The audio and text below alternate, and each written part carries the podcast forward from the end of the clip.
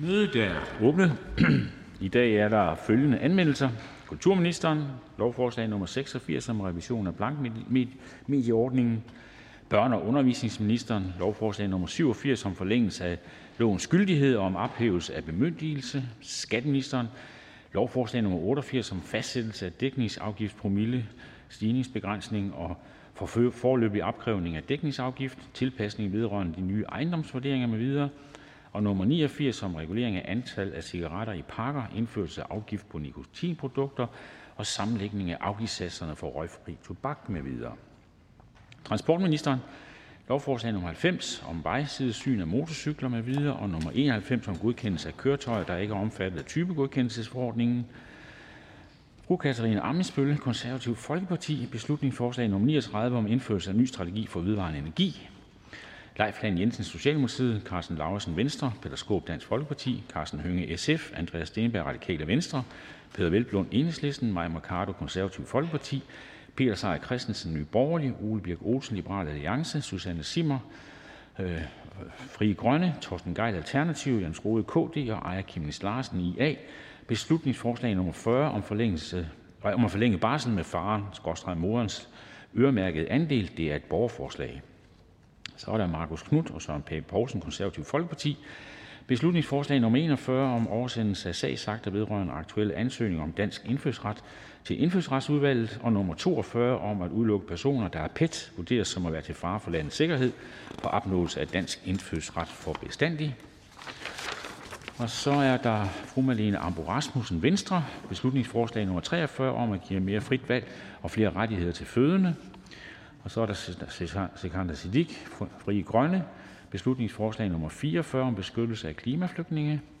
Og så er der Leif Lahn Jensen, Socialdemokratiet, Peter Skåb, Dansk Folkeparti, Carsten Hønge, SF, Andreas Steenberg, Radikale Venstre, Peter Velblund, Enhedslisten, Maja Mercado, Konservativ Folkeparti, Ole Birk Olsen, Liberal Alliance, Susanne Simmer, Fri Grønne, Torsten Geil, Alternativ, Jens Rode, KD og Aaja Kemis Larsen, IA. Beslutningsforslag nummer 45 om stop for, stop for tilbagesendelse af syriske flygtninge til farlige og usikre forhold. Også dette er et borgerforslag. Og så er der Christian Tulsendal, Dansk Folkeparti, Christoffer Aagaard Melson, Venstre, Markus Knudt, Konservativ Folkeparti og Pernille Vermund, Nye Hasteforspørgsel nummer 13 om asylcenter Sandved. Og så er der Markus Knudt, Konservativ Folkeparti og Flemming Møller Hansen, Konservativ Folkeparti. Forspørgsel nummer 14 om indfødsretslovforslag. Titlen på de anmeldte sager vil fremgå af Folketingstidende. Det første punkt på dagsordenen er spørgsmål om fremme af forspørgsel nummer F13, forspørgsel til udlænding og integrationsministeren om asylcenter Sandvad. Af Christian Thulesen Dansk Folkeparti, Christoffer Aagaard Melson, Venstre, Marcus Knudt, Konservativ Folkeparti. Og fru Pernille Vermund, Nye Og hvis ingen gør indsigelse mod fremme denne forspørgsel, betragter jeg tingets samtykke som givet. Den er givet.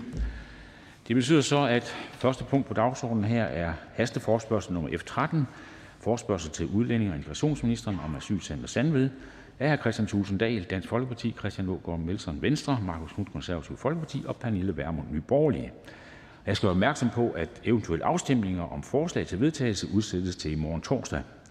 Først er det begrundelsen, og det er ordføreren for forespørgerne, hr. Christian Thulesen Dahl, Dansk Folkeparti. Værsgo. Tak for det, formand, og tak til ministeren for at stille op til den her øh, hasteforespørgsel. Øh, regeringen var så lidt sendt i weekenden, øh, midt i valgkampen, eller i den sene del af kommunalvalgkampen, øh, og komme med et øh, udspil, der handlede om tryghed. Det var så meget møntet på tryghed i de store byer, øh, der hvor øh, unge fester, og det handlede vist noget om, at man skulle stoppe med at, at sælge alkohol til de unge på bestemte tidspunkter af døgnet. Men det der med tryghed, hvis regeringen mener det alvorligt, så handler det også om andre ting. Det handler også om, øh, hvordan øh, man påvirker et lokalsamfund, hvis man flytter borgere øh, fra statens side til det pågældende lokalsamfund, som, som skaber den her utryghed. Og det bliver ministeren og regeringen også nødt til at forholde sig til. Og det har været lidt svært at få regeringen på banen i helt samme omfang lige præcis her i forhold til det, det var i sidste weekend, i forhold til, til det med nattelivet i de større byer. Men uden for de store byer er der, skal der også være tryghed. Øh, og derfor er jeg glad for, at vi øh, i dag får lejlighed til at få en drøftelse med udlændingeministeren om, hvordan sikrer man så den tryghed, når øh, regeringen og staten vil flytte nogle beboere til et lille bysamfund her, Sandvad i Jylland, øhm, placerer dem øh, på en, et nedlagt plejehjem midt inde i bysamfundet ved siden af legeplads, ved siden af busholdested. Når de her borgere de øh, bliver beskrevet som folk, der også har noget i bagagen, der virkelig kan skabe utryghed, som for eksempel domme for mor og sædelighedsforbrydelser og lignende. Det er i virkeligheden det, vi gerne vil have en drøftelse af her. Hvordan sikrer vi den tryghed for de her øh, borgere? Glad for, at ministeren stiller op, og vi ser frem til at, at høre svaret. Ikke bare os, men også de repræsentanter fra lokalsamfundet, som talstærkt er mødt frem her i dag. Og tak for det. Tak for begrundelsen, og for lige at give rammen både til MF'erne og til tilhørende med videre, så er en hasteforspørgsel, så er det sådan, at den afvikles inden for en ramme på to timer. Øh, det skal jeg gøre min bedste for at styre, men det kræver også velvillighed fra ordførernes side, så vi sikrer, at øh, alle får ordet undervejs. Men nu skal vi først høre besvarelsen, og det er ministeren. Værsgo til ministeren.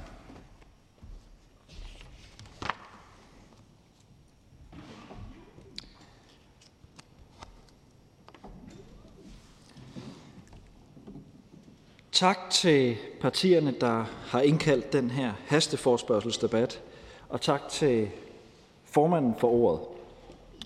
Jeg har selvfølgelig fulgt med i situationen omkring asylcentret i Sandvad. Og for mig er det vigtigt, at der altid er god dialog mellem myndighederne og de lokalsamfund, hvor der er placeret asylcentret. Og det gælder naturligvis også i den her sag. Det er Udlændingestyrelsen, Øh, der er ansvarlig for at tilvejebringe og drive indkvarteringssteder for asylansøgere og for udlændinge uden lovligt ophold i Danmark. Det står der i udlændingelovens paragraf 42. I praksis så driver en række operatører de forskellige indkvarteringssteder på vegne af Udlændingsstyrelsen. Røde Kors driver for eksempel Center Sadmad, som vi taler om i dag. Når udlændinge under Udlændingsstyrelsens forsørgelse skal tilbydes indkvartering, så skal styrelsen ud fra en faglig vurdering finde den bedst mulige indkvarteringsløsning. Det er helt normal praksis, at styrelsen disponerer over de indkvarteringssteder, den har til rådighed. Styrelsen kan flytte beboere, hvis der er forskellige årsager af behov for det. Center Sandvad har for eksempel tidligere været anvendt som almindeligt opholdscenter i asylcentersystemet, og i 2020 blev centret taget i brug som karantænecenter for udlændinge med covid-19. Nu har der så vist sig et nyt behov. Udlændingsstyrelsen har behov for indkvartering af en mindre gruppe sårbare personer, som er meget pasnings- og plejekrævende. Det skyldes forskellige former for psykisk eller sy- øh, fysisk funktionsnedsættelse. Havde det været folk med lovligt ophold, kunne, øh, kunne de alternativt være på et psykiatrisk bosted eller på et plejehjem. Målgruppen har derfor behov for indkvartering i et mindre og et skærmet miljø og den har behov for en særlig pædagogisk indsats med en markant højere personalenovering end på et almindeligt center. Målgruppen flyttes fra deres hidtidige indkvarteringssted i Nordjylland, fordi Udlændingsstyrelsen har ønsket at skifte samarbejdspartner. Udlændingsstyrelsen har vurderet, at Center Sandvad er et egnet indkvarteringssted til målgruppen. Det er med andre ord en faglig myndighedsbeslutning at flytte en ny beboergruppe til Sandvad, og sådan har det i øvrigt været i mange, mange år. Udlændingestyrelsen flytter jævnligt beboere mellem styrelsens centre i løbet af et år. Udlændingestyrelsen har i de tilfælde en dialog med de relevante kommuner, på samme måde som styrelsen i det her tilfælde havde dialog med Vejle Kommune, hvor Center Sandvad ligger.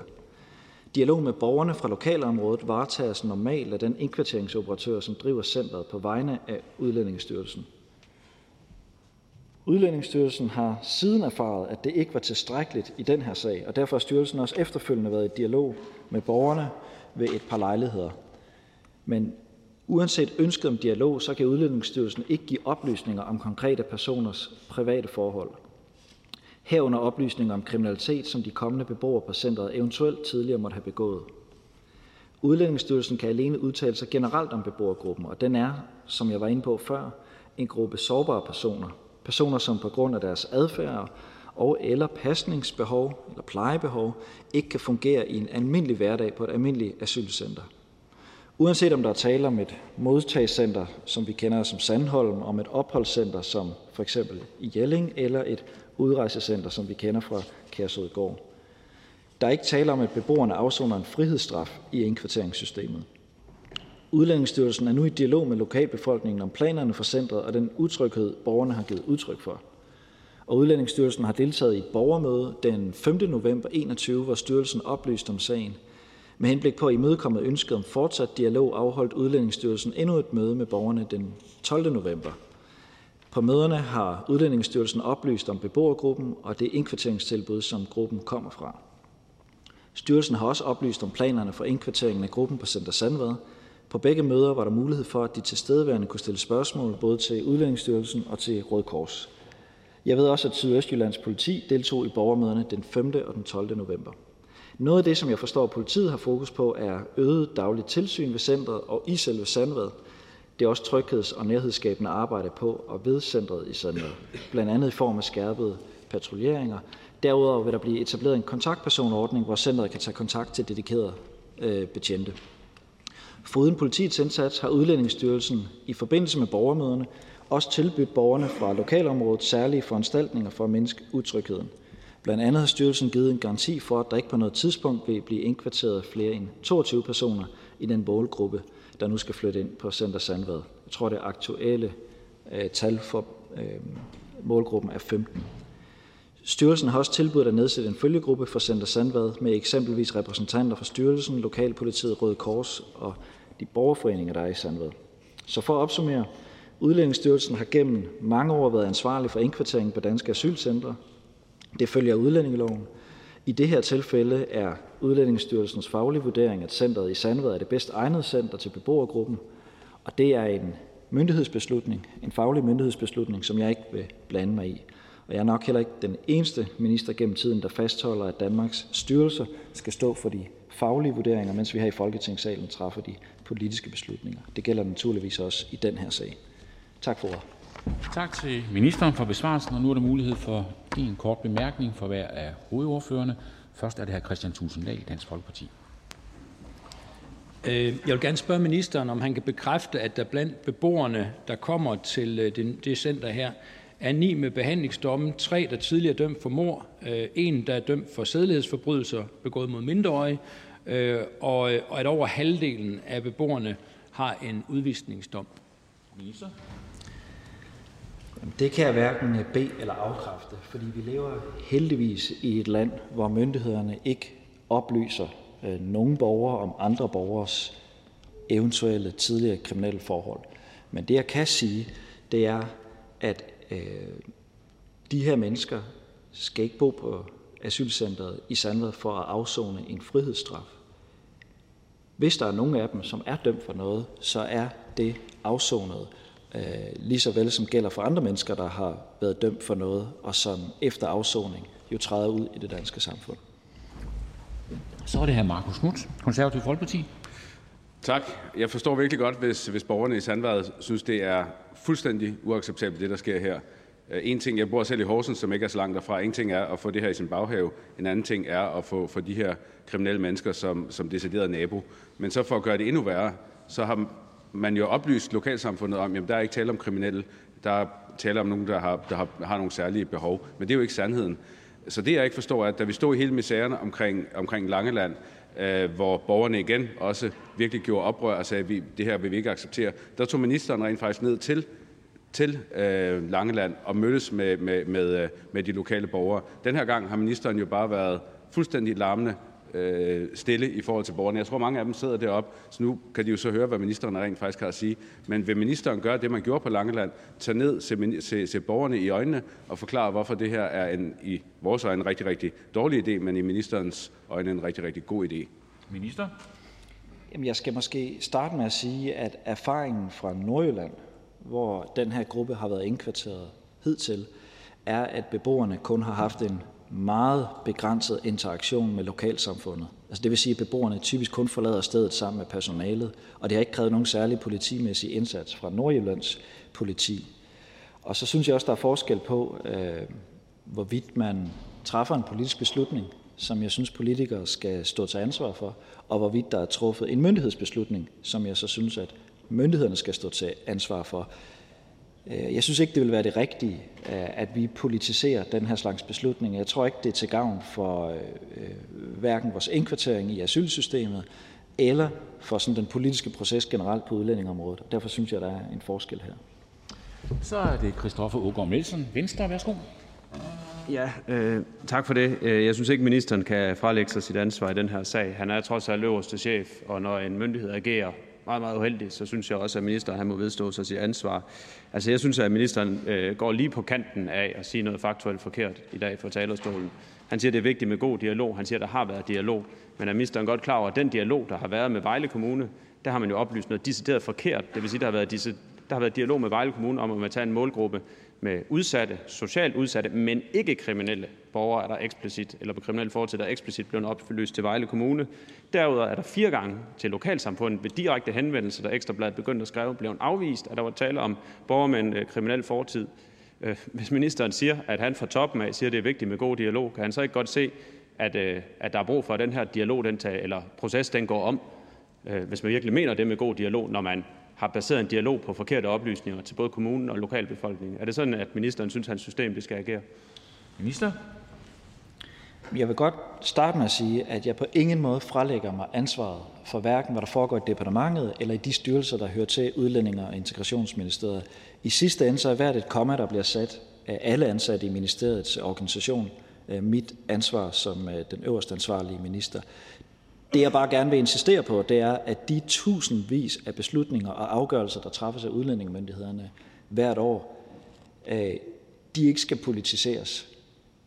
At når Folketinget har vedtaget en lovgivning, og det har vi i udlændingelovens paragraf 42, der handler om, hvornår, hvem der har ansvar for asylindkvartering, så øh, overlader vi også til de myndigheder, der har fået ansvaret, at træffe de afgørelser og træffe de beslutninger.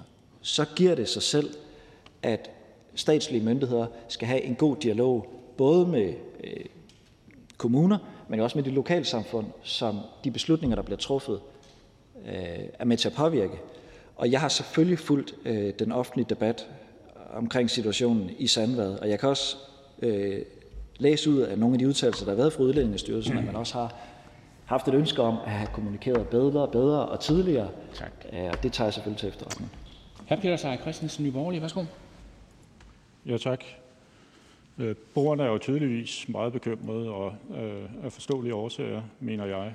Hvad kan ministeren, hvad vil ministeren, og hvad kan ministeren sige til at betrygge de borgere om, at den beslutning, der er truffet her, ikke kommer til at udgøre et problem for dem? Minister? Tak for spørgsmålet. Øhm,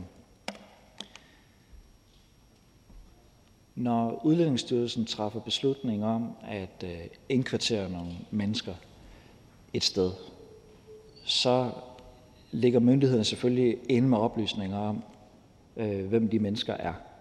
Det er ikke alle de oplysninger, der bliver overgivet til indkvarteringsoperatøren, som i det her tilfælde er Røde Kors. Røde Kors vil få de oplysninger, de skal bruge for at kunne løse deres opgave. Hvis der også er andre opgaver, der skal løses, for eksempel af politiet, så skal myndighederne selvfølgelig nok sørge for, at øh, de opgaver også bliver håndteret. Så det er ikke sådan, at der er nogen, der vender øh, øjnene væk og er ligeglade med, hvor at der bliver indkvarteret asylansøgere. Jeg vil bare godt sige sådan helt generelt, der har ikke været udfordringer i Nordjylland. Øhm, der har været meget begrænset interaktion med lokalsamfundet. Tak for det. Og vi siger tak til ministeren. Der er ikke flere korte bemærkninger. Og det betyder, at øh, vi nu kan gå i gang med ordførerrunden. Og først er det ordføreren for forspørgerne, hr. Kristian Thulesen Dahl, Dansk Folkeparti. Tak for det, formand. Øhm, jamen lad mig lige starte med konklusionen. Øh, konklusionen øh, bør jo i den her debat være, at øh, ministeren for at genskabe trygheden i lokalsamfundet accepterer, at han selv stiller sig til rådighed for lokalsamfundet for en diskussion og en debat om, Øh, hvad der er op og ned i alt det her, og hvordan man sikrer trygheden i lokalsamfundet. Hvis det ligger regeringen på sinde, og ministeren siger her, at det er vigtigt for regeringen, at der er tryghed i lokalsamfundet, så bør ministeren som minimum konkludere på den her debat, at han af egen drift selv vil stille sig til rådighed for lokalsamfundet. Og det er ved at møde op i Sandvad, ikke stille med nogle embedsmænd, ikke skubbe nogen foran sig, som i realiteten ikke kan tage den her diskussion, men selv stille op. Ligesom ministeren har gjort i andre sammenhænge. Ministeren tog til Langeland for at tage diskussionen der. Ministeren tog til Kærshovedgård for at tage debatten i Bording og andre steder. Øh, og regeringen har jo det der med, at den gerne vil vise, at den er, den er virkelig i, i takt med, med befolkningen og lytter og inddrager og alle de her ting. Og det, øh, som udlændingeministeren siger om, at jamen, det her det er jo en myndighedsbeslutning. Altså, det, jeg vil bare sige, med den erfaring med den her regering de sidste par år, så, så synes man godt nok en gang imellem, at øh, regeringen ser lidt stort på, om det, altså, det der med myndigheder, den agerer da politisk, og den accepterer også, at det her det er en politisk diskussion. Altså hele diskussionen om, at regeringen i virkeligheden vil presse sine ting igennem, fordi det er politikere, der skal fastsætte reglerne i det her land og køre med, med tingene, og ikke, øh, ikke, ikke embedsmændene. Og lige præcis her, der gør ministeren så det, at han trækker embedsmændene foran sig som et skjold, for ikke selv at tage debatten. Så ministeren må stille sig til rådighed. Og hvad er næste logiske følge af det? Det er selvfølgelig, at ministeren også sørger for, at indtil den dialog har været foretaget, og man har fået genskabt trygheden i lokalsamfundet, så bliver de her beboere ikke flyttet til Sandvad. Det kan jo ikke nytte noget, at mens vi har den her diskussion, så sådan i, i ly af, af vintermørket, så bliver de her beboere øh, flyttet til Sandvad, og så tænker regeringen måske, at så er tingene bare øh, løst. Øh, det bliver ydermere forstærket af, at Vejle Kommune, som jo udlejer den her bygning øh, til Udlændingestyrelsen, har gjort det klart, at hvis ikke man får genskabt trygheden i lokalsamfundet, det var noget af de, nogle af de løfter, der kom i, i den kommunale valgkamp, at så ville kommunalpolitikerne i Vejle Kommune ikke forlænge legemålet, som udløber om cirka et år. Og det vil sige, at nu har vi en situation, hvor regeringen så med den ene hånd skubber nogle beboere ind i et lokalsamfund, som skaber gedin utryghed. På den anden side så må erkende, at lige om lidt, så skal man så til at flytte dem igen så var det måske bedre at tage dialogen nu og finde en ordentlig løsning på det her og finde ud af, hvordan kan man håndtere de her mennesker, samtidig med at man ikke belaster et lokalsamfund med, med utryghed. Og jeg forstår godt, at de lokale borgere er utrygge. Jeg forstår godt, at når myndighederne ikke kan svare på, hvad det er for nogle mennesker, hvad de har med i bagagen, så skaber det utryghed. Og hvis man skal leve sit liv med et øh, center, der i givet fald huser folk, der har fået øh, domme for mor i Danmark, der har fået domme for sædelighedsforbrydelser begået mod mindreårige, øh, hvor halvdelen af dem har en, en udvisningsdom fra Danmark. Og det er folk, der så lever lige omkring hjørnet ved legepladsen, ved busholdestedet osv., bliver man da nødt til at anerkende, at det skaber der en helt naturlig utryghed i sådan et lokalsamfund. Og man bliver nødt til at adressere det. Man bliver nødt til at finde en, en løsning på det. Jeg synes jo som, som DF'er selvfølgelig i Dansk Folkeparti, der synes vi jo, at det er dem, der skaber utrygheden, der skal være belås og slå. Altså hvis det stod til os, så var det jo dem, der skulle være bag en lukket dør, og ikke de danskere, som så skal leve som naboer. Det har vi sagt udtrykkeligt også i forhold til debatten om Langeland og Kærshovedgård osv.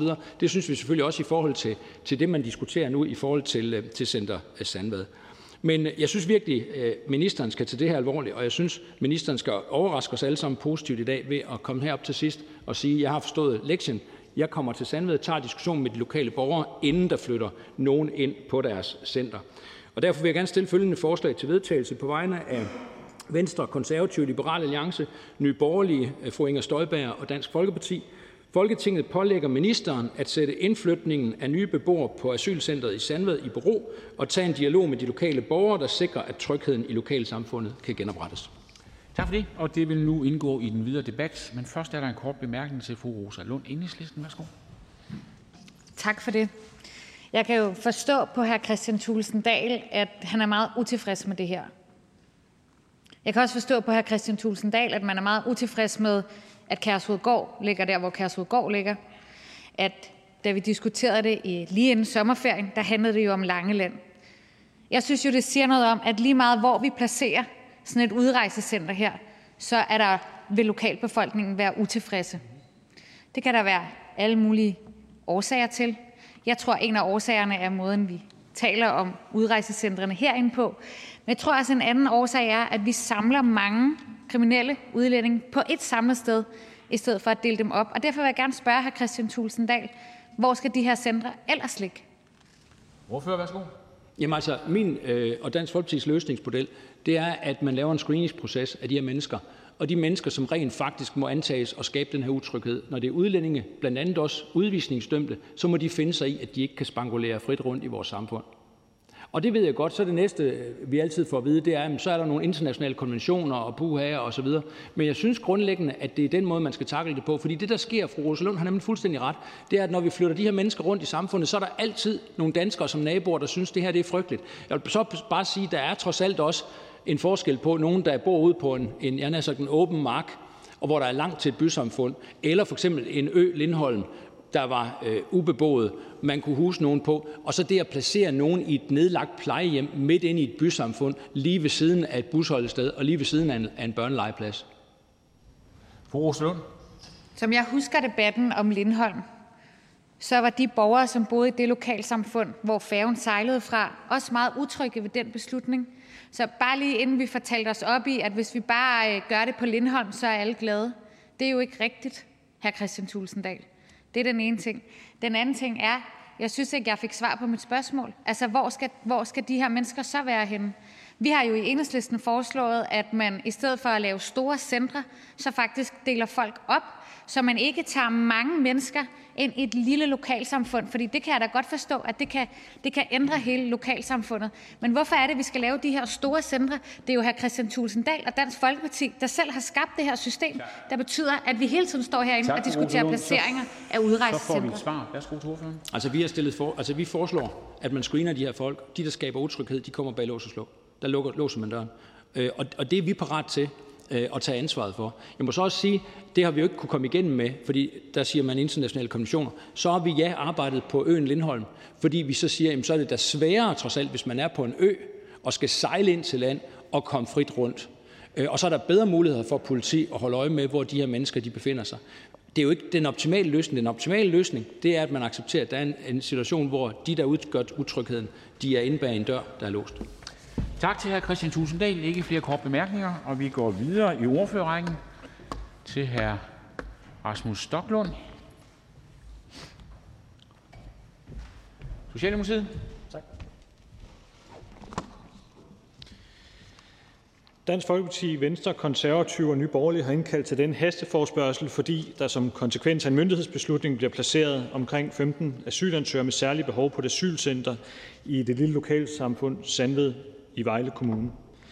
Jeg forstår godt, at det kan give anledning til bekymring, når man hører om, at der vil komme asylsøgere med særlige behov og en særlig profil til et lille lokalsamfund.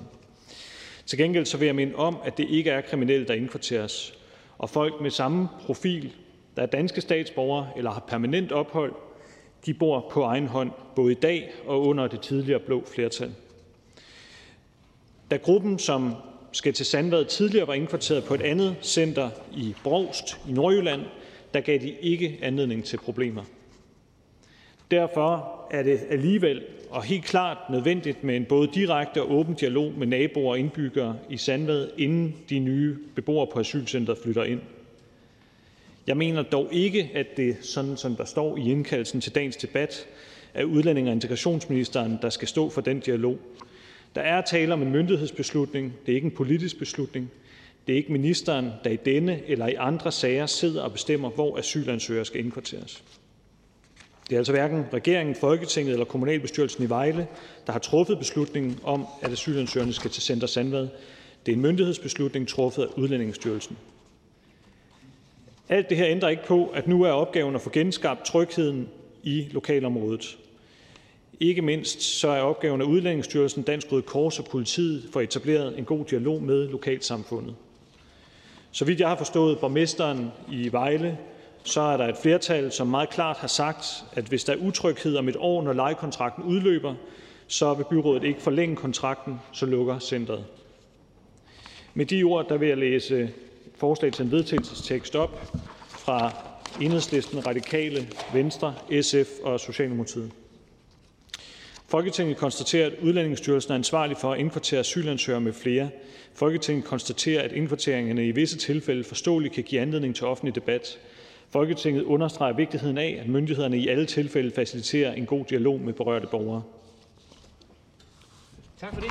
Også det vil nu indgå i den videre debat. Og først er det hr. Markus Knudt, der konservative Folkeparti. Mange tak til hr. Rasmus Stoklund. Jeg kunne forstå på ministeren og nu også på, på ordføreren, at man borgerne, og tak til alle dem, der er mødt frem, ikke skal være så bekymrede. Fordi i Nordjylland, der var jo ikke nogen store problemer. Så det kommer der heller ikke til at være i, i Sandvad. Forskellen er jo, at i Nordjylland, der boede de her kriminelle mennesker uden skov. I Sandvad skal de bo ved siden af en legeplads, ved siden af et busstopsted. Så vil ordføreren i ramme, i, i, i ramme alvor fastholde, at trygheden på den legeplads, der skal ligge ved siden af de her kriminelle mennesker, den forbliver den samme, når de her kriminelle mennesker flytter til Sandvad? Ordfører?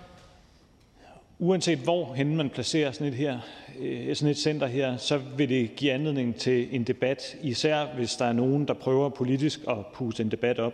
Faktum er, at den gruppe, der skal indkvarteres her, ikke gav anledning til problemer, da den var i Brovst. Vi har aldrig haft debatter, for eksempel her i Folketingssalen, på samme måde, som vi har haft om Sjælsmark eller Kærshovedgård, fordi det her er nogle helt andre øh, typer, der indkvarteres.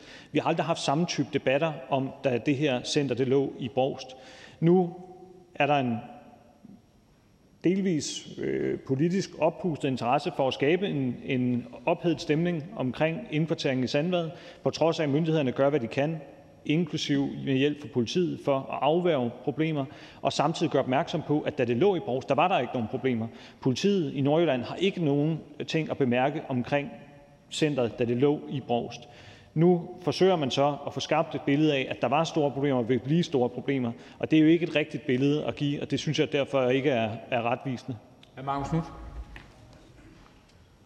Tak. Jamen vil ordføreren så det mindste give mig ret i, siden ordføreren åbenbart mener, at, øh, at trygheden på, på, øh, på legepladsen vil være præcis den samme, selvom der er en flok øh, kriminelle, nogle af dem tidligere mordere, flytter ind ved siden af, så siger ordføreren, jamen selvfølgelig trygheden vil være den samme. Men mener ordføreren så ikke, at vi blå, blå partier i det mindste er ret i, at ministeren bør gøre, som han har gjort på Kærshovedgård, på Langeland, og gå ned og møde de borgere, der er taget hele vejen til København nu, og rent faktisk mødes, mødes med dem face to face i et borgermøde i Sandvad og forklare, hvorfor det her er en god idé, og hvorfor trygheden på, på legepladsen ikke kommer tak. til at blive uændret. Ordfører, værsgo. For det første ved jeg i modsætning til hr. Marcus Knudt ikke, hvilken profil de her mennesker præcist har. Jeg har ikke adgang til personfølsomme oplysninger om dem. For det andet, der er ikke nogen kriminel, der bliver indkvarteret her. Er der nogen, der er i dømt frihedsstraf eller andet, så skal det være afsonet, øh, før man overhovedet kommer i betragtning til sådan en type center her. For det tredje, hvis man er i en eller anden form for behandlingsdom eller lignende, som folk, masser af andre udlændinge i Danmark kan være, og dermed øh, bo på egen hånd et sted i Danmark. Hvis man er det, og så bryder øh, de forpligtelser, der er i den forbindelse, så kan man frihedsberøves med det samme. Og derfor så er det politiets opgave at håndhæve, at der selvfølgelig ikke opstår en utryghed her i lokalområdet. Tak for det, Rasmus Stoklund. Så er det Christian Tusinddal, Dansk Folkeparti. Tak til hr. Stoklund for, øh, for talen, selvom jeg jo ikke er så glad for indholdet. Øh, men jeg har det spørgsmål til hr. Stoklund. Hvis, hvis nu man lægger til grund, at øh, Vejle Kommune som udlejer af den her ejendom holder fast i, at man ikke vil forlænge lejemålet øh, om et år, øh, og vi så samtidig jo ved, det der har været nævnt, at det her det er borgere, kan vi forstå, eller beboere, der flytter ind, der har brug for helt særlige øh, vilkår, fordi det er nogle, de er ekstra krævende i forhold til personale osv. Det kræver et stort setup og indretning og ting og sager. Hvis vi nu lægger til grund, at det i virkeligheden maks kan vare et år, så skal man til at flytte de her beboere igen. Vil hr. Rasmus Stoklund så tænke, at det er måske halsløs gerning, så at flytte dem ind her i første omgang? Eller skulle man så i virkeligheden prøve at udsætte det her, og så finde ud af, om der var en mere velegnet placering et andet sted, som måske også var lidt mere øh, ude på landet end, end midt i et bysamfund? Altså, hvor man så kunne have de her mennesker i en længere periode end alene det kommende år? Ordfører? Jeg forstår godt, at indbyggerne i Sandvad er bekymrede på baggrund af de oplysninger, der kommer frem fra blandt andre øh, de blå partier, der har indkaldt til den her debat, som jeg ikke er bekendt med, og som jeg ikke ved, hvor man har fra. Hvis det viser sig, at det bliver så utrygt og forfærdeligt at bo i Sandvad, efter at det her center åbner, så forstår jeg da godt, hvis byrådet beslutter sig for ikke at forlænge den her lejekontrakt om et år. Men sagen er bare, at faktum er, at det her center har i lang tid ligget i Brovst i Nordjylland, der har det ikke givet anledning til problemer. Politiet i Nordjylland siger, at der ikke har været nogen nævneværdige sager. De her folk, der skal bo på centret, de vil primært være på udgang sammen med, eller være, være ude af centret sammen med pædagoger og andre. De er kendetegnet ved at have nogle særlige øh, behov, være psykisk sårbare og lignende, ikke vil kunne klare sig øh, under normale øh, vilkår på et asylcenter. Og derfor så det her billede af, at det er øh, frådende øh, rovdyr, der kommer til at flytte ind i Sandved, det er jeg ikke sikker på er rigtigt. Og jeg ved ikke, hvad det er for nogle oplysninger, hr. Tulsendal og hr. Markus Knudt har adgang til. Så er det hr. Christian Tulsendal, værsgo. Jeg får ikke helt svar på mit spørgsmål, fordi det er jo i virkeligheden, at hvis Vejle Kommune, hvis der er et flertal i Vejle Kommune, som øh, meddeler Udlændingsstyrelsen, at den her, det her legemål ikke bliver forlænget om et år. Det har kommunen jo ret til. Det udløber om et år, så skal det, så skal det forlænges så hvis Vejle Kommune med et flertal siger, at vi udlejer ikke længere, indtil vi er forpligtet til, der bliver ikke øh, tale om en ny periode, så ved man jo på forhånd, at de her mennesker kun kommer til at bo på det her center i, i det her kommende år. Og så skal de ud og flyttes til et andet sted. Og hvis det, hvis det er konditionerne, kan hr. Rasmus Stoklund så ikke medgive, at så er det lidt tosset, det man laver. Så er det måske bedre at prøve at finde en helt anden placering. Tak for det. Ordfører, værsgo. Sagen er jo, at det her Christian Tulsendal her øh, skitserer, er jo hypotetisk. Altså, fordi hvis vi om et år mødes og diskuterer den her sag, og der ingen problemer har været, lige så vel som der ingen problemer var, da det tilsvarende center lå i Brovst, så er der jo ikke nogen grund til, at Vejle Kommune ophæver den her lejekontrakt. Hvorimod at det er en anden sag, hvis det viser sig, at det billede, hr. Christian Thulesen Dahl maler af, at det her det bliver en katastrofe for Sandvad, så er det klart, så forstår jeg godt, at Vejle Kommune øh, kunne vil øh, inddrage den her, eller ikke forlænge den her øh, aftale. Christoffer Aagaard Melson, Venstre. Jeg er jo glad for, at jeg lige kan så udlægge, hvad borgmesteren har sagt lidt mere præcist end hr. Rasmus Stockholm. Det et helt byråd har tilkendegivet meget, meget håndfast, det er, at hvis den her målgruppe ikke bliver ændret, så forlænger man ikke lejekontrakten under nogen omstændigheder. Og det er fordi, at det er en faglig dårlig beslutning. Vejle Kommune håndterer også, vi har mange specialiserede øh, steder, hvor vi også øh, håndterer meget, meget tunge borgere, og den her placering er bare fuldstændig vanvittig. Øh, og derfor er den bare fagligt forkert. Jeg tror godt, man kunne få en dialog med Vejle Kommune, kunne man så finde et andet sted, der var mere egnet, hvor man ikke den første, man møder, det er børn på en legeplads, når man har så tung en gruppe. Det kunne vi aldrig nogensinde finde på at gøre, hvis vi selv stod for et sted i Vejle Kommune. Nu taler som vi, jeg er gået ud af byrådet. Men gør det så indtryk på øh, øh, ordføreren, hvis jeg siger til ham, at på det møde, som ministeren også var inviteret til, øh, hvor Udlændingsstyrelsen var i Kollerup den 5. november, at der sagde Udlændingsstyrelsen direkte, ups, øh, vi har faktisk glemt at tænkt over, at øh, det her sted det faktisk lå midt i en landsby. Hvis vi havde vidst det, havde vi måske handlet anderledes. Øh, gør det indtryk på, øh, øh, på ordføreren? Ordfører? Det er Udlændingsstyrelsens ansvar at placere, hvor asylansøgere skal bo forskellige steder i Danmark. Det er Udlændingsstyrelsen, der derfor også har ansvar for den type møder. Det er selvfølgelig også Udlændingsstyrelsens ansvar så at give korrekte informationer og træffe øh, deres beslutninger på et rigtigt grundlag. Og derfor så må hr. Christoffer Melsen tale med Udlændingsstyrelsen, hvis det er rigtigt, hvad hr. Christoffer Melsen siger, at de har begået fejl. Fordi så må de jo øh, gøre der beslutning om, hvis der er begået de fejl, som hr. Christoffer Melsen øh, siger. Men derudover øh, så øh, synes jeg jo igen, at man bliver ved med at insistere på, at der med sikkerhed kommer til at blive et problem. Og der siger jeg bare, det har der jo ikke været i Brovst. Der var ikke et problem. Der er det sådan set øh, forløbet øh, fornuftigt. Og der er jo heller ikke et problem alle de steder i Danmark, hvor der er folk med samme profil som dem, der skal flytte ind på centret i Sandvad, som bor på egen hånd i dag. Her der er der trods alt masser af personale. Politiet er direkte knyttet på. Folk de går sjældent ud, uden at der er en pædagog med. Og bryder de nogle af de betingelser, der er for deres ophold på Sandvad, så vil de blive frihedsberøvet. Christoffer Aagaard Melson, værsgo. Ja, tak. Altså, den her gruppe vil ikke øh, bo på egen hånd. Altså, det er den simpelthen for tung og øh, har behov for at blive skærmet til. Altså, og det er bare derfor, at om, altså, altså nu er der selvfølgelig også en minister, der har, øh, hvad hedder det, står fast på, at det skal blive her, så det lægger måske også et vist tryk på en udlændingsstyrelse, om at ikke lave en beslutning om. Øh, men altså, det, det er simpelthen en gruppe, som du aldrig nogensinde vil placere sådan et sted, hvis du tog en faglig vurdering. Øh, altså, det, der er jo en grund til, at øh, der ikke var problemer i Brovst. Det var, fordi de lå rigtigt i forhold til, at de ikke møder børn, for eksempel, så snart de går uden for døren. Ministeren står jo sådan set ikke fast på noget her, fordi det er ikke ministeren, der har truffet den her beslutning. Ministeren han står fast på, at det er Udlændingsstyrelsen, der træffer beslutningen om, hvor folk skal indkvarteres. Den her gruppe er sammensat. Jeg kan forstå, at hr. Christoffer Melsen og de øvrige fra Blå Blok øh, kender persongalleriet indgående og har adgang til nogle personfølelser og oplysninger, vi andre ikke har adgang til. Ikke desto mindre så er det et vilkår, at hvis du havde permanent ophold i Danmark, så er der flere med samme karakteristik, altså som er en udsat position, som ville kunne leve på egen hånd i Danmark. Havde du eksempelvis permanent ophold, eller var dansk statsborger og havde en behandlingsdom eller lignende, så ville du bo på egen ophold, og brød du så konditionerne, så kunne du blive frihedsberøvet. Så er det hr. Peter Skåb, Dansk Folkeparti. Jo, tak for det, og jeg synes, øh, øh, det er fint, at hr. Stoklund er så, så nalfast med, at alt er godt, øh, fordi det kunne jo sagtens fungere i Brovst, så kan det sikkert også fungere i Sandvad. Men når situationen lokalt er anderledes, som vi jo hørte, hvor man er meget, meget utrygge ved det, der sker, fordi som flere har været inde på, så er, er det jo et helt andet sted. Det, der er nogle helt andre vilkår, nogle helt andre forhold, der gør sig gældende her. Og, og så tænker jeg jo, vil det så ikke være det rigtige som, som politiker, velvidende det, at der er meget, meget stor utryghed? Vil det ikke være rigtigt også som minister, som regering, at lytte, tage dialogen, stille og roligt, høre på, hvad man siger, i stedet for at buse frem, som hr. Rasmus Stoklund her i, i Folketingssalen i dag, at alt er godt, og det skal bare være på samme måde som i Borgs, velvidende også, at, at fejle et flertal i Vejle Byråd jo sådan set har tænkt sig at opsige aftalen. Så det vil sige, at man skal måske flytte om relativt kort tid igen. Var det ikke en idé at lytte lidt. Rasmus Stoklund? Ordfører, værsgo.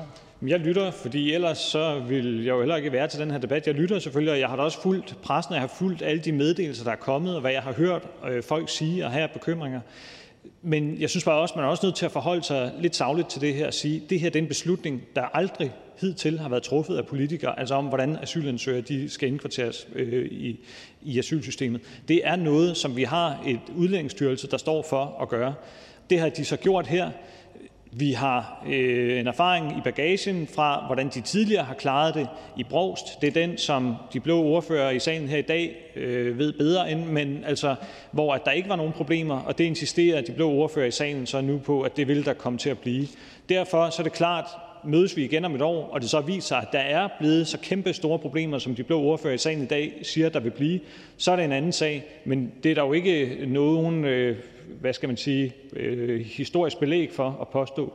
Ja, Peter Skåb. Jamen, der synes jeg så, at hr. Rasmus Stoklund har lidt, lidt bind for øjnene, fordi det er da ikke ret lang tid siden, at hr. Rasmus Stoklunds egen regering præsenterede Folketingets partier, vi sagde så nej alle sammen. Men det er da ikke ret lang tid siden, at, øh, at regeringen og hr. Rasmus Stoklund præsenterede en fix og færdig løsning på Langeland, hvor man meget specifikt sagde, at det skal være der, vi skal have dem der på tål ophold. Det er meget vigtigt. Prøv lige at høre her. Lokalborgmester var så imod, alle andre var imod. Hr. Rasmus Stoklund sagde lige før, det har politikere aldrig blandet sig i. Jo, det har de da. Og det er da vores job at lytte til borgerne. Tak. Det må da være sådan. Så er det ordfører, værsgo. Der er forskel på, om vi taler om nogen, der ikke har et lovligt opholdsgrundlag i Danmark, og nogen, som er asylsøgere. Her der er der tale om nogen, der er asylsøgere. Der kan så være forskellige omstændigheder omkring dem, fordi det er en særlig tung gruppe. Det andet det var en politisk beslutning. Derfor så skal ministeren selvfølgelig også ud og stå på mål for den. Det her det er ikke en politisk beslutning, det er en myndighedsbeslutning, og derfor er det også naturligt, at det er Udlændingsstyrelsen, der står på mål for den, ligesom at Udlændingsstyrelsen i øvrigt gør, når Udlændingsstyrelsen placerer folk rundt omkring i de forskellige centre, man rummer over i asylsystemet. Og ja, når nu taletiden gået. Altså. Det er den nemlig. Tusind tak til ordføreren. Ikke flere korte bemærkninger. Og det betyder, at vi kan gå videre i ordførerrækken til hr. Christoffer Aagaard Melson, Venstre. Tak for det. Tak, og tak til ministeren for at øh, komme her med kort varsel. Øh, det her det er en øh, alvorlig sag, der gør, at vi står her i dag, fordi at der ganske enkelt er truffet en uforsvarlig beslutning. Det er også et eksempel på rigtig dårligt myndighedsarbejde, som ministeren indtil i dag har afvist at tage ansvar for. For det første så øh, er det en meget problematisk løsning at placere behandlingsdømte borgere, der har begået så voldsom kriminalitet, som vi har kunne læse om i pressen, øh, midt i et boligkvarter og lige op ad den lokale legeplads. Øh, på borgermødet i Kollerup den 5. november indrømmede Udlændingsstyrelsen oven i købet, at man desværre ikke har tænkt over den uhensigtsmæssige placering, som center i Sandvad er til denne målgruppe, da man valgte at flytte målgruppen. Derudover har der været et utroligt kort forløb med at oprette de her pladser, som man normalt – Øh, nu er vi en kommune, hvor vi har rigtig mange af den her type pladser øh, – vil have et meget, meget længere forløb i forhold til at få de faglige standarder på plads. Øh, så der, der er rigtig, rigtig mange ting, der skaber utryghed, når man hører øh, Udlændingsstyrelsens overvejelser om, hvad det kræver at rumme sådan en, øh, hvad hedder det, en gruppe her. Så derfor øh, kunne man måske overveje en second opinion eller andet fra nogen, der rent faktisk arbejder med den her målgruppe til daglig. Øh, det var helt tydeligt, at de repræsentanter fra Udlændingsstyrelsen, vi hørte på den dag i Kolderup, de ikke til daglig arbejder med den her øh, øh, gruppe. På borgermødet der fik vi også at vide, at det er en gruppe mennesker, der er så udfordret, at de intet skal have at gøre med borgerne i lokalsamfundet. Netop det faktum gør det endnu mere problematisk, at man har flyttet borgerne, eller flyttet borgerne til Sandvad. Centeret det er ikke sikret, og centeret har fungeret rigtig fint som et center, hvor borgerne var en del af landsbyen, livet i landsbyen. Man har haft asylcenter i mange år, øh, fordi, netop fordi, at byens legeplads er nærmeste nabo Men netop naboskabet til byens legeplads er jo også en af de ting, der gør den totalt uegnet til at rumme den beboergruppe, der nu skal skærmes, og man som, for at være helt ærlig, ikke virker til, at man har gjort sig ret mange tanker om, om var klog at placere her, da man tog beslutningen. Hvordan kan det gå så galt, at øh, Udlændingsstyrelsen de vælger at flytte en gruppe øh, borgere til et sted, der er totalt uegnet til skade for beboerne i Sandvad, det lokale erhvervsliv, men faktisk også til skade til de borgere, der skal bo her, fordi det netop ikke er egnet øh, til folk øh, med den type problemer. Grunden til, at det er gået så galt, det er, at forløbet op til, at valget, øh, man valgte Sandvad, øh, også har været under al kritik. Borgerne i Sandvad og Vejle Kommune har forskellige gange fået urigtige oplysninger om, hvem der skulle flytte ind. Det er blevet oplyst, at der var tale om socialt udsatte gentagende gange, og gentagende gange afvist, at der skulle være tale om borgere med en kriminel fortid. Havde henholdsvis Udlændingsstyrelsen og Røde Kors fortalt sandheden, ville det i god tid have været muligt at tage en dialog om, hvorfor placeringen er en stor fejl, og der kunne måske også have været indgået en dialog med Vejle Kommune, der faktisk har en relativt stor erfaring i at håndtere også den her type borgere, om at finde en mere hensigtsmæssig placering. Det skal her understreges, at Vejle Kommune og Lokalområdet i årvis har haft et godt og tæt samarbejde øh, Øh, med både Røde Kors og øh, Udlændingestyrelsen. Udlændingsstyrelsen. Faktisk er Vejle Kommune blandt de kommuner, der tager allerstørst ansvar, når det gælder om at tage imod asylansøgere, og flygtninge og faktisk også borgere med psykiske udfordringer. Det handler altså ikke om fordomme og manglende vilje til at tage ansvar. Det handler om, at det fagligt set er en enormt dårlig løsning, og det er trist, at det mangeårige gode samarbejde bliver sat på spil på grund af udvilje til at øh, mod at lave en åbenlys placering om at lytte til hinandens helt faglige, saglige, ordentlige argumenter om, hvorfor det her ikke er til gavn for nogen som helst. En beslutning, som har skabt helt. Øh, ja, øh, det, er, det er altså en beslutning, der har skabt en utryghed, der sagtens skulle være und, øh, øh undgået. Det er også kritisabelt, at vi har en minister, hvilket desværre ikke er et særsyn med den her regering, der overhovedet ikke inddrager og orienterer Folketinget i forhold til en sag, som er så kontroversiel og som får så store negative følger. Uviljen til at få testet sine argumenter fører tydeligvis til uheldige og ugennemtænkte beslutninger gang på gang. Jeg håber, vi i dag kan få ministeren til at bremse op, inden skaden er sket. Vejle Kommune har allerede meldt ud, at kontrakten, der udløber næste år, ikke bliver forlænget, hvis målgruppen ikke ændres. Dermed er det spild af penge og til skade for borgerne at flytte dem til Sandvad, og det vil ødelægge et rigtig godt samarbejde med Vejle Kommune, som har taget et kæmpe ansvar på det her område. Kære minister, det er ingen skam, der er indrømmet en fejl. Jeg håber, vi kan få en rigtig god debat om at få det lavet om i dag. Klar er en kort bemærkning til fru Rosa Lund, Enhedslisten. Tak for det. Jeg er meget nysgerrig på, hvad Venstre egentlig havde forestillet sig, man ellers skulle gøre. Det system, vi har i dag, med udrejsecentre, meldepligt, opholdsforbud, alt det her, det er jo en Venstre-regering, der har skabt det system. Så jeg vil gerne høre Venstres ordfører, hvad havde I forestillet jer? At vi herinde i Folketinget hver gang skulle behandle, hvor et asylcenter eller et udrejsecenter skulle placeres?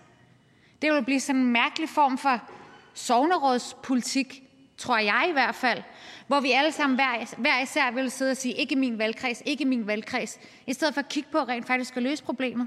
Og derfor bliver jeg nysgerrig på, har Venstre, har Venstre ændret holdning til det system, som Venstre selv har skabt på asylområdet? Hvorfor? Nej, altså jeg synes ikke, det handler om, om det, og jeg synes, at der bliver blandet alt muligt andet ind i den her debat.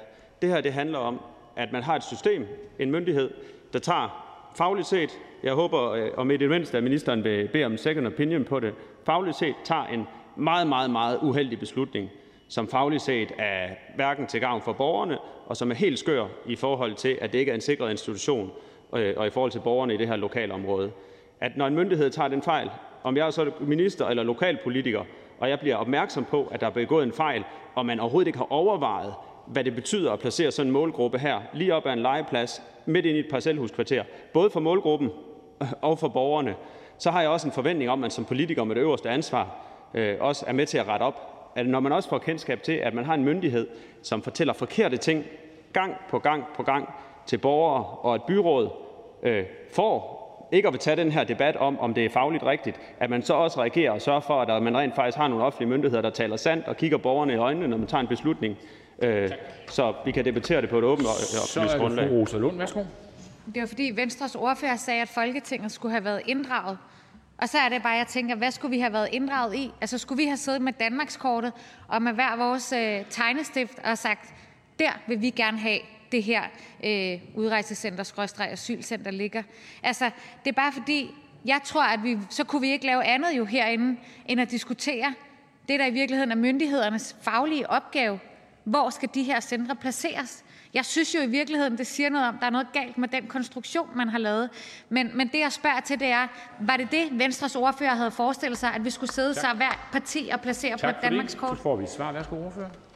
Jeg havde forventet, at når man har en minister, hvor der er et helt lokalområde, et helt byråd, øh, et meget stor del af Folketinget, der ikke forstår en beslutning, man har taget, og som, når du spørger fagpersoner, er meget, meget speciel, Øh, og det handler ikke om for og imod, at de skal være et sted, eller hvilken udlændingelovgivning har. Det er simpelthen, at det er fagligt en mærkelig beslutning.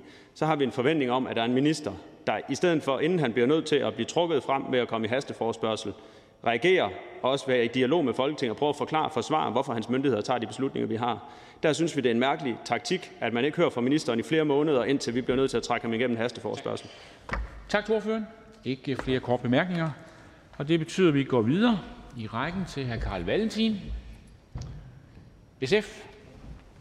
Ja, tak for det. I Nordjylland der har der boet en lille håndfuld behandlingskrævende mennesker i en bygning, og de har så vidt vides ikke gjort særlig meget væsen af sig. Nu skal de samme mennesker af praktiske årsager bo i Sandvad. Og man kan ikke vende, kende fremtiden. Jeg vil i hvert fald ikke spå om den. Så hvad siger myndighederne? Jamen, jeg kan oplyse, at Udlændingsstyrelsen beskriver beboerne på centret således, og jeg citerer her. Det er ikke en gruppe, der erfaringsmæssigt er nævneværdigt aktive eller synlige i lokalområdet, og Udlændingsstyrelsen er ikke umiddelbart bekendt med, at borgere i lokalsamfundet, hvor de pt. er indkvarteret, har klaget over beboergruppen. Citat slut. Ikke en eneste klage, ikke en indberetning, ikke et pip. Jeg synes, det er et meget tyndt grundlag at indkalde en hasteforspørgselsdebat på. Alligevel så er SF's svar på dagens forespørgsel et stort ja. Vi forstår godt, at Sandvedborgerne kan føle sig utrygge. Vi forstår godt, at de er bekymrede, for på trods af, at vi ikke rigtig har noget håndgribeligt, der peger på, at beboerne volder problemer i deres nærområde, så har Blå Blok spekuleret i at så meget dunder og dommedagsprofeti i den sag her, at selv jeg kunne blive en lille smule nervøs. Derfor skal man heller ikke fortænke borgerne i Sandvad et eneste sekund i at være bekymrede. Det ville jeg også være, hvis folk de advarede om, at Kærshovedgård skulle ligge i min baghave. Spørgsmålet er bare, med hvilken dokumentation man mener at kunne påstå, at det er tilfældet her. Vi kan selvfølgelig ikke garantere, at beboerne ikke pludselig ændrer karakter og bliver et problem, når de bliver flyttet. Man kan ikke kende fremtiden, og jeg forventer, at regeringen og Udlændingsstyrelsen gør alt, hvad de kan, hvis noget skulle ændre sig i denne håndfuld menneskers adfærd. Men det virker i min optik bizart at kræve et politisk indgreb i en styrelses ansvar for indkvartering, uden at kunne pege på en konkret sag. Vi står selvfølgelig til den her hastedebat, fordi Blå Blok så Ekstrabladets sensationspræget overskrift og tænke, yes, en ny Kærshovedgård-sag. Hele artiklen kan de i hvert fald ikke have læst. For pointen med Kærshovedgård var, at vi var øh, begravet i dokumentation for, at der var problemer. Spandevis af historier om de mange trængsler, som lokalsamfundet levede med. Både styrelse og Røde Kors bekræftede det. De afviser i Sandvads tilfælde, at Kærshovedgård havde en beboertype, der kunne forholde vanskeligheder lokalt. Der var med andre ord et øh, problem, som kun kunne løses politisk, ellers havde det selvfølgelig været op til Udlændingestyrelsen. Blå Blok snakker meget om magtfuldkommenhed for tiden, men at gribe ind i en styrelses daglige drift udelukkende på baggrund af, hvad der altså i sidste ende er et forestillet problem, der måske, måske ikke vil opstå i en ukendt fremtid, er simpelthen at formaste sig til at tro, at man skal bestemme alt som politiker. At man skal tilsidesætte en myndighedsbeslutning, uden at man kan dokumentere hvorfor. Med de ord så kan jeg oplyse, at SF støtter den vedtagelsestekst, som hr. Rasmus Stoklund læste op tidligere. Tak. Tak. Der er kort bemærkninger. Først er det her Markus Knudt, Konservativ Folkeparti. Jeg vil sige, jeg, jeg, jeg er helt ærligt nærmest målløs. Ordføreren bruger ordene, at det her er et forestillet problem. Jeg tror, at de mennesker, der sidder deroppe, ikke mener, at det her er et forestillet problem. Og nu kan vi jo så se, at øh, støttepartierne igen slår ring om regeringen, på trods af, at regeringen laver noget, som danskerne synes er fuldstændig uacceptabelt, som Rosa Lund åbenbart synes er morsomt, kan jeg forstå. Og her kan jeg så se, at øh, de røde partier er gået sammen om en tekst, hvor der blandt andet står, myndighederne i alle tilfælde faciliterer en god dialog med de berørte borgere, altså dem, der sidder deroppe. Vil ordføreren mene, at det at facilitere en god dialog med borgerne, er, at ministeren selv, selv tager ansvar og tager ud til Sandvad og mødes med borgerne, eller er det at sidde her i Folketingssalen og gemme sig? Ordfører? Segment sidder i Folketingssalen og gemmer sig. Altså, man stiller op til en forespørgselsdebat og tager en udmærket dialog om det. Øh, og jeg synes ikke i den her sag, at jeg har i hvert fald ikke noget behov for at kræve, at ministeren øh, tager ud øh, til borgerne her. Jeg synes, der er en, en udmærket dialog lokalt, og myndighederne har taget sig af det. Øhm, og i forhold til, at støttepartierne igen slår ring om regeringen, altså det synes jeg ikke altid, vi gør i, i, i udlændingepolitikken. Jeg synes, der er masser af sager, hvor vi har slået i bordet over for regeringen, men jeg synes, tilfældet her jamen altså, øh, lader man myndighederne passe sit arbejde og gøre det på et sagligt grundlag, og det synes jeg er helt passende. Og derfor bakker vi op om regeringens tilgang, fordi vi er enige. Der er ikke et eller andet komplot på spil. Hr. Marcus Knuth. Men det er jo sjovt, fordi ordføreren kommer selv fra SF, og for ikke særlig lang tid siden, da det handlede om at placere et udrejsecenter i den eneste kommune, hvor indtil i dag i hvert fald den eneste kommune, hvor SF havde en borgmester, nemlig Langeland, der gik SF helt op i det røde felt og kaldte på ministeren, og ministeren skulle ned til Langeland, og det gjorde ministeren. Ministeren tog ned, han kiggede borgerne i øjnene og forklarede, hvad der var op og ned, og så, så fjernede han så de her planer. Den her gang så handler det ikke om en SF-kommune. Kan ordføreren ikke lige forklare, hvad der er logik i det? Den her gang så er det en bagatel. Det er noget, som er et forestillet problem. Dengang det handlede om SF's egen kommune, der var det jo altså det værste Ragnarok. Ordfører, værsgo. Jo, det er sjovt. Man skulle næsten tro, at Marcus Knuth havde skrevet sit spørgsmål på forhånd, for det virker som om, man ikke havde lyttet til det, som min tale handlede om. Den adresserede jo netop den store forskel, der er på de to situationer her, fordi den situation, man havde med Langeland, det var, at man vidste, at øh, den gruppe af borgere havde forvoldt en hel del problemer lokalt, hvor de var tidligere, at der havde været masser af klager, og lige nu er man i gang med et stort arbejde øh, om at, at sikre lokalområdet øh, bedre der, hvor de er. Øh, I den her sag, der, øh, det er ikke nogen mennesker, der gør noget særligt væsen af sig. Der er ikke noget, der ligger til grund for at kunne antage, at det kommer til at volde nogle store problemer, og det er jo den helt store forskel i forhold til situationen med Langeland. Så er det her Christian Tusinddal, Dansk Folkeparti. Øhm, jeg deltog meget aktivt i debatten om øh, på, på Langeland, og det gjorde øh, hr. Øh, Karl Valentin jo også. Og øh, det er jo rigtigt, som hr. Knud er inde på, at der øh, har vi jo så situationen på, SF, eller på Langeland med en SF-borgmester, og hr. Valentin har selv også nogle øh, linjer tilbage til sådan, i hvert fald det fynske. Øhm, hvis man nu legede med tanken om, at øh, det her center, vi snakker om i dag, det skulle flytte til et sted, hvor der var en SF-borgmester, kan man så forestille sig, at hr. Valentins interesse i, at der var en god dialog med borgerne, var lidt anderledes? Altså, jeg kan tydeligt huske dengang, det var magtpåliggende for hr. Valentin, at øh, udlændingeministeren tog til Langeland.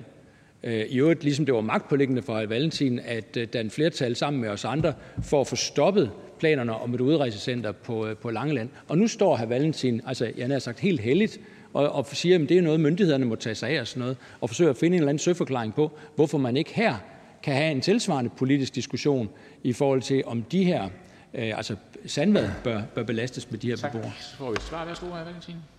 Jeg synes, det er sjovt at snakke om, at SF's interesse i god dialog skulle være anderledes. Altså, vi har altid en interesse i, at der er en god dialog, og det er også mit indtryk, at myndighederne har en god dialog øh, i lokalsamfundet. Og det her med, at vi ligesom skulle have krævet, at ministeren skulle tage til Langeland og sådan noget i den sag, det tror jeg faktisk ikke, vi gjorde. Det tror jeg, at ministeren gjorde på eget initiativ, og jeg var lidt overrasket over, at ministeren tog der til øh, på den dag, hvor, hvor hele sagen var, var helt op at køre. Øh, men, men jeg synes, jeg har redegjort ret øh, udpenslende for, hvorfor jeg synes, de to sager er forskellige. Der er ikke noget, der ligger til grund for at kunne antage, at der skulle opstå nogle store problemer i, i forbindelse med den øh, flytning her. Myndighederne beskriver de borgere som nogen, der ikke rigtig øh, volder nogen øh, problemer i lokalområdet, øh, som ikke øh, er til gene, øh, og derfor så synes jeg, det er en helt anden type sag, hvor at, at jeg ikke har noget behov for, at vi som politikere skal gå ind og administrere noget, som, som fint kan klare sig myndighederne. Ja, Christian Tulsendal. Men jeg kan så forstå, at det Øh, og hvis man så har to parter, lad os sige, at vi har udlændingemyndighederne på den ene side, og vi har de lokale beboere på den anden side. Og lad os sige, at en god dialog bygger vel på, at begge parter så synes, der er en god dialog. Og hvis nu de lokale borgere synes, der har været en ren elendig dialog, er ordføreren så ikke enig i, at så er der noget at få repareret på? Og så er det en forpligtelse for ministeren at sikre, at der bliver repareret på det, så der er en god dialog, så også de lokale borgere synes, der har været en god dialog. Og er ordføreren så ikke enig i, at det vil være halsløs gerning at flytte de her mennesker ind i området, før den gode dialog har været der?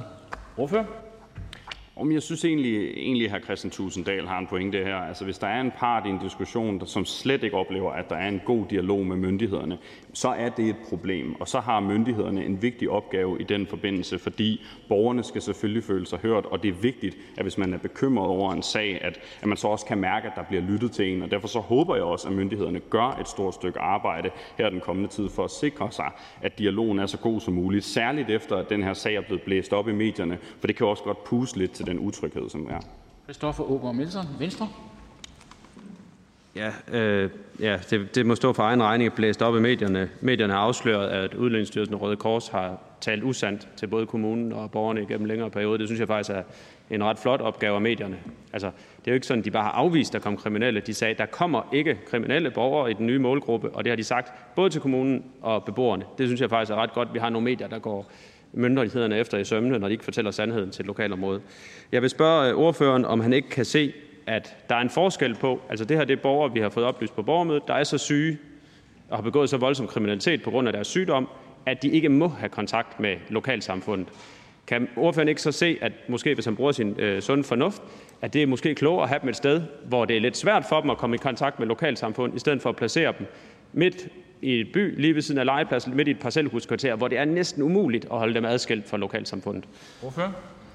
Jeg skal ikke kloge mig på, øh, hvor det er bedst at placere dem her. Jeg har egentlig stor tillid til, at myndighederne gør deres arbejde rigtig godt her, og de beskriver, at det ikke er nogen borgere, der gør noget særligt øh, væsen af sig. Og øh, når at de her mennesker bevæger sig ud, så er det, som hr. Rasmus Stoklund også nævnte tidligere, øvrigt som oftest i, i følge med, med personale. Så når man har en vurdering af, at det her ikke vil volde store problemer, så, så forventer jeg heller ikke, det kommer til at ske. Hvis der opstår nogle problemer i forbindelse med de nye øh, tilflyttede borgere, så er det klart, så er det en helt anden sag, og så må vi jo diskutere, om man skal handle på det. Men jeg kan ikke se, hvad det er, der skulle ligge til grund for at kunne antage, at der skulle opstå store problemer her.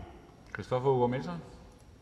Ja, så vil jeg høre, kender ordføreren øh, nogle eksempler på, altså nu er det jo Udlændingsstyrelsen en myndighed, der jo ikke er så vant til, og de arbejder efter nogle andre paragrafer, end vi normalt arbejder i socialpsykiatrien og andre steder. Men kender ordføreren nogle eksempler på, at man andre steder har valgt at placere sådan en målgruppe sådan et sted, som man nu vil gøre i Sandbad? Og så vil jeg høre øh, ordføreren også nu, hvis vi nu skal tale for, for de syge mennesker her, om det ikke er problematisk, at synes ordføreren, at Udlændingsstyrelsen vælger en tilgang, hvor man flytter rundt på dem to gange på et år. Øh, det har altså også nogle borgere, der har godt af tryghed. Nu vælger man et sted, hvor man ved, at kommunen opsiger lejekontrakten, hvis man holder fast i den her målgruppe. Er det ikke et problem for borgerne?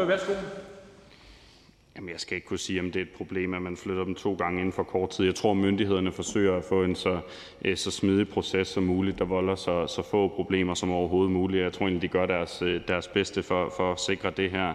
Om der er eksempler på andre steder, hvor man har placeret folk på en lignende måde, det skal jeg ikke kunne sige. Jeg, kender ikke nok til, til alle placeringer af, af lignende, lignende grupper, øh, men der er en klar vurdering her af, at det ikke er nogle mennesker, der vil volde store problemer for lokalsamfundet, og jeg er rimelig tryg ved myndighedernes vurdering her. Hr. Rasmus Stoklund, Socialdemokratiet. Det fremgår af udlændingeloven, at når eksempelvis en forhenværende flygtning skal have vurderet, om vedkommende skal have forlænget sin opholdstilladelse, så er det Udlændingsstyrelsen, der afgør, om det skal ske eller ej. Der plejer indimellem at være nogen, som mener, at det skal politikerne og ministeren gå ind og blande sig i og, og gøre beslutningen om og lade vedkommende blive, selvom myndighederne vurderer, at det ikke er nødvendigt. Her plejer man fra Blå Bloks side at mene, at det ikke er et politisk spørgsmål, det er noget, myndighederne skal afgøre individuelt hver eneste sag. Her står der også i udlændingeloven, at det er myndighederne, der afgør, hvordan man indkvarterer asylansøgere. Det står i paragraf 42, og det er så øh, det, som myndighederne i Udlændingsstyrelsen i det her tilfælde har gjort også i den her sag. Nu går man så væk fra princippet om, at man skal respektere lovgivningen og lade myndighederne arbejde. Nu mener man så, at sagen skal politiseres. Er ordføreren ikke enig i, at der er en sådan lidt manglende stringens i argumentationen øh, fra Blå Bloks side i det her spørgsmål? Ledende spørgsmål, ja. Værsgo. Ja, det er godt med, med ledende spørgsmål. Jo, der er da totalt manglende stringens, og, og jeg synes også, at den her sag bliver blæst fuldstændig op. Øh, jeg tror, man håber fra Blå Blok side, at man kan skabe en, en ny stor øh, skandalesag, øh, og, og det kan jo sikkert være i blå, til Blå Bloks fordele. Jeg kan bare ikke se, hvad det er, den skal bygge på i det her tilfælde. Så jeg er helt enig. Argumentationen hænger ikke sammen, og, og der, er ikke, der er ikke det store komme efter her. Her Rasmus Stoklund. Det er jeg glad for at høre. Derudover så synes jeg i øvrigt også, det er positivt og tjener ordføreren til ære, at han deler øh, den grundlæggende holdning, som jo bliver tilkendegivet fra alle sider her i dag, at hvis det viser sig, at der kommer til at være utryghed eller at blive problemer, så er det en straks en anden sag. Men at erfaringen fra Brogst, hvor de her mennesker tidligere har været øh, øh, har været indkvarteret, er ifølge politi og myndigheder, at der ikke har været problemer, og at øh, det er derfor, at det der er udgangspunktet. Øhm. Lige præcis. Tak til ordføreren. Der er ikke flere korte bemærkninger. Tak til hr. Carl Valentin. Og så går vi videre, og nu er det fru Rosa Lund, Enhedslisten. Tak for det. Jeg synes, øh, jeg synes, det er lidt mærkeligt, at partierne i Blå Blok har indkaldt en hasteforspørgsel om et system, de selv har skabt, som de nu lige pludselig har store problemer med. Det synes jeg faktisk burde kalde øh, på lidt selvrensagelse i den blå blok herinde i Folketinget. Måske er den måde, vi driver asylpolitik på i Danmark, ikke den rigtige. Det system, som vi snakker om i dag, det er jo et system, som blev skabt, da vi havde en venstreledet regering med Dansk Folkeparti som støtteparti. Synes jeg er værd at tænke over. For at svare på, på hasteforspørgselen. Ja, jeg kan godt forstå, at man er utryg. Jeg tror, at det hænger sammen med den måde, vi taler om asylansøgere på i det her land. Særligt i denne her folketingssal. Særligt i den her folketingssal. I virkeligheden så ved vi jo ikke ret meget om de mennesker, som nu skal bo i Sandved. Det gør vi ikke, fordi de oplysninger er private, personlige. Det er sådan, det skal være i et retssamfund. Og jeg for en sjældent gang skyld, og det, undskyld hr. Markus Knudt, var derfor, jeg lige kom til at trække lidt på smilebåndet, da du sagde, at vi på venstrefløjen slog ring om regeringen. Det plejer jo at være sådan, at det er dem, der sidder i den anden side af salen, der slår ring om regeringens udlændingepolitik. Jeg tror i hvert fald, at udlændingeministeren, hr. Mathias Tesfaye, ikke altid oplever enhedslisten som nogen, der slår ring om ham. Sig det, som det er. Men det til side, så er jeg jo fuldstændig enig i, at hvis det viser sig, at der kommer stor utryghed, at kriminaliteten stiger, så er vi selvfølgelig nødt til at gøre noget. Ingen tvivl om det. Men i virkeligheden synes jeg jo, det her siger mest om, at vi har skabt et system, som er fuldstændig forfærdeligt. På den anden side af sommerferien, altså inden sommerferien, der havde vi præcis den her diskussion, som flere ordfører også har været inde på. Der handlede det bare om Langeland. Vi har tit diskussionen om Kærshovedgård. Der er ikke nogen, der har lyst til at være naboer til de her centre. Og det tror jeg i virkeligheden siger noget om, at det er selve konstruktionen her, der er noget galt med. Og derfor er vi nødt til at kigge på at lave asylpolitik på en anden måde. Jeg tror ikke, det er fornuftigt at samle mange kriminelle på et sted, for eksempel. Jeg tror, det ville være langt bedre at dele dem ud, så det ikke var mange mennesker, som kom ind og lige pludselig fyldte enormt meget i et lille lokalsamfund. Fordi det er klart, øh, 12-14 mennesker i København er noget andet end 12-14 mennesker i en by, der er meget mindre. Det giver da kun mening, synes jeg. Og derfor synes jeg, vi er nødt til at kigge på, hvordan kan vi lave mindre enheder, når vi arbejder med asylansøgere. Både afviste og udviste. Det er jo ikke det samme. Men i virkeligheden, jeg synes i virkeligheden, at det er det, det handler om. Og jeg synes, det er meget øh, ejendomligt at se Blå Blok, som har skabt det her system med udrejsecentre, som vi bruger sindssygt mange penge på i dag. Altså vanvittigt mange penge på. Og det løser ikke noget som helst. Jeg synes faktisk, det her er et bevis på, at det er tid til at kigge på et helt anderledes system. Fordi ellers så står vi bare med præcis den samme diskussion, når vi flytter det her asylcenter et eller andet andet sted hen, hvor der er nogle andre mennesker, som synes, at det var ikke rart, at det var lige i vores baghave eller lige ved vores busstoppested. Jeg håber selvfølgelig, at det viser sig, at det her ikke kommer til at skabe nogen problemer.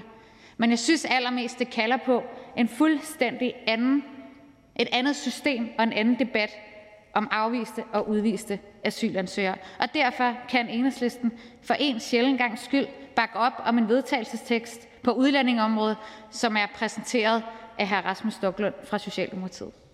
Tak for det. Der er kort bemærkninger. Først er det hr. Markus Knudt, Konservative Folkeparti. Tak til fru Rosa Lund, som siger, at det her i virkeligheden bare handler om den måde, vi taler om, at vi taler alt for hårdt herinde i Folketinget, især også, også blå partier med den måde, vi kritiserer på. Men Fru, fru, undskyld, fru Rosa Lund siger også, at jamen, ordføreren ved ikke, hvad de her mennesker i virkeligheden har gjort, hvad de er dømt for. Jeg er sikker på, at ordføreren har sat sig ind i nogle af de artikler, der har været, blandt andet i Ekstrabladet, hvor der står, flere af de 13 nye beboere er dømt for mor, som er begået i Danmark, og enkelte er også dømt for sædelighedsforbrydelse. Når nu ordføreren ved det, mener ordføreren så stadigvæk, at det hele handler om retorik, og synes ordføreren i virkeligheden, at det er en god idé, at de her mennesker skal bo ved siden af en legeplads? Ordfører? Jeg synes selvfølgelig ikke, at det hele handler om retorik. Men noget af det gør jo, hr. Marcus Knudt. Men selvfølgelig handler det hele ikke om retorik. Der er jo tale her om rigtige mennesker, som bor i Sandvad. Nogle af dem øh, sidder heroppe, gætter jeg på. Det handler også om rigtige mennesker, som er dømt for noget meget alvorlig kriminalitet, de har begået. Så selvfølgelig handler det ikke kun om retorik. Min pointe var mere at sige, vi kan jo ikke sige, hvem præcis det er, der har gjort det ene og gjort det andet. Fordi sådan er det i et retssamfund. Der er også nogle af de her, som er asylansøgere, som har behov for særlig pleje, som ikke nødvendigvis er kriminelle. Så det var det, hr. Marcus Knudt, der var min pointe. Hr. Marcus Knudt? Jamen lad mig så følge op. Ordføreren siger, jamen hvis de her mennesker begår kriminalitet igen, altså dem, som har begået mor og begået sædelighedsforbrydelser, hvis de skulle få den tanke at begå kriminalitet igen, så synes ordføreren, vi skal gøre noget ved det. Helt ærligt, skal vi gøre noget ved det nu, så de ikke flytter ind ved siden af legepladsen, eller skal vi vente på, at der begår kriminalitet på legepladsen? Vi vil rigtig... Oh, undskyld, formand. Vi vil rigtig gerne gøre noget ved det nu, og tak til hr. Marcus Knudt for spørgsmålet, så jeg kan uddybe. Vi har jo foreslået flere gange i enhedslisten, at man sætter udviste kriminelle i fodlænke, sådan at de kunne være derhjemme sammen med deres familie, og så vi ikke samlede dem alle sammen på det samme sted. Det ville jeg synes var langt mere favorabelt. Mens fru Inger Støjberg var øh, udlænding- og integrationsminister, der sendte vi faktisk en stribe udvalgsspørgsmål afsted for at finde ud af, om det kunne lade sig gøre, men vi blev afvist gang på gang, selvom teknologien til fodlænke faktisk findes. Og det vil jeg synes var en oplagt mulighed, fordi så vil vi ikke have de her diskussioner, vi har hele tiden med, hvor det ene og det andet og det tredje og det fjerde center skal placeres. Så er det her Christoffer Aagaard Melson, Venstre. Ja, øh, tak for det. Jeg synes nogle gange, ordføreren gør lidt det, hun beskylder øh, andre partier for. Øh, altså, at jeg synes ikke rigtig, at ordføreren forholder sig til det konkrete og vil tale om alle mulige andre steder. Det her det er jo en gruppe borgere, der er syge og har begået noget meget alvorlig kriminalitet. Og lige meget om de var asylansøgere eller de var etniske danskere, så vil de være en stor del af dem, hvis det står til tronen, det der står, så er de jo øh, tvangsanbragt ved dom. De, og de skal have pleje, og de skal have ledsager. Og det vil de skulle lige umiddelbart, om det er asylansøgere eller det er etniske danskere. Hvis vi nu tager hele asylsnakken ud af det, og du så hører, at nu er der en styrelse, der normalt ikke arbejder med den her gruppe, der har valgt en løsning. Før har de boet afsondret fra et bysamfund, fordi de har ikke godt af at være nærheden af et bysamfund, og de er farlige, hvis de kommer ud og møder for eksempel børn. Og, og så hører ordføreren, der er nogen, der har taget en beslutning om, nu skal de bo klods op af en legeplads midt inde i et lille samfund, hvor det her det skaber enorm utryghed og er uhensigtsmæssigt fagligt på alle mulige måder. Kan ordføreren så ikke bare forholde sig til den situation? Altså, det drejer sig om syge mennesker, der nu bliver kastet bold, bliver flyttet rundt og bliver placeret et sted, der simpelthen fagligt ikke giver mening. Kan vi ikke tage debatten på det niveau, i stedet for at tale om fodlænker og alt muligt andet? Ordfører, værsgo. Jamen, nu blev jeg nu engang spurgt, hvad enhedslisten synes, vi skulle gøre ved problemet, og det er jo fint nok, at Venstre er uenig i enhedslistens løsning, men vores løsning er fodlænke, og derfor er det det, jeg står heroppe og siger. Ja, det må man jo gerne være uenig i. Jeg tror ikke, det er nogen hemmelighed, at enhedslisten og Venstre har hver sin udlændingepolitik, eller hver sin retspolitik for den sags skyld. Men jeg vil sige, jeg har en forventning om, at de her mennesker ikke kommer til at skabe mere kriminalitet. Men jeg ved det jo ikke, og derfor er det jo selvfølgelig en udvikling, vi følger nøje, præcis ligesom vi følger udviklingen omkring alle de andre asylcentre og udrejsecentre, vi har i Danmark. Det er vi jo selvfølgelig nødt til. Det er jeg slet ikke uenig i. Men vores løsning i enhedslisten er nu engang, at vi ikke samler mange kriminelle på et sted, men deler dem mere ud, så man netop ikke kommer til at sætte mange mennesker ind i et lille lokalsamfund. Jeg synes øh, med al respekt faktisk, det er en ret god løsning. Christoffer Melson. Ja, undskyld, hvis jeg, det virker som uforstående eller sådan noget, men det er jo fordi, det her det er jo ikke et stort sted, og det er jo en gruppe, der har nogle udfordringer, der gør, at løsningen er ikke at sende den her gruppe med, med fodlænke. Løsningen med den her gruppe, det er at finde et andet sted, hvor de kan få pasning og pleje, og hvor de kan få skærmet, så de ikke kommer i kontakt med det omkringliggende samfund. Så debatten er jo, om man vil placere dem midt i en landsby, øh, lige ved siden af legepladsen midt i et parcelhuskvarter, eller man synes, skulle man ikke lige kigge på at finde noget lignende, eller det, de havde oppe i Brogst, hvor det fungerede, på den måde, som man vil gøre med alle mulige andre målgrupper, der har de samme udfordringer. Øh, altså, fordi de er asylansøgere, så behøver man jo ikke placere dem et sted, hvor man ved, der kommer til at opstå problemer. Tak for det. Ordfører, værsgo. Jamen altså, det vi ved fra Brovst er jo, at den her gruppe ikke har skabt flere problemer, og derfor kan jeg ikke se, hvorfor at den skulle skabe problemer, fordi man flytter den. Det kan være, at jeg tager fejl. Det kan, det kan da godt være, at jeg tager fejl. Ligesom øh, Venstres ordfører kan jeg heller ikke spå om fremtiden. Men jeg synes også bare, at vi må stå på de tal, vi har fra det sted, som de her mennesker var før, at der skabte de ikke problemer. Hr. Kristian Tulsendal, Dansk Folkeparti. Jeg tror, vi skal på besøg, fru Rosa Lund, de to steder, og så se øh, forskellene. Så tror jeg, fru Rosa Lund vil have en lidt anden indstilling til det. Og så bare lige i parentes sagt, at jeg er meget stor tilhænger af fodlænker. Det øh, kan vi sagtens blive enige om. Lad os endelig få det, så får vi lidt mere styr på det. Øhm, men jeg synes, fru Rosa Lund bliver nødt til at forholde sig til, til noget af det samme, som jeg også har spurgt tidligere ordfører om. Hvis Vejle Kommune fastholder, at man ikke vil forlænge lejekontrakten, så de her mennesker så bliver flyttet ind for en kortere periode. Synes fru Rosa Lund så, det er fagligt rigtigt, med den, hvis udlændingemyndighederne har den, den øh, viden, alligevel at flytte dem ind i Sandved med henblik på, at de så snart skal flyttes et andet sted hen? Eller var det så bedre, hvis myndighederne fandt en anden løsning på nuværende tidspunkt? Hvorfor? Jamen, jeg tager gerne med på tur, hr. Christian Tulsendal. Det tror jeg, at vi kunne få, øh, vi kunne få meget ud af på mange områder, så lad os endelig, øh, lad os endelig komme afsted, synes jeg, for det første. For det andet, den faglige vurdering. Jeg har sådan set fuld tillid til myndighedernes vurdering i den her sag. Ligesom at jeg også har tillid til myndighedsvurderingerne, myndighedernes vurderinger i alle mulige andre sager. Myndighederne agerer jo efter loven. Det er jo også derfor, vi i enhedslisten for eksempel arbejder på at få ændret loven om opholdstilladelser, i stedet for at gå ind og sige, at det skal være den og den og den, der skal have opholdstilladelse. For, hvad kan man sige, at sige det fra det andet perspektiv. Hr. Christian Tulsendal. Vil fru Rosa Lund ikke love mig, at hun gør en indsats for at få ministeren til at tage med på den tur? Fordi så løser vi en del af forspørgselens øh, hensigt, øh, i hvert fald hvis vi kan gøre det rimelig hurtigt. Og jeg skal nok, øh, jeg skal nok stå parat nærmest døgnet rundt, når fru Rosa Lund og ministeren i givet fald kan. Øhm, og den anden ting i forhold til det der med, at fru Rosa Lund siger, at det må myndighederne, jeg har tillid til myndighedernes beslutning. Jeg kan da godt finde eksempler på tidligere, altså hvor myndigheder har truffet en beslutning, fru Rosa Lund har kommenteret, haft nogle holdninger til. Altså det er da ikke fuldstændig ude i hampen, vel? Ude i Sandvad. Men så kunne fru Rosa Lund ikke også her have en faglig vurdering af, at virker det rigtigt at flytte de her beboere ind et sted, hvis det kun er for en kortere tid, og så skal de flyttes igen? Tak for det. Ordfører, værsgo. Jamen altså, øh, for det første i forhold til ministeren, så oplever jeg jo desværre sådan, at den her regering og udlændingeministeren oftere lytter til hr. Kristian Tulsendals parti end til mit parti. Men øh, jeg skal da se, om jeg kan overtale ham. Men jeg tvivler. Jeg tror måske mere, at det er nogen, der sidder til højre i salen, som mere kan overtale ministeren, når det handler om udlændingepolitik. Det var den ene ting. Den anden ting er i forhold til myndighederne. Jamen altså, jeg tænker da, at de har lavet en rigtig faglig vurdering her. Det gør jeg. Tak for det. Tak til ordføreren. Og vi går videre i rækken. Nu er det til hr. Markus Knuds, Konservativ Folkeparti. Tak, hr. formand. Så står vi her igen i endnu en af regeringens, ja, jeg er ked af at bruge ordet, men altså skandaler, når det kommer til håndteringen af afviste asylansøgere, kriminelle flygtninge osv. osv., der igen og igen er til fare for vores lokale samfund rundt om i Danmark, og hvor ministeren nægter at gøre noget ved det. Vi havde hele misæren omkring Kærshovedgård. Regeringen gik til valg på, det skulle de nok løse. De ville finde et sted, der var meget bedre.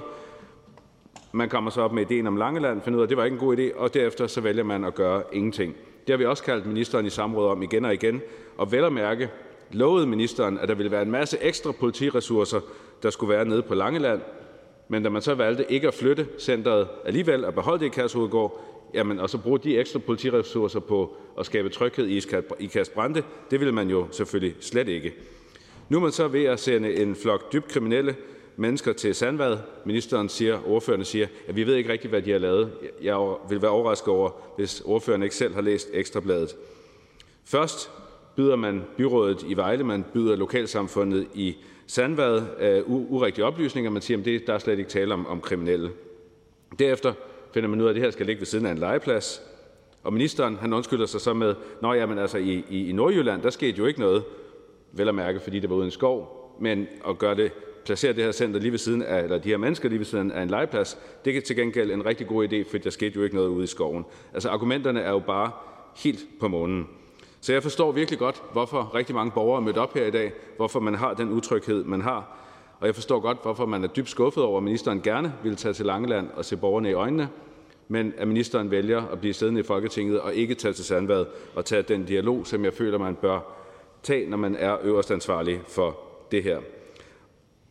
Og så vil jeg sige, når man lytter til støttepartiernes argumenter, altså SF siger, at det her det er blæst op, det er et forestillet problem, der er ikke noget at komme efter. Altså, der er tale om folk, der er dømt for mor, for sædelighedsforbrydelser. Enhedslisten siger, jamen lad os dog vente, lad os dog vente og se, om de her mennesker begår kriminalitet på legepladsen. Altså helt ærligt, hvordan kan man stå her på Folketingets talerstol og sige, hvis de går, begår kriminalitet ude på legepladsen, så skal vi nok gøre det. Alt imens dem, der bor ved siden af, af, af den her legeplads, dem hvis børn leger på legepladsen, sidder og lytter. Jeg synes, det er, jamen jeg har svært ved at finde ord for det. Så jeg vil egentlig bare slutte af med at sige tak til de blå partier, til Dansk Folkeparti, til Venstre, Liberal Alliance, Nye Borgerlige øh, og Inger Støjberg for rigtig godt samarbejde. Jeg er glad for, at vi står benhårdt fast på, at ministeren som øverste ansvarlig for det her system bør tage ud og møde borgerne, ikke bare med den afstand, der er her i Folketingssalen, men til et borgermøde, ligesom man gjorde på Langeland. Og indtil da, så bør den her proces sættes fuldstændig i bero. Tak. Kort bemærkning til fru Rosa Lund, Enhedslisten. Tak for det. Jeg synes, hr. Markus Knudt fordrejer mine ord noget groft. Det, jeg sagde, var ikke, lad os bare vente og se, træk på skuldrene. Det, jeg sagde, hr. Markus Knudt, og det, jeg i hvert fald mener, som jeg jo så har mulighed for at understrege nu, det er, at der, hvor de her mennesker var før, der er der ikke nogen erfaring med eller noget, der tyder på, at de begik mere kriminalitet, at de begik kriminalitet igen. De har begået kriminalitet. Det er de blevet dømt for. Det er derfor, de er der, hvor de er. Det var sådan set det, jeg sagde, hr. Markus Knudt. Og jeg synes, det vil klæde det konservative Folkeparti at lytte efter, hvad der bliver sagt, og ikke hvad man tror, der bliver sagt. Hvorfor? Jamen, jeg lyttede meget præcist efter, at ordføreren begyndte sin tale med at sige, at det her handlede primært om retorik, og ordføreren ikke rigtig vidste, hvad de her mennesker havde lavet. Der er så læst op fra Ekstrabladets artikel, hvor der står, at der er folk, der er dømt for mord begået her i Danmark, der er folk, der er øh, dømt for sædelighedskriminalitet, og spurgte ordføreren, er det så ikke nu, inden vi flytter de her mennesker ind ved siden af en legeplads, at vi agerer? Så svarede ordføreren noget i stil med, jamen altså, hvis de gør noget, så lad os agere til den tid. Helt ærligt, de bor ved siden af en legeplads. Jeg synes, det er, ja, det er helt, helt, helt, øh, helt på munden, det her. Fru Rosa Lund. Hr. Markus Knudt, jeg tror ærligt talt, at vi vil komme nærmere en løsning, hvis vi gjorde os lidt mere umage for at se, om der ikke var nogen ting, vi var enige om. Men hr. Markus Knudt gør i dag præcis det modsatte. Det synes jeg er meget, meget ærgerligt, for jeg tror faktisk godt, at vi kunne lave nogle løsninger her, hvis ikke vi skød hinanden ting i skoene. Men jeg glæder mig til, den her debat bliver jo optaget, jeg glæder mig til at se, hvad det egentlig var, der blev sagt, fordi så kan hr. Markus Knudt og jeg jo måske lige drikke en form for øh, kaffe og snakke om det. Hr. Markus Knudt, værsgo. Jamen det, vi i virkeligheden burde snakke om, er, hvordan vi stopper det her. For jeg tror, at alle enhver kan se, at det her er en, en hovedløs beslutning. Så lad os dog stoppe den. Altså, der, der er jo så mange ting, der er helt skæve. At de her mennesker skal bo ved siden af en legeplads. At Vejle Byråd allerede har besluttet, at om et år, så forlænger de ikke kontrakten, så skal de flyttes igen. Så lad os dog blive enige om at stoppe den her proces, og så finde en bedre løsning, i stedet for bare at slå hælene i og sige, nej, myndighederne har taget en dårlig beslutning, men det er myndighederne, det vil vi ikke blande os i, uagtet at ministeren har det øverste ansvar. Tak for det, og det er fuldstændig rigtigt. Alt, hvad der bliver sagt i Folketingssalen, det kan dokumenteres. Tak til ordføreren. Vi går videre til hr. Peter Seier Christensen, Nye Borgerlige. Tak.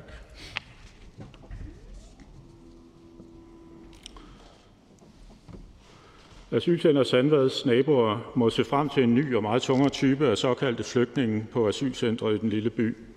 Udlændingsstyrelsen og Røde Kors planer om at genåbne øh, byens asylcenter med en ny beboergruppe betyder, at centret måske får 100 pladser fyldt med særligt tunge flygtninge. Flygtninge, der nok retter af velfærdsmigranter, migranter, som også kan have en kriminel løbebane på CV'et. For Udlændingsstyrelsen er det en gruppe, der ikke kan rumme til andre steder, som kun kan fungere på små steder med faste rammer og ro. De kan være meget pasningskrævende og personfarlige. Men det er også folk, der har deres frie bevægelighed. Hvis de beslutter sig for at tage en tur til Vejle, så må de det. Der kommer ikke hegn om Sandvadscenteret, og der er ikke overvågning af dem, der går ind eller ud af centret. Fakta er, at i 2020 åbnede centret i Sandvad som et karantænecenter, der skulle huse migranter smittet med covid-19. I september 2021 meldte Udlændingsstyrelsen så pludselig ud, at centret i Sandvad skulle fungere som asylcenter for flygtninge med særlige behov. Udlændingsstyrelsen har i den forbindelse fremsat breve til lokalpolitikere og borgere i området omhandlende målgruppen. Men ingen borgere og politikere i Sandvad er nu i tvivl. Der stod i brevene, at flygtninge bestod af psykisk sårbare personer, og nu viser det sig, at flere af de første 13 flygtninge, som senere i november flytter ind på centret, er dømt for personfarlig kriminalitet, herunder mor. Hvordan kan myndighederne tro, at de kan slippe afsted med at bilde lokalbefolkningen ind, at den svære gruppe flygtninge selvfølgelig og uden problemer kan placeres midt i landsbyen? Der er jo ingen i lokalsamfundet i Sandvad, der mere har tillid til, at der kun kommer 13 af de særlige, den særlige gruppe asylansøgere lige midt i landsbyen i den østjyske idyl. Så hvor stopper det, spørger beboerne med rette. Vreden og frustrationen ligger således lige under overfladen, hvor asylcentret skal ligge midt i landsbyen ved siden af et villekvarter, en sovnegård og en legeplads, børnenes cykelsti til skole og et busstoppested. Sagen for Sandvad understreger, hvad vi i Nye Borgerlige har sagt fra start. Muligheden for at søge asyl i Danmark skal stoppes nu. Vi skal ikke have migranter, der rejser over Middelhavet og på tværs af grænserne i Europa. Det er en trafik, der kun gavner menneskesmuglerne og sætter europæiske lande under pres. Hjælpen skal gives i nærområderne, og asylbehandlingen skal kun kunne foregå i samarbejde med FN. Statsborgerskab skal ikke tildeles indvandrere efterkommere fra lande, der hviler på islamisk kultur og samtidig er overrepræsenteret i kriminalitetsstatistikkerne. Og sidst men ikke mindst i relation til Sandvads situation, alle kriminelle udlændinge skal udvises konsekvent efter første dom. Hvis ikke de rejser ud umiddelbart efter strafafsoning, skal de tages i varetægt, indtil deres udrejse kan arrangeres. Kriminelle udlændinge skal ikke have lov til at færdes frit i det danske samfund, heller ikke i Sandvad. Tak. Tak til ordføreren. Jeg ser ikke nogen kort bemærkninger, og da jeg ikke kan se, at der er flere ordfører, der beder om ordet, er det nu ministeren for afslutning af debatten. Udlænding og integrationsministeren.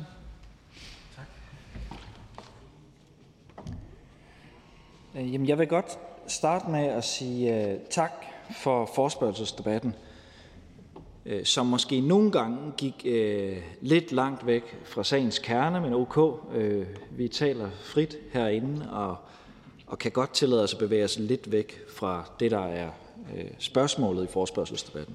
Jeg vil også godt sige, at ingen er perfekte. Det er statslige myndigheder heller ikke.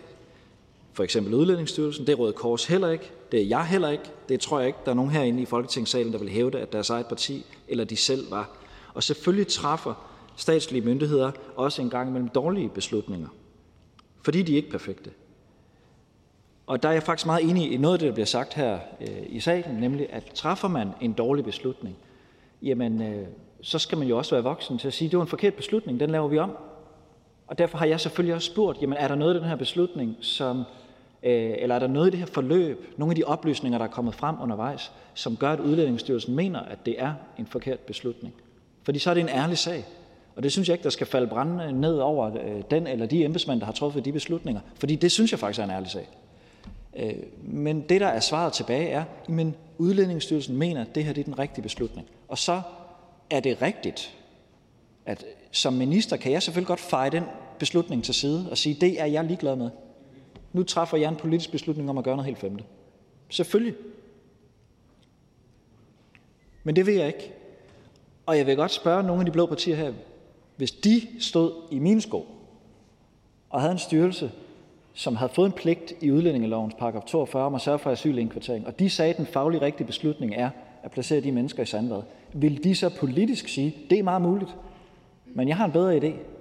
Nu sætter jeg knappenålen et andet sted i landkortet. Det er jo fair nok. Det vil jeg bare minde jer om, særligt med de meningsmålinger, der desværre bevæger sig i den forkerte retning, at det bliver optaget, det her. Og så vil en eventuel fremtidig udlændingeminister blive konfronteret med, at det den borgerlige position, at man vil trække de beslutninger ind på ministerbordet. For fair nok, hvis det er den borgerlige position, men det er ikke sådan, jeg mener, vi skal regere vores land. Jeg mener, det er rigtigt, det der står i grundloven, at vi har lovgivende, udøvende og dømmende magt.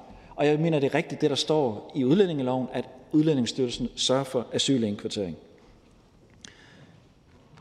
Min egen personlige mentalitet er altid at træde skridt frem, gå ind i debatten, møde de mennesker, der vedrører, tage tingene på mig, diskutere ting åbent og frit med alle. Og sådan indledte jeg måske også øh, min første tid som udlændingeminister. Hvis der var nogen, der mente, de havde fået afslag på familiesamføring, og det var forkert, og de stoppede mig ned i Ishøj Center, så ville jeg sige, skriv en mail til mig, så kigger vi på det. Men sådan kan det ikke fungere. I dag har jeg efterhånden fundet ud af, at det bedste svar er, skriv til Udlændingestyrelsen, hvis ikke du mener, du har fået den rigtige beslutning, ellers så må du anke den beslutning. Det er ikke noget, jeg kommer til at gå ind i som minister, for vi kan ikke have sådan et bazar samfund, hvor det handler om, hvem der kender hvilke politikere, og så bliver der truffet andre beslutninger fra statslige myndigheder. Så jeg synes, vi herinde i salen, og det siger jeg med vi som medlem af Folketinget, for det er jeg også, vi skal koncentrere os om at lave god lovgivning, og hvis vi er uenige i det, der står i lovgivningen, for eksempel i udlændingelovens paragraf 42, det er en fuldstændig færre sag, hvis man mener, at det skal være en beslutning, der bliver truffet i Folketingssalen, jamen så kan man jo bare stille det forslag, så diskuterer vi det. Jeg vil anbefale, at vi stemmer nej til det, for jeg synes ikke, det er den rigtige måde at gribe øh, problemstillingen an på.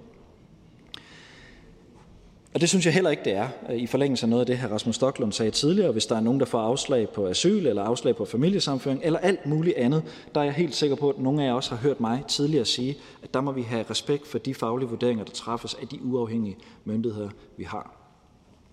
Det var i hvert fald det, jeg skrev under på, da jeg blev medlem af Folketinget i 2015, og det er det sådan, at jeg administrerer den lov, som i øvrigt skiftende røde og blå udlændingeminister har bakket op omkring, altså den her famøse paragraf 42. Lad det være mine afsluttende bemærkninger. Tak for det. Og der er en kort bemærkning til hr. Markus Knudt, Konservative Folkeparti. Tak. Før der sagde ministeren, at jamen, vi ved jo ikke rigtigt, hvad de her mennesker har, har lavet. Nu kan vi jo så fortælle ministeren, at det er folk, der er dømt for mor, for seksualforbrydelser. De skal bo ved siden af en, en, en børnehave. Men ministeren fastholder, at det er en myndighedsbeslutning, og derfor vil ministeren ikke blande sig. Selvom ministeren faktisk erkender, at det jo faktisk er en ret dårlig beslutning. Så hvis beslutningen virkelig er så dårlig, at seksualforbrydere skal bo ved siden af en, af en legeplads, mener ministeren ikke, at ministeren har et ansvar for at, at, at gribe ind og prøve at stoppe det her, eller i mindste sætte det i bero, indtil man har fundet en bedre løsning? Ministeren? Tak for spørgsmålet, men det er nu ikke korrekt, når hr. Markus Knudt siger, at jeg har erkendt, at det er en dårlig beslutning. Jeg har sagt helt generelt, at alle mennesker laver fejl. Det gælder også statslige myndigheder. Men jeg mener ikke, at det her det er en fejl. Jeg mener, at der har været et forløb, som gør, at det er naturligt at spørge styrelsen, er der noget i det her forløb, er der nogle af de nye oplysninger, der er kommet frem, der gør, at I ønsker at ændre den her beslutning? Og det er der ikke. Okay, så ministeren mener ikke, at det er en dårlig beslutning at tage folk, der er dømt for mor og for seksualforbrydelser, og huse dem lige ved siden af en legeplads. Dem, der bor i den by, dem, der bor i Sandvad, dem, der har deres børn til at lege på den legeplads. Jeg forstår godt, hvis deres utryghed er så, så stor, som man overhovedet ikke engang kan beskrive det. Jeg forstår godt, de rejser hele vejen hertil. Men kan ministeren så ikke forklare mig, hvis man, ministeren alligevel synes, at det her ikke er en dårlig beslutning, hvorfor ministeren ikke selv rejser til Sandvad og tager et møde med de her borgere og forklarer dem, hvorfor det her faktisk er en rigtig, rigtig god beslutning? Ministeren? Jeg, jeg står ikke her og siger, om det er en rigtig, øh, eller om det er en dårlig eller en god beslutning. Jeg forholder mig til, at Udlændingestyrelsen har kompetencen til at træffe de her beslutninger, og de har truffet dem, og det har de selvfølgelig min fulde opbakning til. Hvis de træffer en anden beslutning i morgen, så har de også min fulde opbakning til det, for jeg stoler på, at de laver deres arbejde ordentligt. Hvorfor rejser jeg ikke selv til Sandvad? Jamen, som jeg sagde før, min egen mentalitet er også altid at konfrontere alting direkte og åbent og fække med åben pande. Jeg vil bare sige her, det er ikke den måde, jeg mener, man skal øh, fungere som minister på. Jeg mener, at dem, der træffer beslutningerne, de står til ansvar for beslutningerne. I det her tilfælde er det Udlændingsstyrelsen, der har truffet en beslutning, og derfor er det dem, der viser, øh, at de står til ansvar for beslutningen, stiller op på borgermøder, som de har gjort, ragt ud til lokalsamfundet. Og jeg vil også opfordre lokalsamfundet til at fortsætte den gode dialog, der er, eller den dialog, der er med Udlændingsstyrelsen og Røde Kors, for jeg tror på, at man med bedre dialog, end der har været hidtil, tæt dialog, højt oplysningsniveau, så højt som det nu kan være inden for ja, persondatabeskyttelse og sådan noget, kan sikre, at det her det, øh, kommer til at fungere på en ordentlig måde. Så er det her Christian Thulesen Dahl. Ja, tak, formand. Jeg, jeg kan forstå på ministeren, at der har alligevel været så meget tummel, som ministeren lige har spurgt sine, altså de embedsmænd, der har truffet beslutningen, om de mener, at det er en rigtig beslutning, de har truffet. Og de er så vendt tilbage til ministeren og sagt, ja, de synes, den beslutning, de selv har truffet tidligere, det er en rigtig beslutning. Øh, så bliver jeg nødt til bare lige at dykke et øjeblik ned i, i, hvad det er, ministeren har spurgt om. Har ministeren spurgt sit system, om hvis de her mennesker er på Center Sandvad i mindre end et år, fordi kommunen ophæver legemålet, er det så stadigvæk den fagligt set rigtigste beslutning set fra myndighedernes side? Ministeren? Øh, altså i praksis foregår det jo ikke sådan, at, at, at jeg spørger den konkrete embedsmand, der har truffet beslutningen. Jeg er ikke engang sikker på, at jeg helt ved, hvem det er. Men jeg spørger jo i, i departementet, som sørger for at spørge Udlændingestyrelsen om Øh, er der noget i det forløb, der har været, øh, som gør, at øh, I vurderer, at den her beslutning skal laves om? Og jeg vil også gerne sige her, mens alle hører på det, at jeg synes, det er en ærlig sag at lave en fejl. Hvis man laver en fejl, så er man bare voksen nok til at stå ved det. Og det er også mit signal, jeg gerne vil sende til alle embedsmænd i hele Udlændingeministeriets øh, system, at det er en ærlig sag at lave en fejl, og man skal ikke blive stedig. Men når folk kigger på det igen og siger, vi mener, det er den rigtige beslutning, fagligt set, så vil jeg ikke feje det af bordet. Så vil jeg læne mig op af det og bakke den beslutning op. Og at de mange oplysninger, der er kommet frem i det her forløb, er et af dem jo, at, i hvert fald hvad jeg kan læse i, i medierne, at Vejle Kommune overvejer øh, ikke at forlænge kontrakten, når den udløber. Det er jo en af mange øh, oplysninger, kan man sige, der er kommet frem i det her forløb. Hr. Christian Thulesen Dahl. Jamen, det er fordi, når vi nu får at vide også, at det er en slags sårbare beboere, der har brug for særlige øh, øh, folk omkring sig, og øh, vi også ved, at det har været lidt vanskeligt måske at skaffe det personale øh, og få ansat, som skal hjælpe de her mennesker øh, i dagligdagen. Altså, så må der vel være forskel på, om man etablerer det her med henblik på en årrække, eller, eller man i virkeligheden må erkende, at man etablerer det for noget, der ligner under et år, hvorefter man så skal gentage hele øvelsen et andet sted og placere de her beboere og slå stillinger op og alle de her indretninger, der skal til for at huse de her beboere. Og det er derfor, vil ministeren spørge sit system helt specifikt i forhold til, at hvis Vejle Kommune gør det klart igen, de mener, de har gjort det, men igen, at man ikke kommer til at forlænge den her lejekontrakt, er det så stadigvæk en rigtig faglig beslutning at placere de her beboere i sandet? Ministeren. Jamen, tak for præcist og relevant spørgsmål. Jeg formoder, at det fortsat indgår som en del af beslutningsgrundlaget, alt hvad der kommer frem af nye oplysninger. Men når du nu spørger så specifikt og så konkret, så vil jeg selvfølgelig gerne for øh, prins Knud, eller hvad det hedder, spørge, ikke, og det skal, skal ikke misforstås, så vil jeg godt spørge for en sikkerheds skyld, øh, at, at der ikke i den specifikke oplysning er noget, som gør, at Udlændingsstyrelsen mener, at der skal træffes en beslutning. Det vil jeg gerne spørge om, og det vil jeg gerne have lov til at vende tilbage til Folketinget. Så er det her Christoffer Aagaard Melson. Ja, øh, tak for det. Og øh, øh, ja, det er dejligt at høre, at der måske kan være en lille smule øh, bevægelse her. Øh, en anden ting, som øh, blev oplyst på borgermødet, øh, øh, hvor ministeren ikke var der, øh, det var, at øh, Udlændingsstyrelsen havde glemt at vurdere, øh, om placeringen var egnet til at hvad hedder det, rumme den her målgruppe, inden man flyttede dem fra den placering, hvor de boede langt fra, hvor der bor andre mennesker, til man placerede dem midt i et landsby. Øh, hvis den oplysning, vi fik på det møde, står til troende, vil ministeren så sørge for, at der bliver udarbejdet en analyse af nogle personer, der har forstand på den her målgruppe, øh, om det rent faktisk er egnet at placere dem midt i et parcelhuskvarter lige op ad en legeplads, inden man går videre med den her flytning? Ministeren. Jeg tror måske lige, jeg skal starte med at sige, at jeg ikke er sikker på, at Udlændingsstyrelsen har den samme opfattelse af, øh, hvad der præcis blev sagt på det borgermøde, som her Christoffer Melsen har. Øhm, og derudover vil jeg sige, at øhm, det er ikke helt uvandt for Udlændingsstyrelsen at skulle indkvartere den her gruppe. Altså, det er jo en opgave, som Udlændingsstyrelsen har haft i mange år, og så har haft en speciel øh, operatør til at håndtere, og nu ønsker en anden operatør, og har peget på Røde Kors som den rigtige operatør, fordi det er øh, Røde Kors har erfaringer med at skulle håndtere nogle af dem, der har særlige pasnings- og plejebehov. Det kræver for eksempel noget særligt at kunne håndtere øh, mennesker med, med demens eller med traumer eller med, med fysiske sygdomme. Og derfor er det også, som jeg sagde i min indledende tale, en, en, en ret markant personale nummering, der skal være til den her gruppe. Hr. Christoffer Aagaard Melson. Ja, så vil jeg spørge, gør det overhovedet ikke indtryk på ministeren, at det her det er jo et område, hvor man har haft, lige nu er der tre asylcentre, tidligere har der været fire, hvor man har haft mange forskellige borgergrupper, uledsagede unge med problemer, som man har, man har håndteret uden at kny. Man har faktisk ret meget forstand på at modtage flygtninge. Man har et lokalsamfund, som har været rigtig gode til flygtninge. Frivillige sidder garanteret blandt de øh, tilrejsende herop. Gør det ikke indtryk, at nogen, der faktisk er så tæt på og har haft så lang erfaring med det her, siger, at det her det er helt galt, stop op, minister?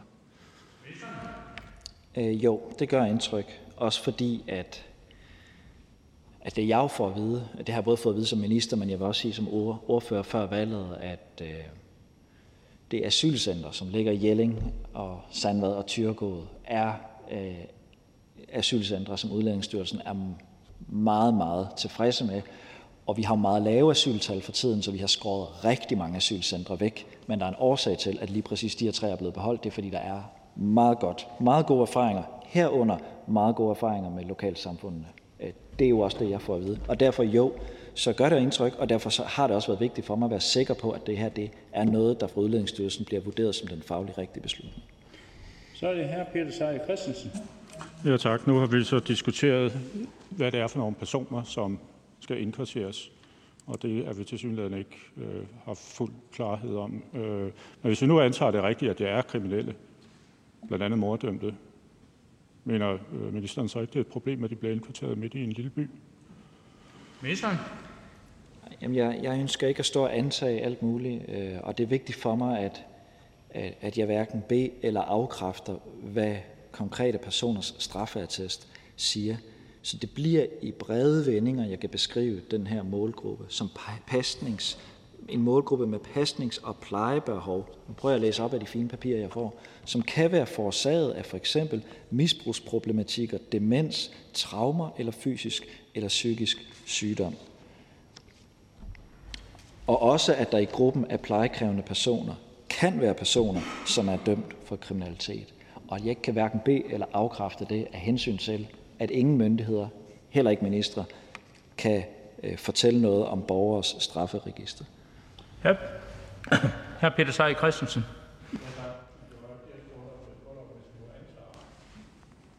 At vi taler om kriminelle og morddømte, om ministeren så vil anse det for at være et problem.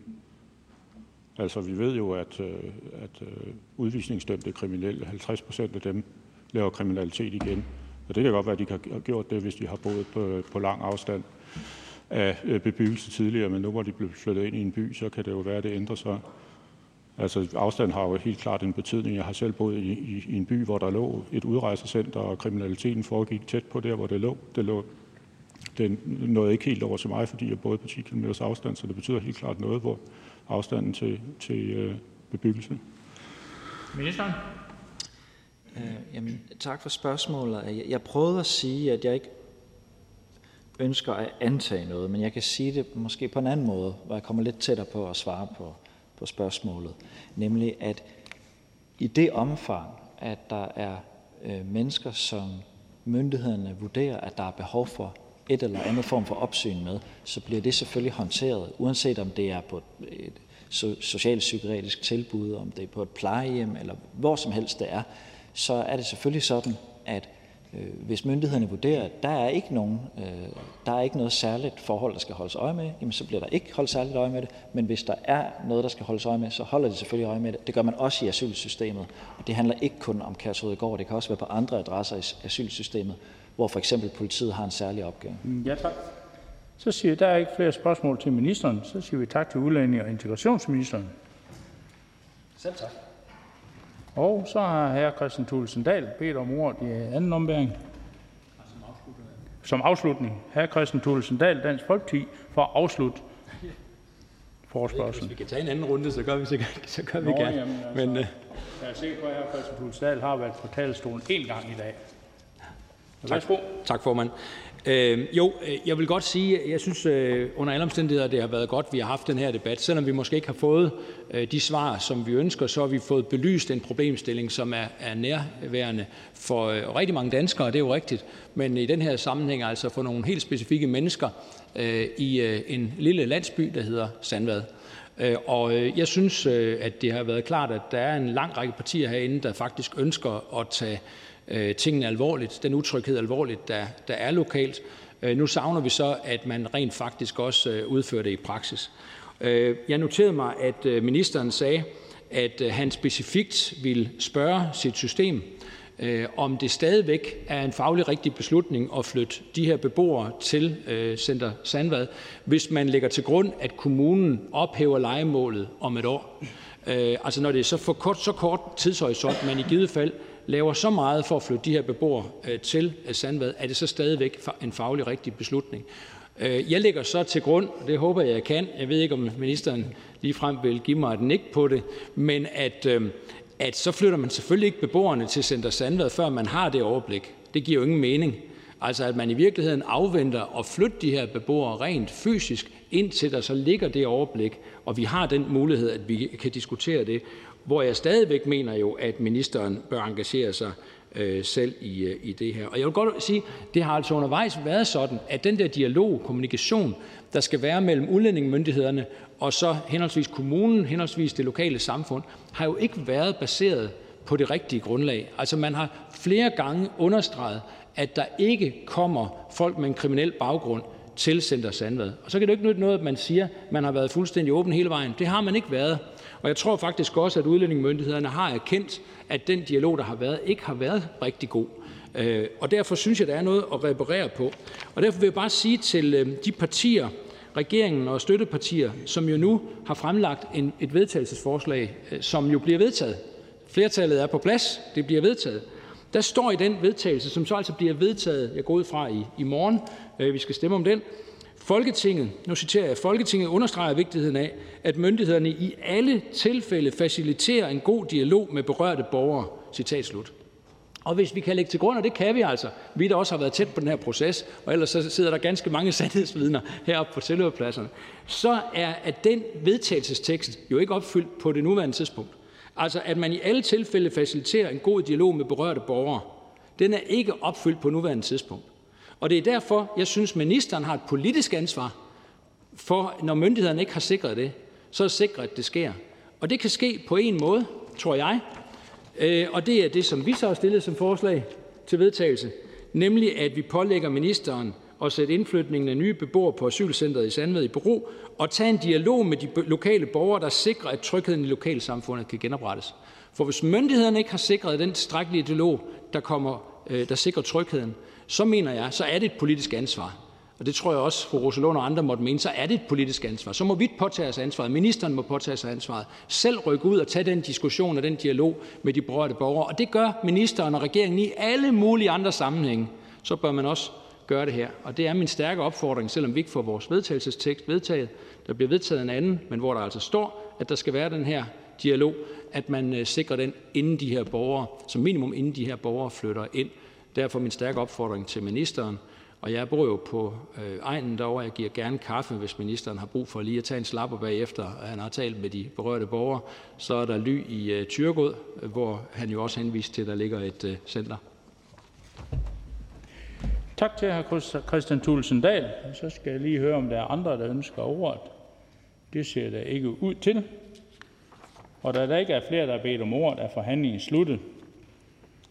Og afstemningen om de fremsatte forslag til vedtagelse vil som nævnt først finde sted torsdag den 18. november 2021.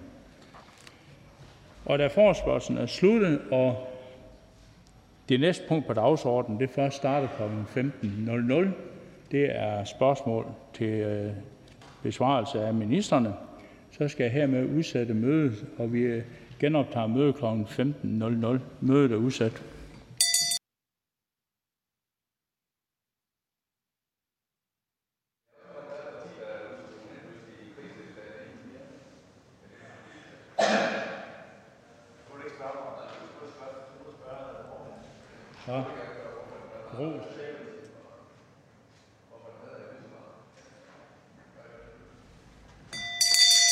Mødet er åbnet, og vi starter det næste punkt på dagsordenen, der er besvarelse af oversendte spørgsmål til ministeren i spørgetiden. Og den første minister, der er til stede, det er udenrigsministeren, og det er et spørgsmål, der er stillet af hr. Carsten Hønge, SF. Værsgo.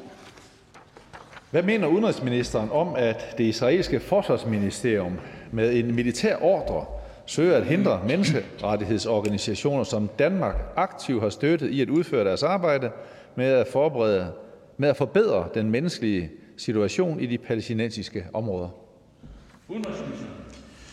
Ja tak. Israels forsvarsminister offentliggjorde den 22. oktober i år designeringen af seks palæstinensiske civilsamfundsorganisationer som terrororganisationer i Israel. Det skete med henvisning til, at organisationerne ifølge Israel er en del af PFLP. Organisationerne selv har afvist anklagerne. EU's øh, udenrigsrepræsentant Borrell har via sin talsmand understreget, at anklagerne skal tages alvorligt, og at EU derfor vil engagere sig med de israelske myndigheder for at få klarhed øh, over baggrunden Og samtidig så har man fra EU's side mindet om, at tidligere lignende påstande fra Israel om misbrug af EU-midler til palæstinensiske civilsamfundsorganisationer ikke øh, har kunne dokumenteres. Endelig har EU understreget den vigtige betydning af civilsamfundsorganisationerne i konflikten mellem Israel og Palæstina. Jeg er meget enig i, at øh, EU's, øh, at vi med EU's udtalelser herunder fremhævelsen af vigtigheden af et øh, velfungerende civilsamfund, og af samme grund har Danmark gennem en årrække under skiftende regeringer støttet både israelske og palæstinensiske civilsamfundsorganisationer. Øhm, det er ikke nyt, at man fra israelsk side løbende har været kritisk over for den international støtte til en række palæstinensiske civilsamfundsorganisationer, men det er nyt, at der nu øh, er tale om egentlige terrordesigneringer. Regeringen tager selv sagt designeringerne alvorligt. Det gør vi øh, ikke mindst, fordi Danmark støtter to af de her omtalte organisationer, og jeg har i lyset af den israelske beslutning senest taget sagen op med min israelske udenrigsministerkollega og efterspurgt dokumentation for terroranklagerne, som vi øh, nu afventer udkommet af. Jeg vil til slut gerne understrege, at øh, vi i denne sag er i tæt dialog både med EU, men også andre donorer, og vi sammen arbejder for hurtigt og grundigt at få terrordesigneringerne og konsekvenserne af ordentligt belyst. Tak. Hr. Carsten Hønge. Det er rigtig godt, at ministeren har taget det op over for sin øh, israelske kollega. Hvad var svaret på det? Altså har Israel fremlagt nogen form for dokumentation for, at de her seks organisationer kan ses som, øh, som terrororganisationer? Eller vurderer ministeren, at det her er igen et eksempel på, at Israel for at genere almindelige palæstinensers liv, og uden yderligere evne eller vilje til at dokumentere, at der skulle være noget som helst om terroranklager i, i sagen, bruger det som et form for skjold til bare at affærdige kritik og for at gøre livet surt for den menige palæstinenser. Så altså det ene spørgsmål her, det er, øh, gav den israelske udenrigsminister nogen som helst antydninger af, hvor dokumentationen skulle ligge? Og hvis han ikke gjorde det i, i samtalen med udenrigsministeren, er der ellers optræk til, at øh, Israel vil være i stand til, eller på et tidspunkt komme med en, en dokumentation? Og her kommer der vel også øh, som en, en følge af det, altså om ministeren kan svare på, om hvordan man vil adressere den her identificering af menneskerettighedsorganisationer som, som terrororganisationer og de medfølgende konsekvenser for de her organisationers medlemmer. Her er der jo også en særlig israelsk øh, fortolkning af folkeretten, der betragter terrorister som det, de kalder unlawful combatants, og dermed fratager dem den folkeretslige øh, beskyttelse ting, der ligger omkring prisoner of war status og dertil hørende almindelige øh, rettigheder. Ministeren. Ja, tak til hr. Carsten Hønge øh, til, til de her øh, helt relevante spørgsmål. Øh, og jeg, som, som nævnt, tog øh, hele spørgsmålet om Israels terrordesignering. Det tog jeg op med min israelske udenrigsministerkollega. Og jeg ved også, at øh, EU og andre donorer øh, har efterspurgt dokumentation øh, fra Israel om de her terrorbeskyldninger, som jo er øh, alvorlige. Vi afventer øh, pt. Øh, yderligere oplysninger i sagen, så vi har ikke øh, noget videre der. Øhm, I forhold til konsekvenserne af den her terrordesignering, hvad det vil have i praksis, der er vi sådan set også sammen med oh, det, det kan jeg høre, se på formanden, det, det må jeg ikke, det kan jeg ikke Kom hvor lang tid det tager? Nej, det ser vi på også sammen med vores partnere og andre donorlande i forhold til det her. Hr. Carsten. Men så vil jeg i hvert fald gerne høre udenrigsministerens øh, bekræftelse af, at den danske regering fortsat støtter de her berørte menneskerettighedsorganisationer, og om hvorvidt han i tilfælde af, at den her militærordre får konsekvenser for organisationernes modtagelse af bidrag, aktivt vil arbejde for at begrænse skadevirkningerne. Udenrigsministeren. Ja, altså øh, det, det vi, øh, vi anser, altså støtte til civilsamfundsorganisationer, der arbejder i Palæstina, som jeg nævnte, en vigtig del af fredsbestræbelserne. Øh, det har vi gjort i mange år, skiftende regeringer, støttet dem. Øh, men det skal selvfølgelig ske på et forsvarligt grundlag, øh, og vi, som jeg sagde indledningsvis, så tager vi selv sagt de her israelske terrordesigneringer alvorligt, og det er så vigtigt at få opklaret, hvad der er op og ned i dem, anklagerne, konsekvenserne, få dem belyst, for at vi kan fortsætte støtten. Så det er noget af det, vi kigger på i øjeblikket. Hr. Carsten Hønge. Men det er, jo, det, det er jo helt afgørende for de her menneskehedsrettighedsorganisationer, at de kan fortsætte deres arbejde. Så der ligger der jo en risiko i, at øh, den danske regering bliver fanget i en fælde sat op af Israels regering ved at sige, at de her de er terrororganisationer. Og derfor er det vigtigt, at udenrigsministeren nu siger øh, nej. I en dansk sammenhæng der er det her ikke terrororganisationer, og vi fortsætter støtten til den, fordi det er menneskerettighedsorganisationer. Udenrigsministeren.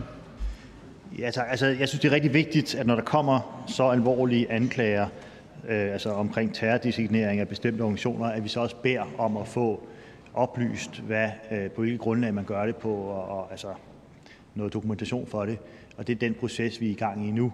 Øh, vi tager både anklagerne meget alvorligt, men vi tager også arbejdet med at støtte palæstinensiske civilsamfundsorganisationer meget alvorligt. Øh, det er en vigtig del af, af hele grundlaget for at skabe fredsproces i Israel-Palæstina, at man støtter civilsamfundene. Øh, så det er det, som skiftende danske regeringer har, har gjort, og vi også partner, andre donorlande også gør, EU også gør. Så det er vigtigt, at vi, vi kan fortsætte det arbejde. Øh, så det er der, vi står øh, lige nu. Tak. Det var slut på spørgsmål 1. Det næste spørgsmål det er ligeledes stillet til udenrigsministeren af hr. Karsten Hønge, SF. Værsgo. Hvad mener udenrigsministeren om den seneste udvikling på Vestbreden, hvor det israelske militær ifølge en artikel i The Washington Post er ved at udrulle et overvågningssystem af palæstinensere, der er så indgribende, at det udover at påvirke muligheden for en mere fredelig sameksistens negativt, formentlig er i strid med Europaparlamentets resolution om at forbyde politisk brug af ansigtsgenkendelsesteknologi? Udenrigsministeren. Ja, tak. Lad mig indledningsvis slå fast, at jeg grundlæggende deler spørgerens bekymring for menneskerettighedssituationen på Vestbreden. Vi har i den seneste tid været vidne til stigende vold begået af israelske bosættere mod civile palæstinensere, udsættelse af palæstinensere fra deres boliger, nedrivning af palæstinensiske bygninger og planer om udvidelser af bosættelser. Og der er ingen tvivl om, at, at det påvirker muligheden for en, en fredelig sameksistens negativt. Og overholdelse af menneskerettigheden på Vestbreden generelt kan man kan sige, ikke isoleres til alene at angå den israelske øh, besættelsesmagt. Det palæstinensiske selvstyre har selv sagt også et ansvar for at sikre palæstinensernes rettigheder. Jeg har noteret mig den omtalte artikel i Washington Post om det israelske militærs brug af overvågning og ansigtsgenkendelse over for palæstinenserne. Artiklen var baseret på vidneudsagn givet af tidligere israelske soldater til organisationen Breaking the Silence, som Danmark har støttet gennem flere år. Så frem påstanden er korrekt, er det øh, udtryk for en bekymrende udvikling. Det er min generelle holdning, at vi skal være meget forsigtige med, hvordan vi bruger nye teknologier som kunstig intelligens. Først og fremmest skal vi arbejde for, at nye teknologier bidrager til at understøtte og styrke demokrati og menneskerettigheder frem for at undergrave demokrati og menneskerettigheder. Det flugter i øvrigt også med den generelle beslutning, som øh, Europaparlamentet vedtog øh, den 6. oktober i år, og som også øh, spørgeren henviser til. Tak. Hr. Carsten Hønge. Men det er faktisk ret vildt, det her. Altså, Israel er jo et land, som øh, Danmark arbejder sammen med. Israel er et land, der jo altid øh, markedsfører sig som en demokratisk stat. Hvad er det jo også i forhold til andre mellemøstlige stater er, men det er måske en lidt kedelig standard at sætte sig op imod. For hvordan kan vi betragte Israel som en demokratisk stat, og hvordan kan vi bruge alle de øh, samarbejdsrelationer, vi har, til at påvirke et, øh, et land, som jo vi opfatter som en som et venligsindet land, når vi i artiklen fra Washington Post kan se beretninger fra israelske soldater, der melder om, at det længe har været deres opgave at tage billeder af civile, at de ovenkøbet har afholdt konkurrencer om, hvilken deling, der kunne tage flest billeder, herunder også af børn. Og er ministeren enig i, at øh, den her manøvre, den er uhyre skadelig for fredsprocessen mellem Israel øh, og Palæstina. Jeg vil også spørge ind til, om ministerens opfattelse af, hvilken betydning det kan få af Israels brug af overvågning, hvor det fratager palæstinensernes øh, øh, adgang til almindelige privatliv, og den her manøvre kan være med til yderligere at destabilisere forholdet mellem israelere og palæstinensere. Udenrigsministeren. Ja, først vil jeg også klare erklære mig enig i, at, øh, at Israel er en demokratisk stat i et Mellemøsten, hvor der ikke er øh, udbredt mange demokratiske stater. Øhm, og Danmark har faktisk et godt og tæt samarbejde med Israel, og det vedrører en bred vifte områder fra handel, forskning, innovation. Den tætte samarbejde og dialog, vi har, bruger vi naturligvis også til at fremføre vores bekymringer i forhold til menneskerettighedssituationen i de besatte palæstinensiske områder øh, og det samme gør vi over for det palæstinensiske øh, selvstyre, den dialog, vi har der. Øhm, også i forhold til for eksempel at fremme øh, det, at palæstinenser skal få lov til at gå til et, øh, et valg, et afholdelse af valg, som der ikke har været foretaget i lang, mange år i, på det palæstinensiske side. Vi, er, vi mener også generelt, når man taler om, om brugen af øh, ny teknologi, kunstig intelligens, øh, at det skal ske inden for øh, strafferet og politiets og de retlige myndigheders øh, altså anvendelse af det skal ske øh, inden for, for okay. Hr. Carsten Hønge. Men nu foregår det jo i et demokrati. I et land, som Danmark har venskabelige forbindelser med. Men hvordan kan man egentlig påstå, at man har et demokrati, når man bruger metoder, som vi i andre sammenhæng vil sige, det hører hjemme i Rusland eller Kina måske især? Det er jo fuldstændig dramatisk, at man på den måde går ind og fratager almindelige menneskers adgang til at have et privatliv, og derfor får det, sammen med det, vi har talt om før, det med, at man bare stempler palæstinens eller menneskerettighedsorganisationer som terrororganisationer, det er et led i det at destabilisere forhold mellem de to folk og de to nationer. Ministeren? Ja, altså grundlæggende så mener jeg, at nye teknologier rummer en enorm mulighed for både at skabe tryghed og beskyttelse, øh, også kunstig intelligens, hvis det bliver brugt øh, på den rigtige måde, der beskytter vores samfund. Øh, det kan også give flere mennesker adgang til information og få deres stemme hørt osv. Det er der behov for, ikke mindst i den del af verden. Øh, omvendt så skal man sikre, at skyggesiderne af digitale teknologier ikke bruges til masseovervågning, til at indskrænke øh, demokratiet eller civilsamfundets øh, råderum. Så det er den balance, der, der skal være øh, her. Øh, og, og ja, vi er Danmark vi er faktisk i morgen vært for øh, en konference, Tech for Democracy, hvor vi gerne vil fremme den positive tech-dagsorden om demokrati og menneskerettigheder og skærme os mod øh, autokrater og andre øh, aktører, som bruger teknologi, terrororganisationer til at underminere vores demokrati.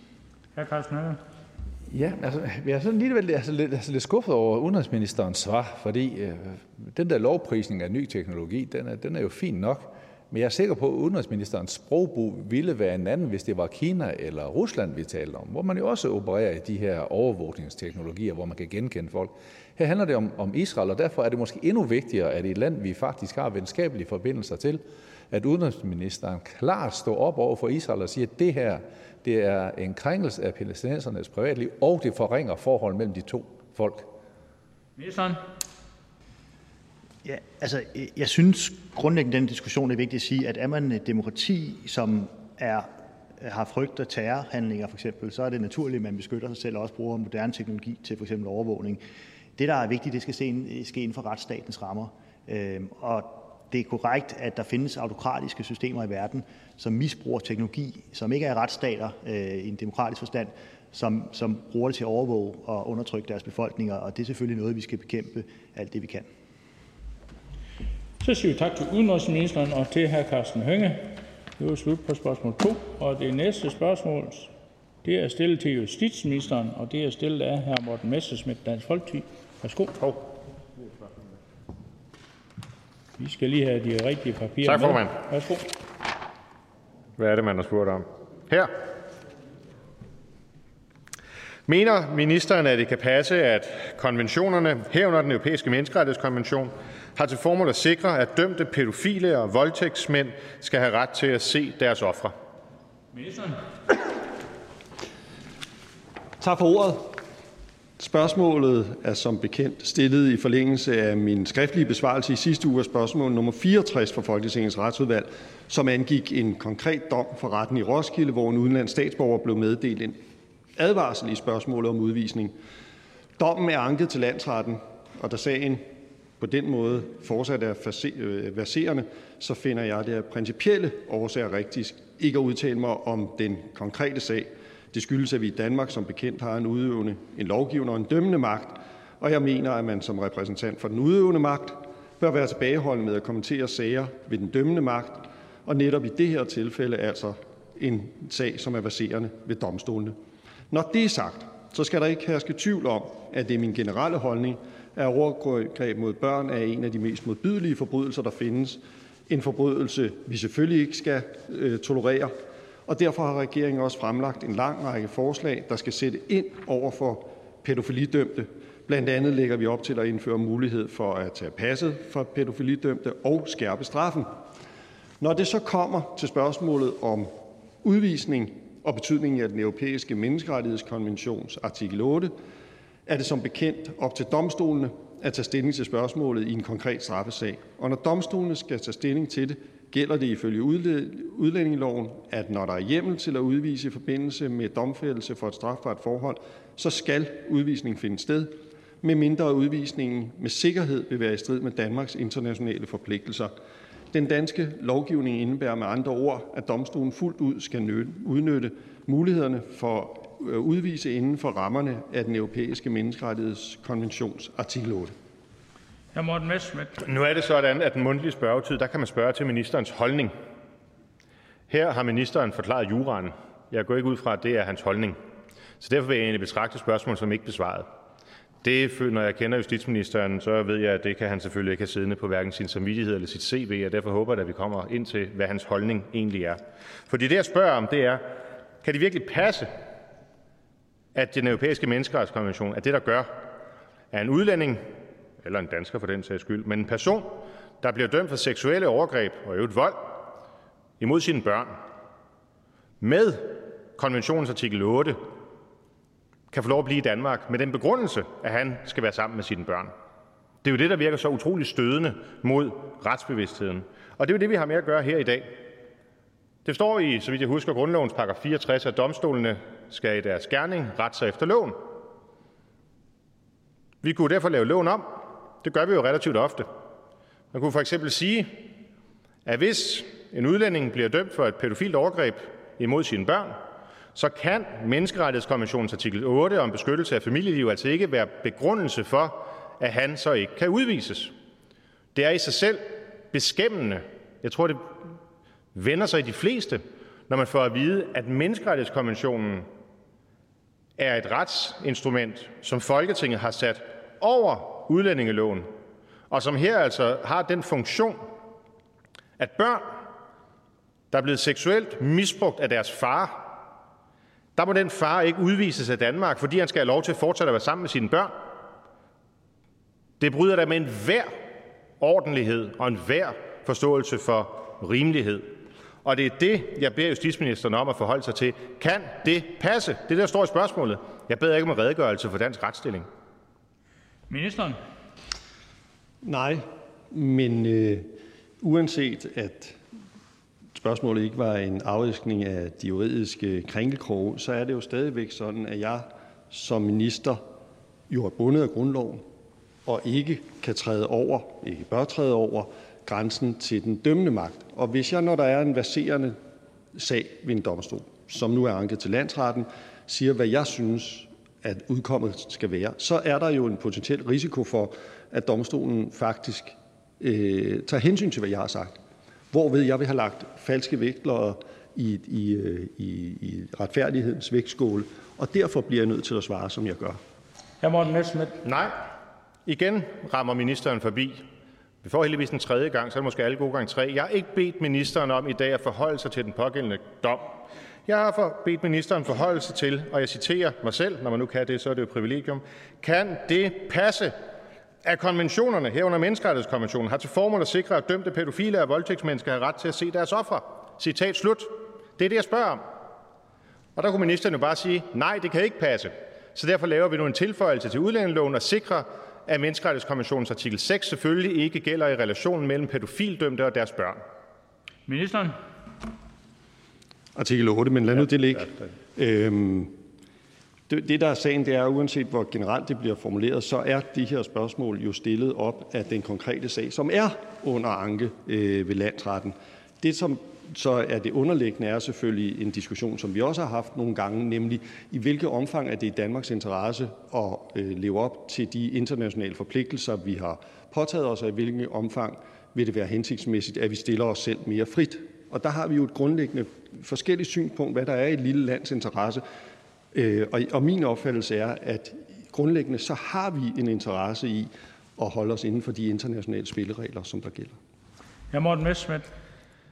Det er sandt. Det, jeg kender godt den, øh, den meningsforskel imellem os.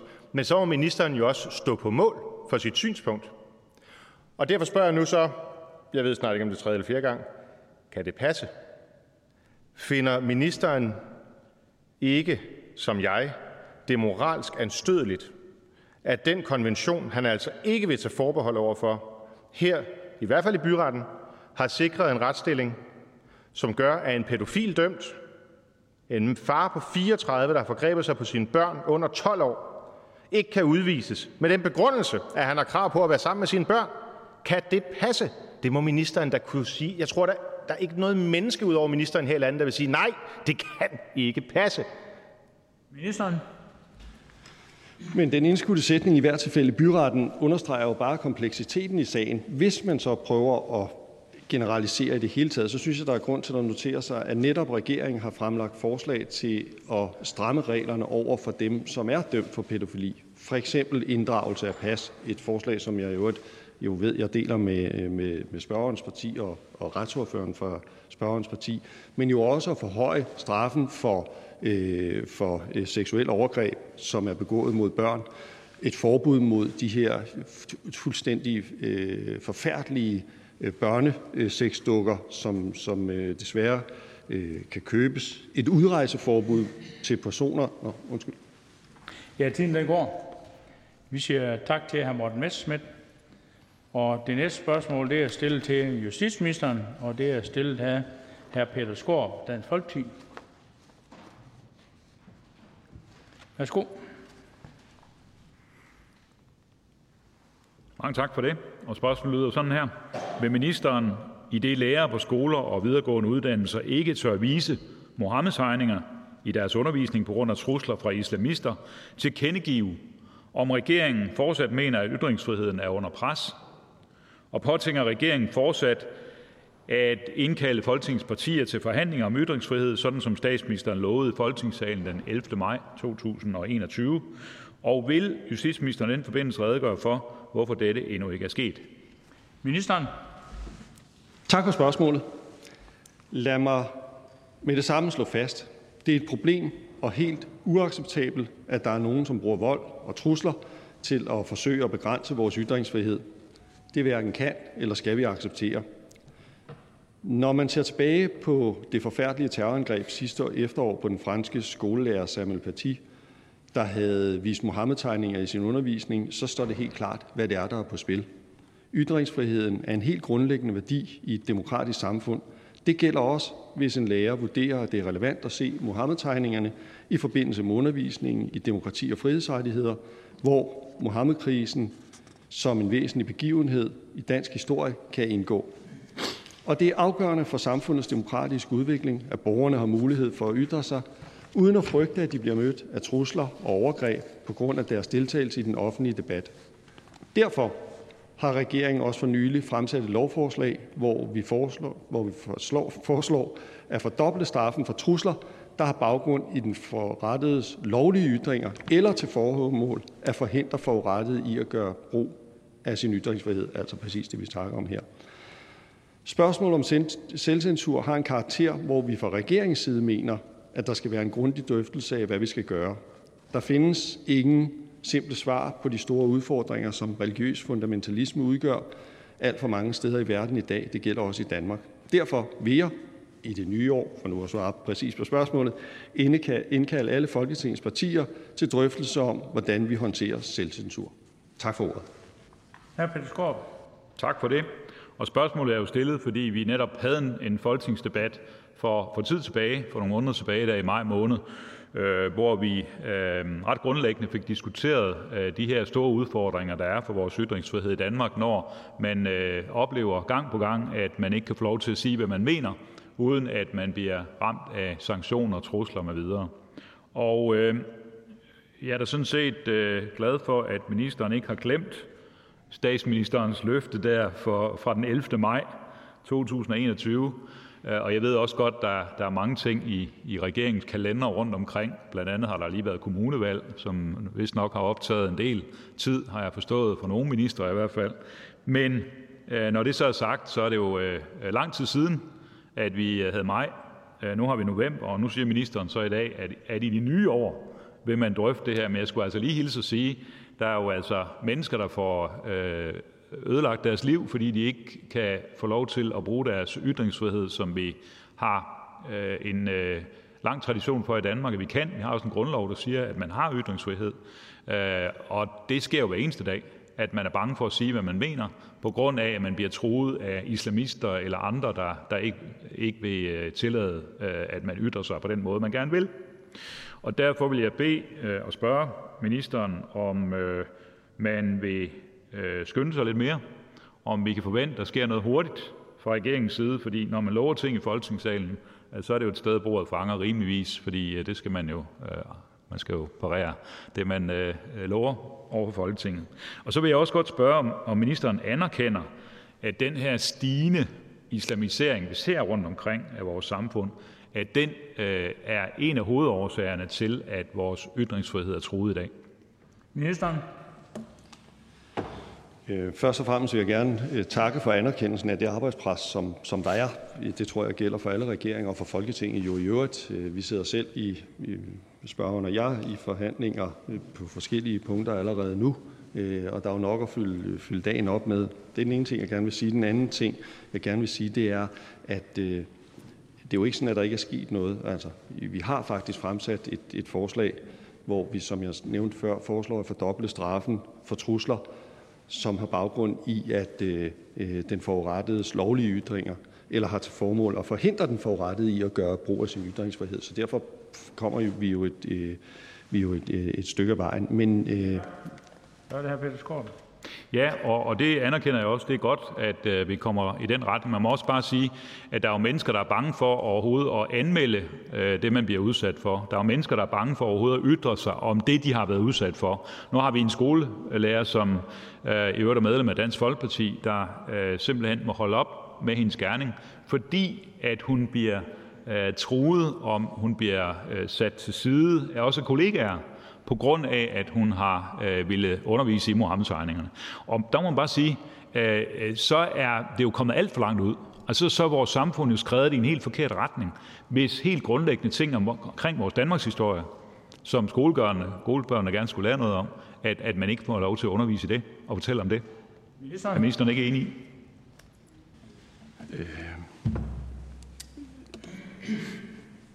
jeg synes, at det vil være naturligt, at spørgsmålet om øh, at bruge Muhammed-tegninger i undervisningen indgår som nogle af de drøftelser, vi skal have i den, øh, i, i den bredere øh, censurdiskussion. Men jeg synes også, det er fair nok at sige, at i specifikt i forhold til undervisningen, så er det vel fair at henvise til børne- og, og undervisningsministeren, som måske oven i købet vil ledsage mig i, i forhandlingerne. Det er ikke noget, vi har snakket om, men øh, det kunne man da godt forestille sig.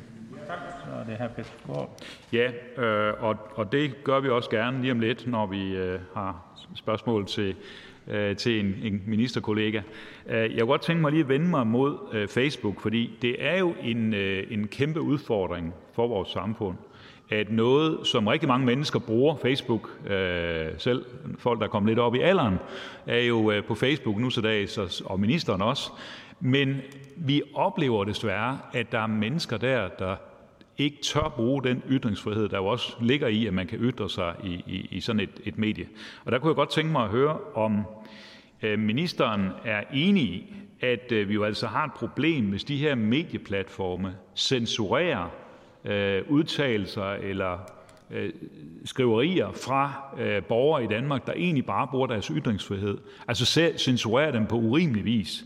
Så det, jeg godt kunne tænke mig at høre, det er, øh, vil regeringen sanktionere Facebook, når den her platform lukker munden på almindelige danskere? Ministeren.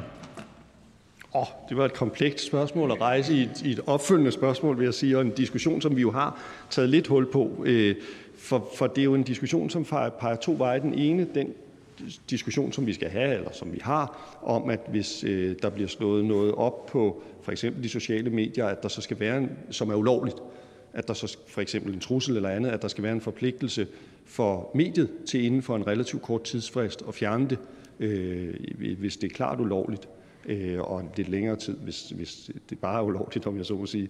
Øh, og så over for det stående hensynet til, øh, til ytringsfriheden, altså hvor, hvor meget har man ret til at komme til ord på de sociale medier. Ja tak. Så siger vi tak til hr. Peter Skorup, Tak til justitsministeren. Det var slut på spørgsmål 4. Det næste spørgsmål det er stillet til børne- og undervisningsministeren af fru Katarina Ammitzbøll. Konservative. Tak for det. Værsgo. Tak. Ja, mit spørgsmål lyder her til ministeren. Hvordan vil ministeren sikre, at der fremover sikres en retvisende budgettering af både AUB-bidraget og VEU-bidraget, så virksomhederne ikke oplever så store udsving i deres økonomiske betalinger, og så AUB ikke går fra en opsparing på 4,6 milliarder kroner på grund af systematiske overbetalinger fra virksomheden til et underskud på 2,6 milliarder som følge af et fejlskøn. Ministeren. Altså nu var det jo et krystalklart, og i øvrigt et af hovedkravene fra Dansk Arbejdsgiverforening, at man fik en fleksibel arv. Det vil sige en arv, hvor der netop ikke var forudsigelighed. Altså så bare for at sige, at hvis man går ned ad det spor, at der skal være forudsigelighed, så gør man jo i hvert fald stik det modsatte af det, der var arbejdsgiverkravet. Øh, og det ville så i øvrigt også være imod den trepartsaftale, der efterfølgende blev indgået, fordi der aftalte vi faktisk at efterleve arbejdsgiverens krav om fleksibilitet i arven, fordi man forud for det havde haft en ophobning af midler i arvsystemet, øh, og det er selvfølgelig ikke hensigtsmæssigt. Så den fleksible arv var et klar Øh, krav, og det valgte vi at imødekomme, øh, fordi det var øh, øh magtpålæggende for arbejdsgiverne, at det fulgte op- og nedture øh, i forhold til lærlinge. Og så vil jeg sige, når det så var, at tallene landede, sådan som de gjorde, så skal vi huske på, at vi stod i en situation, hvor antallet af lærepladser faldt med 34 procent og 49 procent i henholdsvis marts og april måned i 2020 øh, under coronakrisen. Og der valgte vi i fællesskab med arbejdsmarkedets parter at reagere pronto og i øvrigt med et bredt flertal bag os i Folketinget omkring den trepartsaftale. Hvis ikke vi havde gjort det, så vil det være min klare overbevisning, at så var det fald fortsat med det resultat, at vi havde mistet i hvert fald en overgang af unge mennesker i forhold til lærepladser på et tidspunkt, hvor vi mangler faglært arbejdskraft allerede. Så katastrofe for de unge, katastrofe for samfundsøkonomien. Og i stedet for så lykkedes det jo faktisk at få lavet samlet set i andet halvår af 2020 25 procent flere uddannelsesaftaler end før coronatiden, altså i 2019. Og det vil sige, at vi fik fuldstændig vendt udviklingen og kom faktisk ud med flere uddannelsesaftaler, flere lærepladser, end der har været øh, tidligere. Og det vil sige, at grunden til, at vi står nu i en situation, hvor at der er øh, en ekstra regning, så at sige, handler jo simpelthen om, at det gik rigtig godt. Til kæmpe gavn for erhvervslivet, jamen så fik man øh, hyret rigtig mange unge ekstra ind. Tusind tak til de arbejdsgiver, der leverede den indsats. Øh, og det er derfor regningen er der. Altså fordi at man ønskede et fleksibelt system, der fulgte op- og nedture, og så fik man lige en optur, heldigvis for det, og derfor så øh, står vi i den situation øh, omkring øh, de penge. Så er det fru Katarina Amesbøl. Tak, men jeg er ikke helt sikker på, at jeg helt øh, får svar på spørgsmålet. Altså, der var det her i foråret tidligere, og der var det Venstre og Konservativ, der også igen påpegede, at der var en for stor betaling og en overophobning på 4,6 milliarder. Så har der været corona, det er rigtigt. Der er også hjulpet øh, virksomhederne også med lønkompensation, så man sikrede, at man ikke tabte øh, praktikpladser. Det er også helt rigtigt, det har vi også bakket op om. Men selvom man ikke siger, om det er et fejlskynd eller en regnefejl, men det faktisk er fleksibilitet, som man ønsker fra virksomhedernes side, så er det alligevel sådan lidt overraskende, at det er ud, man kan sige udslag, det er 60 procent større end det, man forventede. Så havde ministeren måske forventet, at der i 2020 kun blev, blev indgået halvt så mange lærepladser? Ministeren? Ja, eller faktisk endnu færre. Ja, vi styrt blødte lærepladser. Vi styrtblødte lærepladser, da coronaen ramte. Og det vil sige, at det skøn, der er lagt ind, er jo et udtryk både for et ønske og et skøn, så at sige. Og så gik det bare mægtigt meget bedre. Altså voldsomt meget bedre. Og heldigvis for det, fordi erhvervslivet skriger på faglært arbejdskraft. Så man kan sige, jeg havde slet ikke turde drømme om, at det gik så godt. Og jeg tror, hvis nogen havde sat det scenarie op, der er en global pandemi, vi styrtbløder lærepladser, kan det lade sig gøre at forvente det på en måde, så vi ikke bare kommer op på niveau, men faktisk går 25 procent over niveau, jamen så ville folk jo have sagt, altså dream on, det kommer aldrig til at ske det der. Ja, tak. Jeg ved ikke, hvem folk er, men jeg tror, hvis man har spurgt virksomhederne måske lidt mere, så har man nok fået lidt mere øh, klarhed over, hvad prognoserne vil være. Altså det, vi undrer os lidt over, det er jo, det er jo ligesom ikke første gang, der er jeg kan ikke sige det råd, men i hvert fald øh, en stor forvirring omkring indtægter og udgifter hos AUP. Altså tidligere har der jo været den her overopkrævning mellem 1,1,5 milliarder for meget hos virksomhederne. Nu kræver man så 2,6 milliarder ind. Det er godt nok over tre år, men der er jo tale om en, altså en uforudset ekstra regning. Lige nu står også mange virksomheder med udgifter på, til materialer, til energi, til andre ting. De har nok at, at gøre. Og så for virksomheden betyder det, at der er jo en, en usikkerhed omkring, hvor meget de skal betale, både i AUP og VUE. Så når man ikke kender sit omkostningsniveau, så er det jo også lidt svært at skabe praktikpladser. Og hvordan tænker ministeren før, altså fremadrettet kan blive noget mere stabilt for virksomhederne? Ja, ministeren. Jamen det tænker jeg da absolut ikke, det kan blive, fordi at det har været et klart ønske fra virksomhederne, at der ikke blev det. Virksomhederne har ønsket den fleksibilitet, som kommer til udtryk ved, at man indimellem betaler mere, indimellem betaler man mindre. Det var nummer et, det vigtigste krav fra arbejdsgiverside i forbindelse med de her forhandlinger. Og så siger ordføreren, at vi kunne have spurgt virksomhederne, så havde man sikkert fået et bedre skøn. Jamen, det var virksomhederne, vi forhandlede med. Altså, så det skøn, der er lavet, det, der ligger til grund for den beregning, er jo noget, vi har siddet og forhandlet. Det er jo en trepartsaftale. Og det vil sige, at vi har siddet inde i det rum med hinanden, arbejdsmarkedets parter, regeringen, øh, og til grund for det ligger så det beløb, som viser at være meget lavere, fordi ingen af os i vores vildeste fantasi havde tur håb på, at det gik så godt, som det gjorde. Ja, Så er det fru Katarina Amensbøl. Det er, nu har jeg ikke siddet i de samme øh, lokaler som ministeren, så jeg kan jo ikke øh, sige præcis, hvad der er foregået. Det er bare interessant, når jeg taler med arbejdsgiveren fra den anden side, så er det, de sidder med det her billede, at tingene går så meget op og ned, at så skal de betale for meget, så skal de kræves ind igen. Og de har jo også kunne forvente, at når man åbnede igen efter corona, så vil der jo virkelig komme gang i økonomien. Også når vi netop har, virkelig har fokus på, at vi skal have flere i praktik og flere på den erhvervsfaglige uddannelse. Så det er jo ikke noget, der er sket over, over natten. Jamen, hvis det er sådan, at arbejdsgiverside har skiftet standpunkt, og ikke længere vil have et fleksibelt system, som var deres hovedkrav ved de pågældende forhandlinger, og som jo er årsagen til, at regningen er forskellig fra år til år, så skal arbejdsgiverside være velkomne til at komme og genåbne forhandlinger. Det var deres hovedkrav. Det var ikke, altså, det var ikke noget, regeringen kom med. Det var ikke noget, som lønmodtagerne kom med. Det var arbejdsgiversiden, altså dem, der repræsenterer virksomhederne, der bad om den model som deres hovedkrav. Nu har de fået den model. Hvis de har fortrudt det, så står min dør altid åbne, og så kan vi forhandle om øh, en anden løsning. Eftersom det var deres ønske, så er det jo ikke noget, der er hjertebarn for nogle af de andre parter, der sad øh, omkring det bord. Mm, ja tak. Vi siger tak til fru Katarina Amitsbøl og går videre til spørgsmål 6 til børne- og undervisningsministeren af hr. Jens Henrik Thulsen Dahl, Dansk Folkeparti. Og der er medspørger fru Annie Mathisen, Venstre, der er med. Men først er det hr. Jens Henrik Thulesen Dahl. Værsgo. Tak for det. Hvad er årsagen til, at ministeren fortsat ikke har indkaldt til forhandlinger om STU? Ministeren. Stemmer rusten oven på kommunalvalget. Øh, Fuldstændig. Ja, og det er fair. Jeg har selv sovet to og en halv time i nat, så jeg kender godt følelsen, om ikke andet.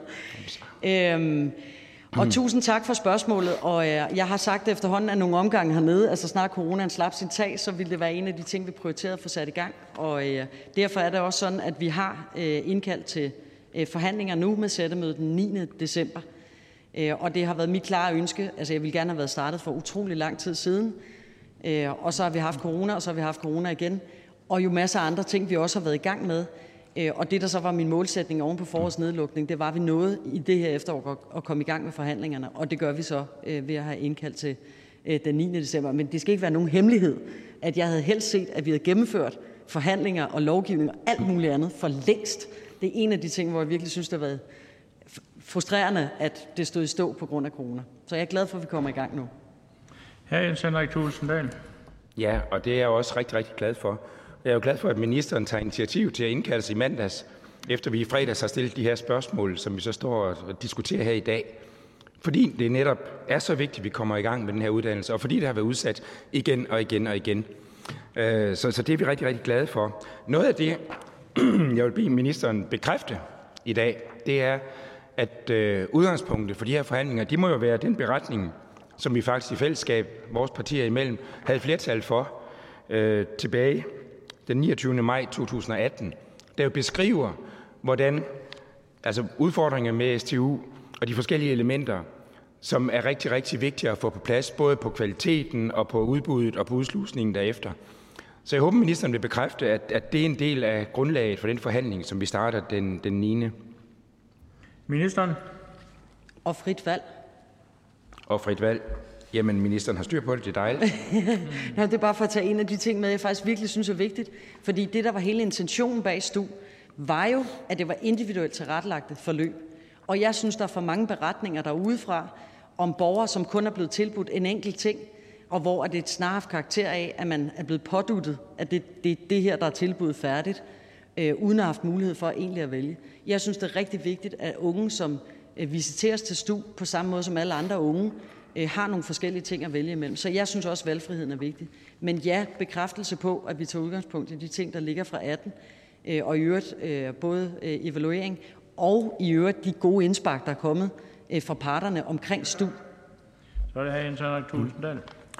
Jamen, det er jo rigtig glædeligt, at vi kan være enige om, hvad det er, vi står på. og jeg hører også ministeren bekræfte, at det, der er centralt, det er netop den særligt tilrettelagte uddannelse. At den enkelte unge får det, der nu er rigtigt for den enkelte unge. Men der er også nogle rammer, som kan være vigtige i forhold til at sikre, at man, man oplever sig set og hørt som en almindelig ung studerende. Øh, og det gælder for eksempel, om der er studiekort, og om der er ungdomskort, på samme led, som man også vil have i forskellige andre ungdomsuddannelser. Så man rigtig oplever, at man er på en ungdomsuddannelse. Så kunne vi ikke blive enige om, at vi også tager det med ind i forhandlingerne? Ministeren? Nej, fordi det er faktisk ikke et statsligt spørgsmål. Så det vil være højst uortodokst, at vi lige pludselig begynder at diktere. Altså ungdomskortene er faktisk noget, man bestemmer ude lokalt. Og det vil sige, at det, at der er det på andre ungdomsuddannelser, er ikke noget, øh, som vi som stat er involveret i. Vi kan selvfølgelig altid tage spørgsmålet op, det giver sig selv, så hvis der er et ønske om det, kan vi godt vende det. Men bare for at sige, at, øh, at jeg synes ikke, det er hensigtsmæssigt, at vi begynder at tage opgaver ind i staten øh, af den karakter. Tak, og så er det medspørger, fru Anne Mathisen, Venstre. Værsgo. Tak. Jeg vil egentlig også gerne have indledningsvis starte med at takke ministeren for nu endelig at have inviteret til forhandlinger. Jeg kan jo godt sige, at øh, vi drøftede jo lidt, her Jens Henrik Tulsendal og jeg, om det var det, der skulle til for at skubbe gang i de her forhandlinger, at vi er nødt til nu sammen at stille nogle spørgsmål til ministeren. Fordi vi har jo forsøgt øh, af flere omgange, blandt andet også via samråd og så videre, at skubbe til de her forhandlinger. Så det glæder os, at vi nu endelig skal i gang. Øh, jeg kunne godt tænke mig at spørge ministeren, øh, lidt i forlængelse af det, Jens Henrik Tulsendal var omkring.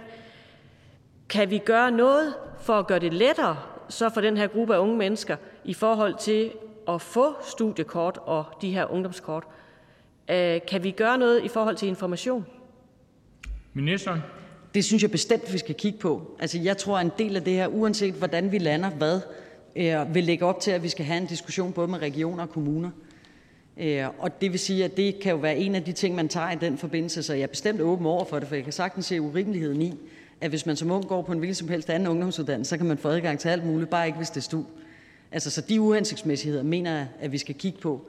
Så den del, jeg ikke vil give tilsavn om, det er bare, at vi begynder at statsliggøre noget, som i dag ligger lokalt. Men vi har jo masser af redskaber til at gå ind og kigge på, hvordan man så kan gøre tingene mere smidige alligevel. Og dem synes jeg, vi skal bruge. Øh, så, så bare tilsavn om, at det, det synes jeg, at vi skal kigge på, hvordan øh, vi kan skaffe løsninger på. Anne Mathisen. Ja, fordi øh, det er ikke så længe siden, jeg stillede nogle skriftlige spørgsmål netop om det her emne, og de svar, jeg fik tilbage, det var så, at øh, det må de unge og forældrene jo så selv finde ud af. Stort set var det det, svaret gik på. At ja, man måtte selv kontakte kommunerne, og så må de så finde ud af det sammen. Øh, jeg har bare brug for at sige, at der er jo faktisk en række af de her unge mennesker, måske også deres forældre, som kan have vanskeligt ved at agere i de her offentlige systemer. Så øh, er det noget, som ministeren tænker, vi kunne give en hjælpende hånd for at få det løst? Ministeren. Altså nu synes jeg, at det bliver strammet lidt, hvad der står i de svar, men det er jo fuldstændig rigtigt, at i svaret bliver det jo beskrevet, hvordan er reglerne i dag.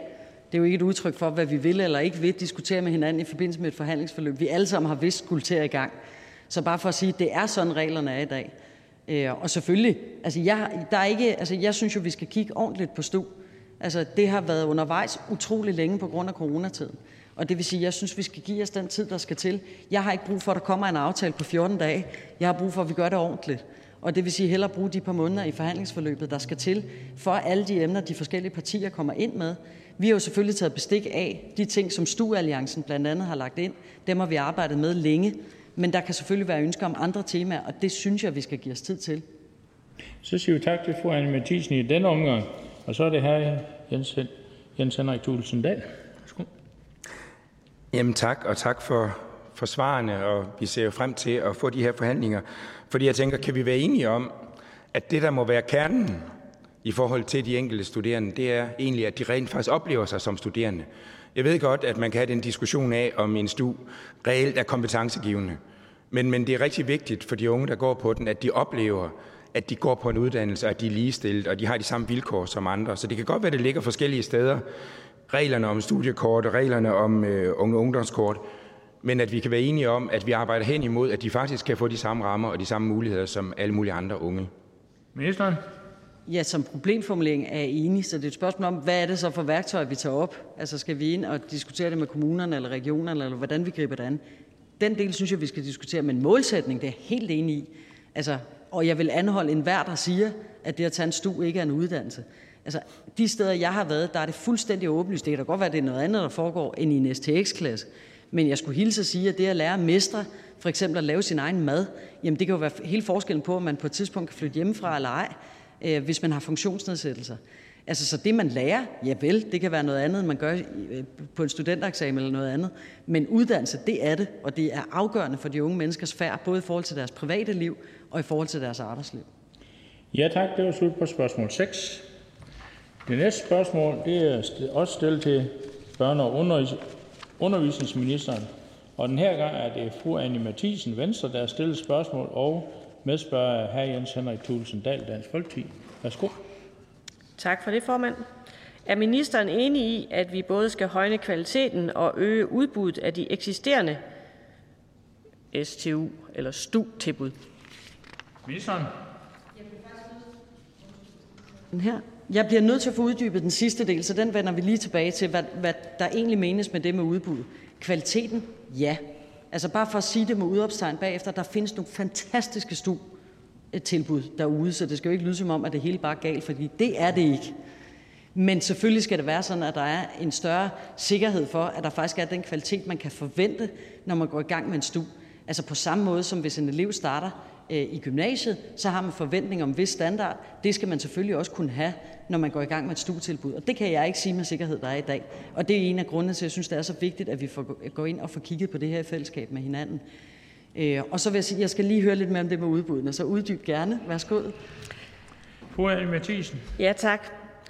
Øhm, det er sådan, at, og det tror jeg egentlig også, jeg har nævnt for ministeren øh, i forskellige sammenhænge, det er sådan, at der desværre stadigvæk er unge mennesker, som måske kun får tilbudt en enkelt eller to øh, linjer i forhold til STU'en. Altså, lad mig give et eksempel. En ung kvinde, som øh, er på et STU-tilbud, får tilbudt, at det hun kan vælge imellem, det er øh, at blive pedel eller være i køkkenet.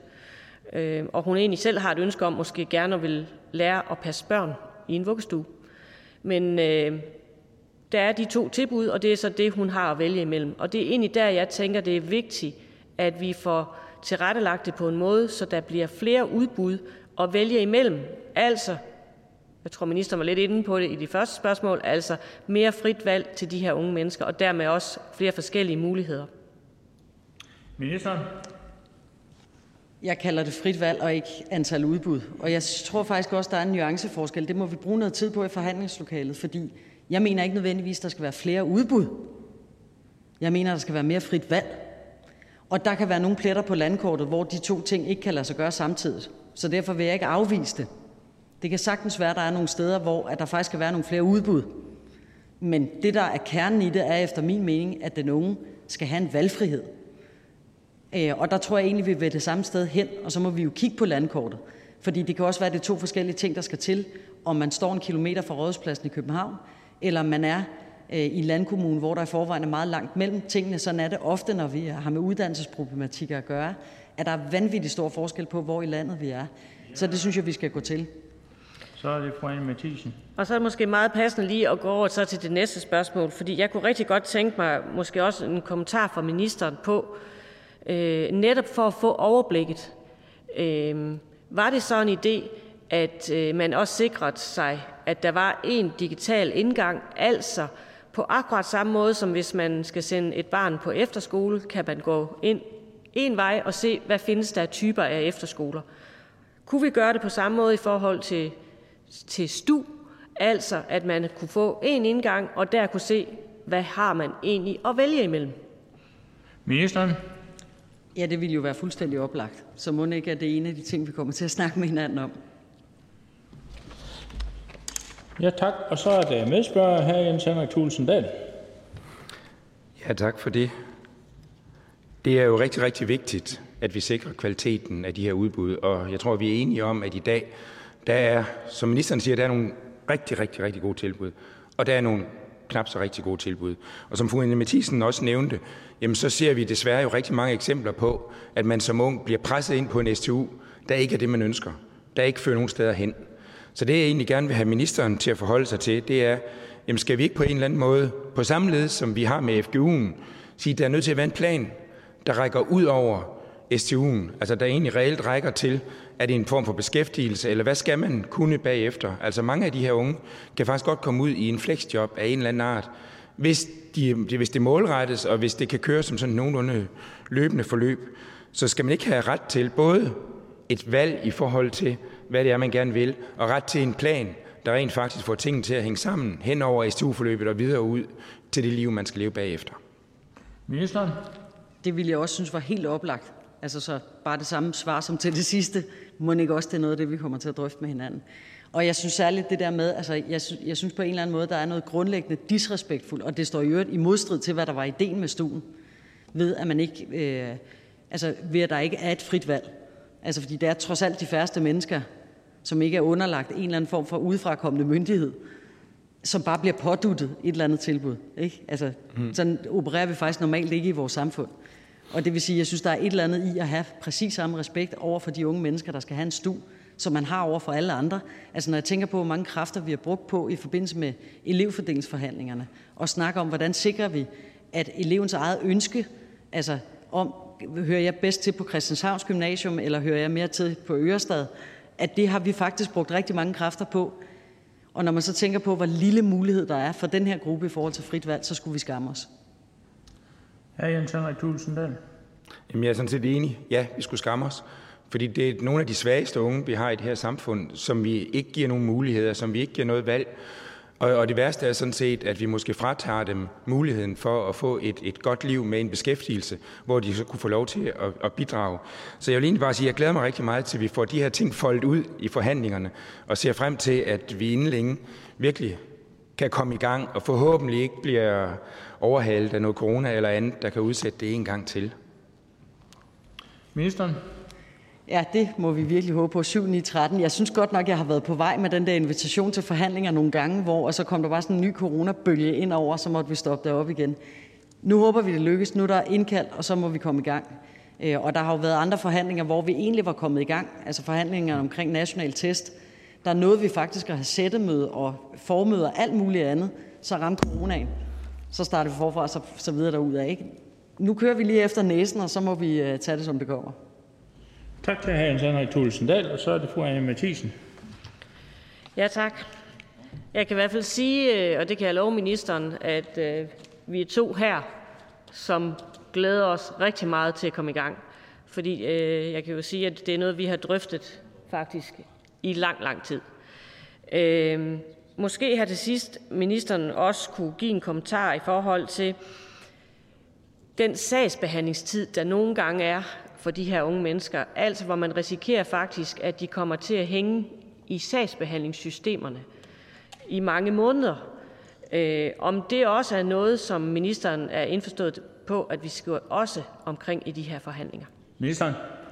Altså alle gode idéer til at nedbringe den problemstilling er hjerteligt velkomne inde ved det forhandlingsbord. Altså jeg mener, at forældre øh, og i øvrigt jo unge mennesker, når de får den alder, øh, hvor vi taler om familier med unge med handicap, bruger alt for mange kræfter på og er nødsaget til at bruge alt for mange kræfter på det, der handler om at navigere det system, vi har bygget op rundt omkring handicapområdet. Det ved jeg, at min kollega, øh, fru Astrid Krav, øh, arbejder rigtig intens på, øh, og der har været i øvrigt forud for det i årvis arbejde med at få lettet den byrde. Det er vi langt fra i mål på endnu, og det her er jo et af de steder, hvor vi på undervisningsområdet kan bidrage til at gøre det nemmere at have et familiemedlem med handicap.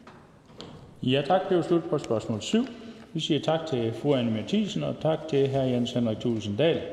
Og det næste spørgsmål det er stillet til børne- og undervisningsministeren af hr. Peter Skaarup, Dansk Folkeparti. Værsgo. Tak for det. Og øh, spørgsmålet lyder sådan her. Vil regeringen, i det en lang række skoleledelser ikke værner om lærers ytrings- og metodefrihed, sikre, at der oprettes en særlig dag for undervisning i ytringsfrihed og Mohammed-tegninger for alle folkeskolens elever? Det er jo næsten enslydende med det øh, spørgsmål, der blev stillet til justitsministeren, og men lidt mere konkret lige præcis på det med skoledagen. Og jeg vil starte med at sige, fordi nu sad jeg og overhørt den tidligere øh, spørgsmål-svar, at det kommer næsten til at lyde som om, der ingenting er sket. Det synes jeg er meget langt væk fra virkeligheden, forstået på den måde, at der jo faktisk er taget initiativ til at fordoble straffen over for borgere, som forsøger at forhindre nogle andre i at bruge deres ytringsfrihed. Øh, det mener jeg simpelthen er rigtig vigtigt, både i forhold til, hvordan vi som samfund går ind i det med en alvorstunghed, i forhold til, hvor vigtigt det er at værne om. Øh, og så selvfølgelig et spørgsmål om, at øh, de ting, der har altså på undervisningsområdet fyldt meget. Man kan sige, at en ting er straffene, en anden ting er jo, hvordan tager man det der lange seje træk i forhold til at forvente en form om. Og der vil jeg sige det sådan, at vi på undervisningsområdet Øh, Udover det her med fordobling af straffen, så er der altså på undervisningsområdet blevet taget, altså, øh, i gang sat et langt sejt træk i forhold til at klæde lærerne på. Det har de efterspurgt, at blive klædt på til at undervise i de her øh, også meget vanskelige øh, spørgsmål. Og det vil sige, der er blevet afholdt en række temadage, både for lærere og for skoleledere i forhold til, hvordan man underviser i kontroversielle emner og kritisk tænkning. Ligesom at der er udarbejdet spritnyt materiale, som ligger på emo.dk, øh, lige præcis i forhold til spørgsmål om, hvordan man øh, underviser i de her temaer. Øh, jeg har selv været på besøg på Frederiksberg Gymnasium, som er et af de steder, hvor man har en meget blandet elevskare, og hvor man med mellemrum er stødt på problemstillinger lige præcis i forhold til risiko for selvcensur og andet.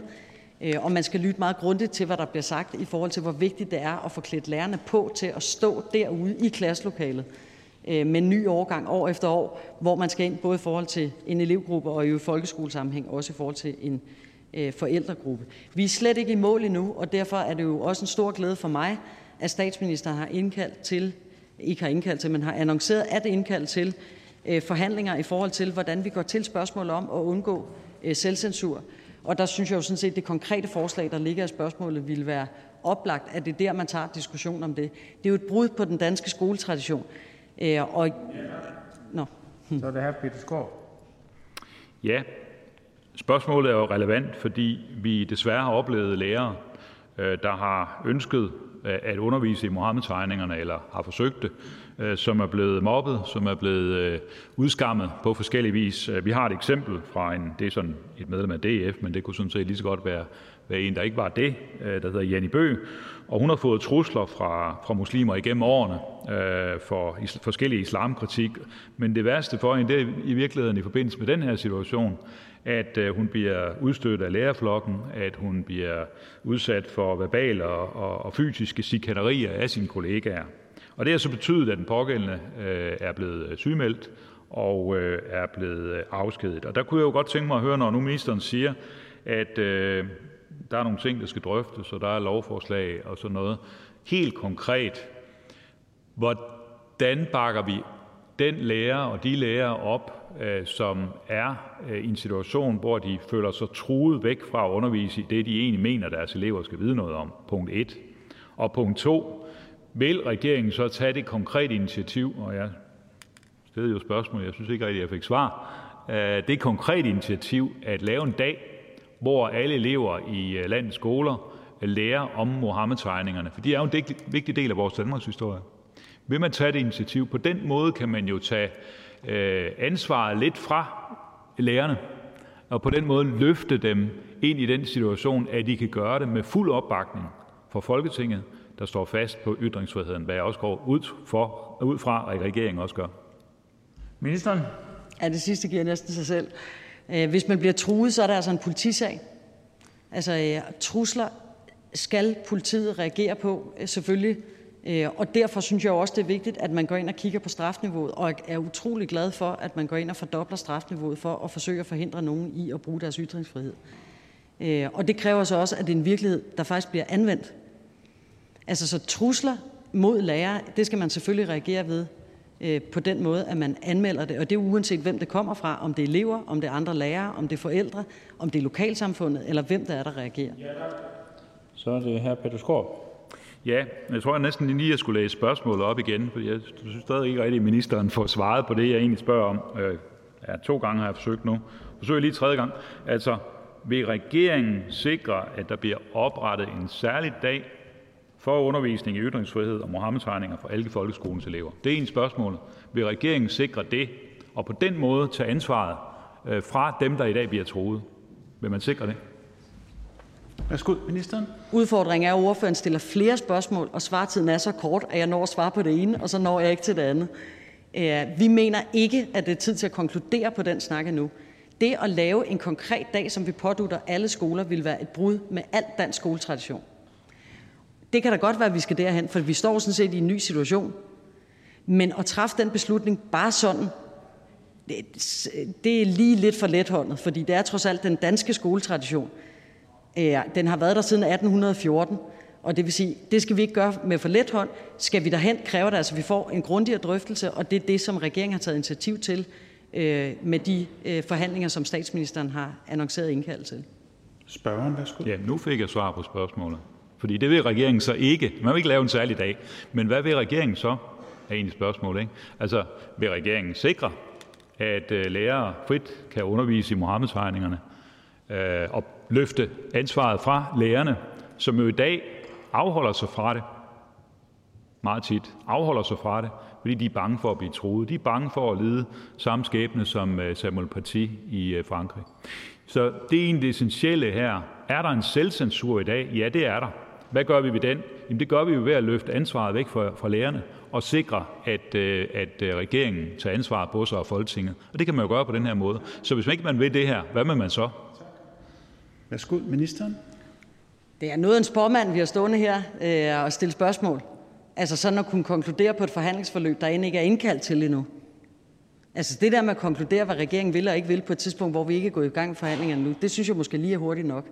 Det vi har sagt fra regeringens side, det er, at det duer ikke med den selvcensur. Vi anerkender, at den er der, og det er uacceptabelt. Man skal kunne gå på arbejde trygt. Det har vi ikke leveret rammerne til endnu. Det er derfor, vi gerne vil have de forhandlinger. Hvordan de ender endnu, nu kan jeg forstå, at vi har at gøre med en spormand, der ved det på forhånd. Men det der med at konkludere, hvor de ender henne, det vil jeg simpelthen ikke endnu. Jeg synes, vi skal have en grundig drøftelse, fordi nogle af de redskaber, der er på bordet, bryder med en skoletradition i Danmark siden 1814. Det gør man altså ikke med let hånd, vil jeg sige. Er der nogle andre, der kommer og dikterer, hvordan vores skoletradition skal være? Det synes jeg, man skal være lidt påpasselig med. Men vi skal kunne løse de nutidige problemer, der er, og derfor kan det godt være, at der skal nogle nye typer af redskaber på bordet. Så det er jo det, drøftelsen handler om. Tak. Tak til ministeren. Tak til spørgeren. Den øh, næste spørger er hr. Markus Knudt, der har nogle spørgsmål til udlænding- og integrationsministeren.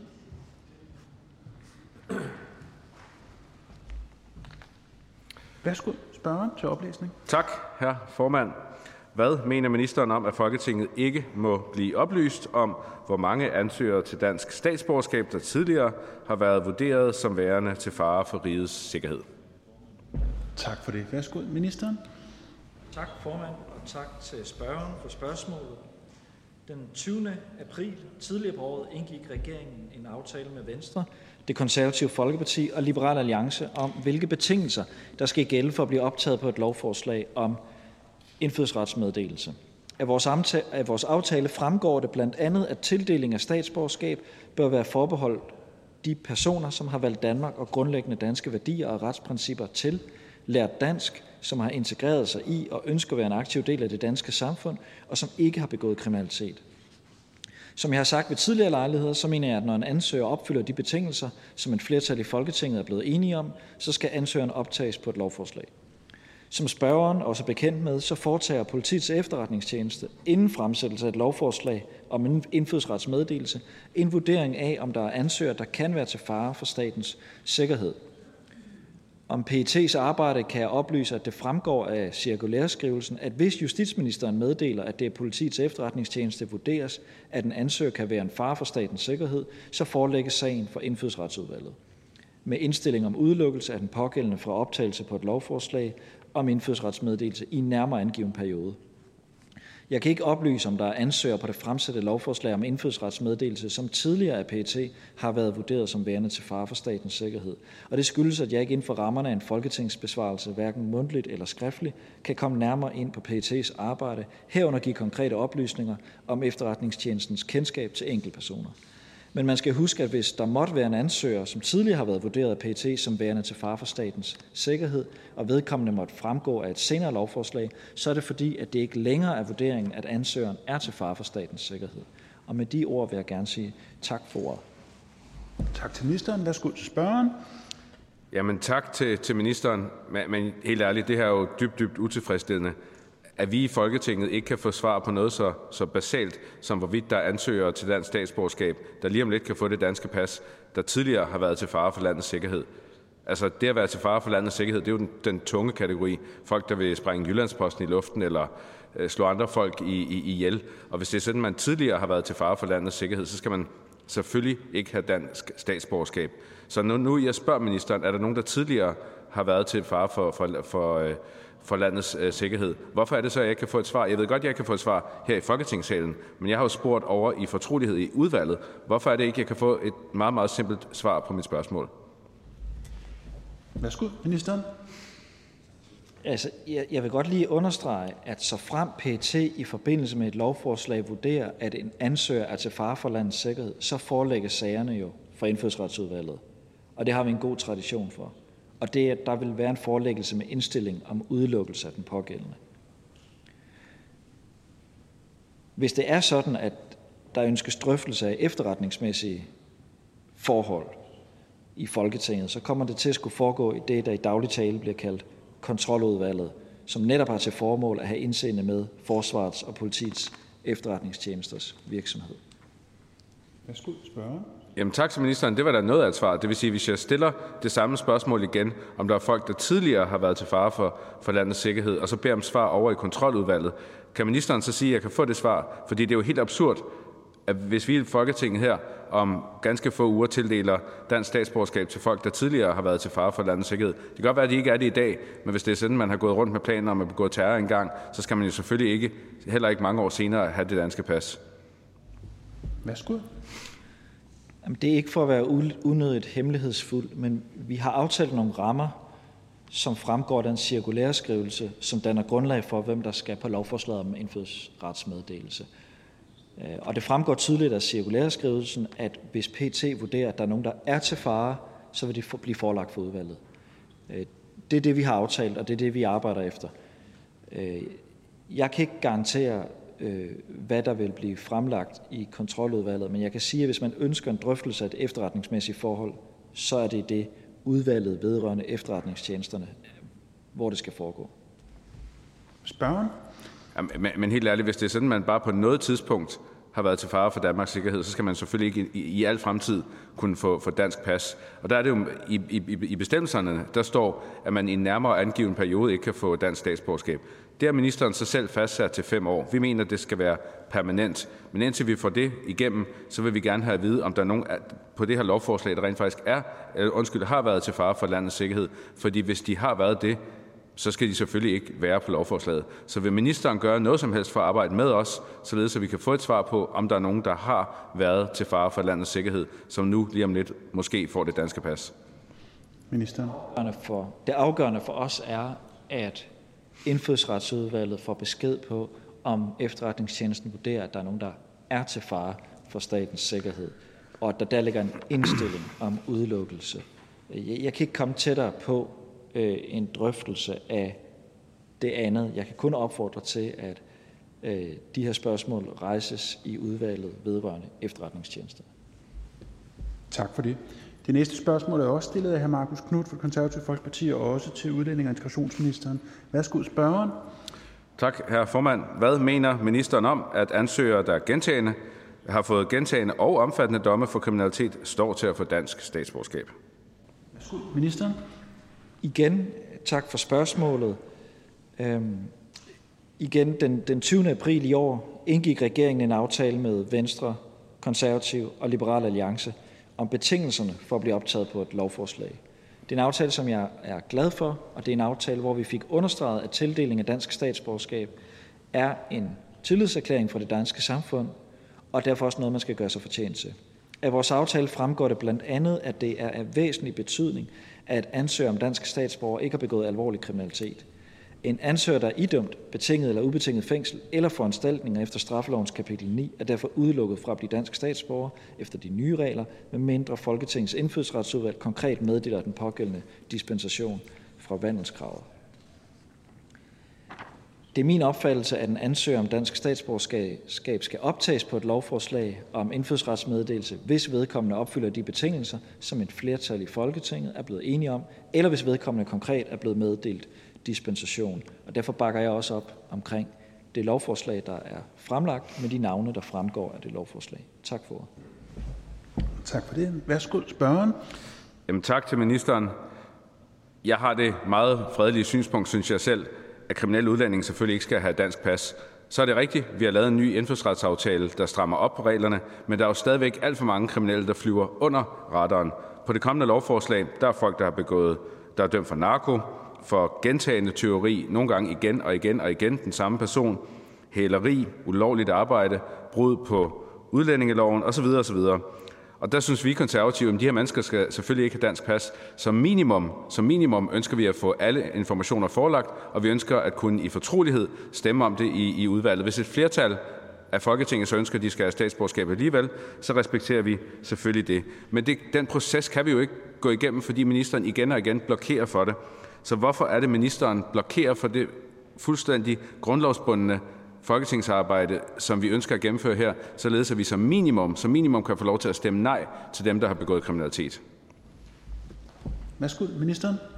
Tak for spørgsmålet. Jeg synes også selv, jeg har det rimelig fredelige øh, synspunkt, at de politiske aftaler, der er indgået, at dem skal der administreres efter. Og det betyder, at de ansøgere, altså folk, der søger om dansk statsborgerskab, der lever op til betingelserne, de skal som udgangspunkt på de lovforslag, vi behandler her i Folketingssalen. Øh, der er lige den her lille øh, undtagelse, hvor vi får en henvendelse fra politiets efterretningstjeneste. Men hvis man ser bort fra det, så vil det være vores øh, holdning, og derfor administrerer vi også efter de aftaler, der er indgået. Værsgo, spørgeren. Og det er jo der, jeg er helt grundlæggende uenig med ministeren, fordi ministeren lægger op til, at det er en ret at få dansk statsborgerskab, bare man lever op til, til cirkulæret. Vi mener, at det er en gave at få det danske statsborgerskab. Og hvis det er sådan, man lever op til cirkulæret, men et flertal i Folketinget alligevel synes, jamen hvis man har fået øh, fem domme for forskellige slags øh, kriminalitet, der er lige under fængsel, jamen så skal man selvfølgelig ikke have det alligevel. Så hvis det er sådan et flertal i Folketinget eventuelt ønskede at pille nogle personer, der har begået kriminalitet, af det her lovforslag, hvorfor vil ministeren ikke lade Folketinget udføre det? Værsgo, ministeren. Men så er vi måske inde ved sagens kerne her. Fordi som jeg hørte det konservative Folkeparti, så mener det konservative Folkeparti, at de mennesker, der lever op til cirkulæreskrivelsen, udgør en brutoliste over mennesker, der kan få statsborgerskab, og så kan Folketinget så bagefter pille nogen af, hvis man mener af forskellige årsager, at de ikke skal have statsborgerskab. Vi ser nok øh, sådan på det, og sådan har Folketinget set på det i mange, mange år, at de mennesker, der lever op til betingelserne, de skal have dansk statsborgerskab. Og så kan det være, at der bliver lagt nogen oven i det, fordi Folketinget giver dispensation i, efter en individuel behandling af en ansøgning. Værsgo, spørgeren. Jamen, jeg, jeg må bare sige, at jeg synes, at ministerens tilgang mangler helt grundlæggende sund fornuft. I vores aftale står der, som ministeren selv erkender, at man ikke skal have dansk statsborgerskab, hvis man har begået væsentlig kriminalitet. Men det at begå kriminalitet lige under fængselsniveau igen og igen og igen, uagtet om det er tyveri, ulovligt arbejde, narko, det vil jeg jo mene er, er væsentlig tyveri. Og der er det, der Folketinget her skal være det fornuftsfilter, der går ind og siger, ja, det kan godt være, at du og du lever op til, til, til cirkulæret, men du har begået så meget kriminalitet under fængselsniveau, at du måske enten skal vente nogle år, eller slet ikke skal have dansk statsborgerskab. Hvorfor, nu spørger jeg igen, hvorfor vil ministeren ikke lade Folketinget udføre det arbejde? Værsgo. Men vi har jo mødtes mange gange og forhandlet, hvilke typer af kriminalitet og fængselsstraf, der skal medføre udelukkelse fra statsborgerskab. Det har vi jo diskuteret med hinanden. Vi har skrevet det ned på nogle af fire papirer, og så har vi sagt, det er vores politiske aftale. så synes jeg da også, at vi burde, også partier, der står bag den aftale, sige, at de mennesker, der lever op til de betingelser, så skal have meddelt statsborgerskab. Ellers er der vel ingen grund til at forhandle en aftale. Tak til ministeren, øh, og tak til spørgeren.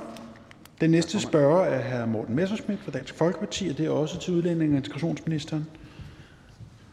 Værsgo, Tak, formand. Værsgo til spørgeren.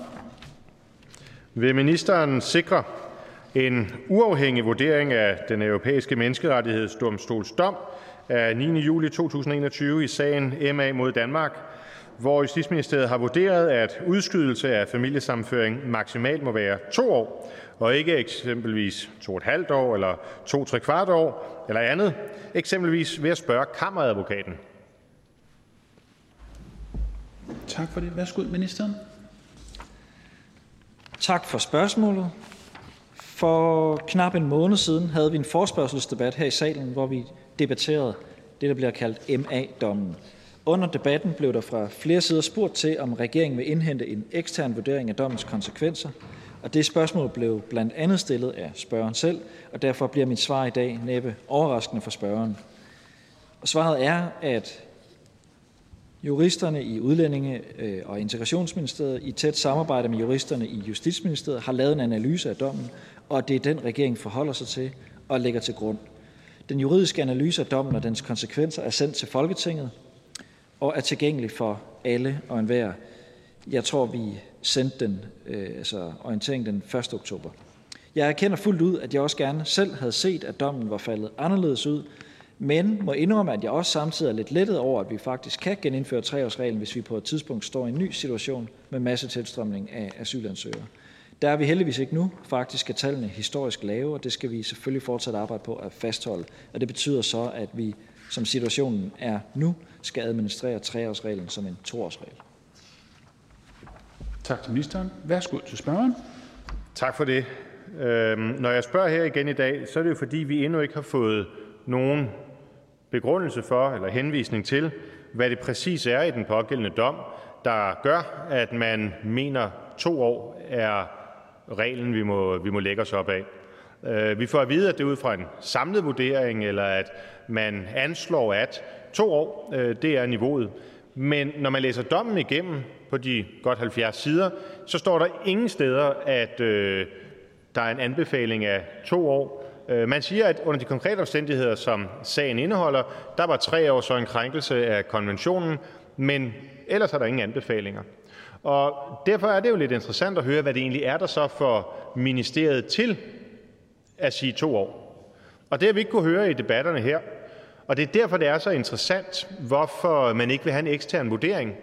Øh, det er jo øh, ikke nogen hemmelighed, og især vil jeg sige under den her regering, at der er sket en meget voldsom tilnærmelse mellem partiorganisationen Socialdemokratiet og så den tredje del af den udøvende, eller den tredje del af magten, der hedder den udøvende magt. Øh, aldrig tror jeg, vi har set så mange aktive socialdemokrater i ministerierne før. Og derfor øh, bliver tilliden til, at når et ministerium system siger, sådan er det bare, så bliver den selvfølgelig også desto mindre. Og derfor vil jeg bare gerne høre, når nu ministeren så siger, at man ikke vil have en tredje, en uafhængig, en uvildig vurdering, eksempelvis fra kammeradvokaten, om han kan pege på, hvor i dommen det så er, at man kan sige, her er det fuldstændig skråsikkert og nagelfast, at øh, det, der er lovhjemmel til, når der ikke er tale om øh, krigstilstanden, der fører til massetilstrømning, det er to år. Tak for det. Værsgo til ministeren. Jeg vil starte med at sige, at jeg kender ikke øh, til sådan de politiske holdninger hos de embedsmænd, der har foretaget den her vurdering. Men det jeg ved er, at, at de er jurister og har beskæftiget sig med udlændingeret og internationale konventioner og fortolkning af internationale domme i mange år. Og så vil jeg også sige, at, at der er ikke, der er ikke, jeg forhindrer ikke nogen i at læse dommen og gøre sig sine egne konklusioner. Det, det kan professorer på universitetet gøre. Det vil jeg kun opfordre til, så vi kan få den mest kvalificerede juridiske diskussion af, hvordan internationale domme påvirker dansk udlændingeret. Det er jeg kun interesseret i. Det jeg bare siger, det er, at regeringens konklusion er det, vi har givet udtryk for i det notat, der er oversendt 1. oktober. Øhm, og ligesom at vi ikke beder øh, andre mennesker om at genberegne, hvad Finansministeriets økonomiske beregninger øh, kommer frem til, så beder vi heller ikke andre om at, at, at genvurdere, hvad Justitsministeriet eller Udlændingeministeriets juridiske vurderinger kommer frem til. Tak. Værsgo, spørgeren. Tak for det. Jamen, jeg står her med notatet, og øhm, altså notatet siger ikke noget om, hvilken del af dommen det er, der peger på to år. Og nu spørger jeg så ministeren, hvilken del af dommen peger på to år? Fordi hvis de der, juri, de der jurister, og jeg har høje tanker om jurister, men jurister har jo også meninger, og jura er jo ikke en eksakt videnskab, og det handler om, hvordan man, hvad det er for nogle hensyn, man tillægger vægt. Og ministeren siger, at juristerne kom frem til det to år. Så vil jeg bare gerne spørge dem, hvad er det så i dommen? Altså, hvad er det, hvad er det for nogle artikler i dommen, der peger på, på to år? Tak. Værsgo, ministeren. Øh, jamen, jeg, jeg synes nu, vi har forsøgt at lave et rimeligt grundigt notat og oversende til, først, øh, til Folketinget, det som blev oversendt 1. oktober. Jeg står ikke her med indrømme med notatet, og jeg står heller ikke her med dommen, men det jeg står med, det er konklusionen, nemlig at det er muligt at have en toårsregel, men at en udskydelse i mere end to år kræver savlige grunde. Øh, hvis der er et ønske om, at, at øh, den formulering eller at henvisningerne til, hvor i dommen, hvilke præmisser i dommen, der peges på, så svarer jeg meget gerne skriftligt på det, men jeg må indrømme, at jeg står ikke med det her. Men forventning er, eller der er en forventning om, at hvis man går længere end to år, så vil Danmark blive dømt for en overtrædelse af artikel 8 i EMRK. Tak. Værsgo. Ja, det er jo rigtigt, at øh, der i notatet citeres en række passager, altså øh, Øh, 145, 155-65 øh, og, og andre. Men der er ikke nogen steder, hvor der står, at hvis Danmark for eksempel havde valgt at sænke øh, årsgrænsen til to, tre kvart år eller to et halvt år, så ville det også udgøre en krænkelse. Fordi sådan arbejder menneskerettighedsdomstolen slet ikke. Og det er derfor, det er så paradoxalt, at regeringen bare her skråsikkert siger to år. Ikke to år to måneder, ikke to år fire måneder, men to år. Og hvis ministeren føler det mere bekvemt, at en af hans embedsmænd svarer skriftligt, så er det selvfølgelig velkommen. Men vi vil gerne have det fuldstændig nalfast, hvor i dommen står der to år. Tak. Værsgo, ministeren. Jeg kan øh, i hvert fald svare med sikkerhed, at jeg føler mig mere bekvem ved at svare på, hvilke præmisser i en dom ved en international domstol, der påvirker de danske udlændingeretlige regler skriftligt. Øh, men jeg vil ikke lægge skjul på, at da den her dom kom, der var det første, der poppede op i mit hoved. Ja, ja, hvis ikke det er tre år, er det så to og et halvt år, eller to år og 11 måneder, eller to år fire uger, tre dage og to timer. Altså, hvor går grænsen? Øh, og derfor har jeg selvfølgelig også selv, inden det notat blev oversendt til Folketinget 1. oktober, spurgt ind til, øh, kan det være et sted mellem to år og tre år? Og der er svaret nej. Det er det, der er den juridiske vurdering fra ministeriet. Tak til spørgeren, tak til ministeren. Den næste øh, spørger er hr. Jens Henrik Thulesen Dahl. Han har stillet spørgsmål til Miljøministeren. Værsgo til spørgeren. Tak for det. Mener ministeren, at det er en god idé at affaldssortere ved hjælp af robotter, frem for at kildesortere i den enkelte husstand, tage den store økonomiske og klimamæssige besparelse på henholdsvis 25 millioner kroner og 12.000 tons CO2 for eksempelvis kommunerne på Fyn en mente? Tak for det. Værsgo til ministeren. Ja, tak for det. Øh, vi danskere vi har Europarekord i affald. Vi er dem, der altså smider mest husholdningsaffald ud, over 800 kilo per person per år. Samtidig bliver næsten en tredjedel af alt affald i Danmark i dag brændt og udleder CO2, og det er det, vi gerne vil lave om på for at passe bedre på både vores klima og vores miljø. Så vi skal genbruge, og vi skal genanvende mere, og det er også målet med den strømligning af affaldssortering, som regeringen har aftalt med et bredt flertal af Folketingets partier. De nye rammer kan så også være med til at skabe nye grønne jobmuligheder herhjemme. Og det er jo et godt spørgsmål, som, øh, som Dansk Folkepartis ordfører stiller, om teknologien så er klar til at sortere plast samt mad- og drikkekartoner fra restaffald. Det er sådan, jeg øh, forstår øh, spørgsmålet. Og der er delte meninger om det, også blandt forskere, men i forhold til indgåelsen af aftalen om klimaplan for affald, ja, så var den faglige vurdering fra Miljøstyrelsen, at eftersortering af restaffald ved hjælp af teknologi vil være et fint supplement til særskilt indsamling hos borgerne, men ikke et fuldt alternativ til særskilt indsamling. Men jeg vil gerne understrege, og det er jo også det, spørgsmål går på, at hvis teknologiske løsninger kan gøre det lige så godt, og ikke mindst med lige så høj kvalitet, og i lige så store mængder til genanvendelse, ja, så står aftalen ikke i vejen for det. Øh, tværtimod. Og det er jo fordi, det i bund og grund handler om, hvordan vi skal få skabt mest mulig genbrug og genanvendelse til gavn for vores klima, miljø og nye grønne arbejdspladser. Og derfor så er det på høj tid, at vi får den aftale. Tak til ministeren. Værsgo til spørgeren. Jamen tak for det. og vi er sådan set enige om målet med det her. Udfordringen den ligger så i, når jeg for nylig sidder til et kommunalbestyrelsesmøde i Assens og skal forhandle og vurdere den nye øh, affaldsplan for Assens Kommune, så indgår der det, der ifølge lovgivningen er krav om med en kildesortering ude hos de enkelte borgere af et meget vidt omfang. Og det vi diskuterer på Fyn, det er jo så, jamen kan man ikke rent faktisk gøre det bedre? Øh, og vi får i hvert fald oplyst, at ved at lave den her indsamling, som robotterne så kan sortere, så kan de gøre det meget, meget bedre, end, end, end vi kan som mennesker. Jeg oplevede i sidste uge at komme hjem til min genbrugsbeholder med sådan en lille fin grøn seddel på, hvor der var skrevet, at jeg havde lagt et net af nylon ned sammen med plastik. Jeg er ikke i stand til lige at vurdere på noget, om det er nylon eller plastik eller hvad det er. Jeg tænkte bare, at det måtte høre hjemme der. Øh, og jeg får at vide, at jeg får ikke tømt min, min affaldsspand, fordi jeg har noget i, som ikke skulle være der. Og hvis jeg ikke kan forstå det, så vil jeg tænke, så er der også mange andre, der ikke kan. Og så ender meget af mit affald kun det let i den sorte spand, hvor det slet ikke hører hjemme. Hvor jeg ved, at hvis vi havde robotterne til at gøre det, jamen så ville de kunne sortere, og de ville kunne se, hvad er det her? Er det nylon, er det plastik, er den ene eller den anden eller tredje type? Og det er også derfor, at kommunerne på Fyn har søgt om at få en dispensation, så de kan få lov til at udfolde det her med robotterne. Fordi det er jo faktisk noget, vi i sagt i al beskedenhed er rimelig gode til på Fyn, det er at udnytte robotteknologien. Og hvis man kan gøre det, som vi i hvert fald får oplyst, af en meget, meget højere sorteringskvalitet øh, og meget mere effektiv, fordi der skal ikke køre så mange lastbiler ud og samle fraktioner ind ud fra de enkelte borgere. Der er rigtig mange kilometer rundt, når man er i en anden kommune som Assens, så det er også rigtig meget CO2, der går til de lastbiler. Kunne vi dog så ikke få lov til at gøre det på den mest hensigtsmæssige og billige måde, i stedet for at vi først skal implementere et system, som er både dyrt og mere besværligt, og så måske senere hen kan få lov til at gøre noget andet.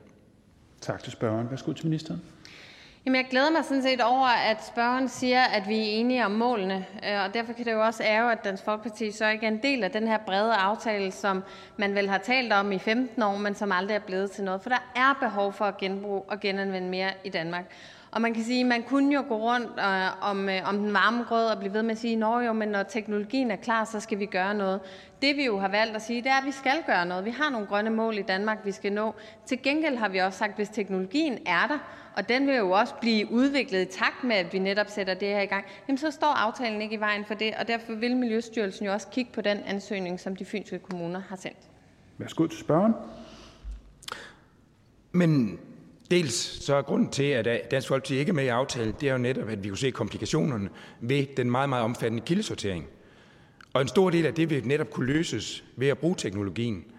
Øh, men jeg hører så også, at ministeren siger, at, at vi sådan set bør kunne gå i gang. Hvis vi tror på, at teknologien er der, så skal vi ikke begynde at installere noget andet, som er både dyrt og besværligt. Så kan vi faktisk gå i gang med den teknologi, som er beskrevet i den ansøgning, som er sendt ind af de fynske kommuner. Værsgo, ministeren. Jamen det, jeg synes, der er lidt ærgerligt, det er jo, hvis man siger, at vi vil faktisk gerne genbruge og genanvende i Danmark, og erhvervslivet anbefaler, at vi skal have strømlignet affaldsfraktionerne i Danmark, hvis det skal lykkes. Ja, det er jo så det, vi er en bred øh, kreds af partier, der har lyttet til og netop har gennemført, og det er klart, det sætter jo en kæmpe teknologiudvikling i gang, og det er jo rigtig, rigtig godt. Det vi jo bare har betinget os, hvis man skal lave kan man sige, den øh, sortering på anlæg i stedet for, det er, at man skal kunne garantere blandt andet den samme kvalitet og den samme høje genanvendelse. Og det er jo det, som de fynske kommuners ansøgning vil blive vurderet efter. Så det er en faglig vurdering, og den faglige vurdering er ikke lavet endnu. Værsgo til spørgeren. Men kan jeg så få ministerens tilsavn om, at det er selvfølgelig, at man, man kigger på ansøgningen, men også, at vi i de fynske kommuner ikke bliver tvunget til at etablere et tungt og dyrt og besværligt system, hvis vi lige om lidt får godkendelse af, at vi faktisk kan gøre det på en anden smartere, billigere og bedre måde. Det giver jo ikke mening at smide en masse penge ud på, på noget, som vi rent faktisk ikke har brug for, og som vi kunne gøre bedre. Værsgo, ministeren. Jamen, jeg synes, det er lidt ærgerligt at sige, at det, vi jo har sat gang i nu, det det er tungt og dumt og besværligt osv., fordi det jo handler jo om, at hvis vi gerne vil sikre mere genbrug og genanvendelse i Danmark, og det vil vi i regeringen, og det er en bred kreds af partier, ja, så er vi også nødt til at starte op, og så kan man ikke hele tiden gå og vente på, at teknologien er klar, for den bliver heller ikke klar. Det er jo det, vi hører fra erhvervslivet, fra det klimapartnerskab, der har været nedsat der. Hvis de skal investere i genanvendelsesanlæg i Danmark, ja, så skulle de være sikre på strømligning af affald, og det er jo det, vi har garanteret. Så man kommer til at kildesortere også på Fyn, fordi det er jo, uanset den ansøgning, jo ikke alle fraktionerne, men Miljøstyrelsen kommer selv sagt til at vurdere øh, den ansøgning, der er blevet, sat, øh, blevet sat ind, og det er heller ikke modstrid med den aftale, vi har lavet. Så det kommer man til fagligt at vurdere, ja. Tak til ministeren, og tak til spørgeren. Hermed er spørgetimen afsluttet. Det sidste punkt på dagsordenen i dag det er første behandling af lovforslag nummer L 62, et forslag til lov om ændring af lov om godskørsel, lov om buskørsel og lov om udstationering af lønmodtagere med videre. Og det er fremsat af transportministeren, og forhandlingen er åbnet. Den første taler er hr. Henrik Møller fra Socialdemokratiet. Værsgo.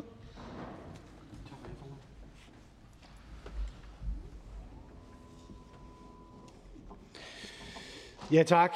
Det er sådan, at vi i dag skal behandle L 62, som også er blevet nævnt af lov om ændring af lov om godskørsel, lov om buskørsel og lov om udstationering af lønmodtagere med videre. Lovforslaget det har to overordnede formål. Dels så vil forslaget implementere EU's vejpakke, og dels så vil forslaget ændre den nationale tilladelsesordning for virksomheder, der transporterer gods for fremmed regning i varebil. Forslaget om øh, en ændring af den nationale tilladelsesordning for varebiler sker øh, i det her tilfælde med henblik på at sikre lige vilkår for godskørsel ved fremmed regning med varebil, og det er så uanset vægten på stykgodset, der transporteres.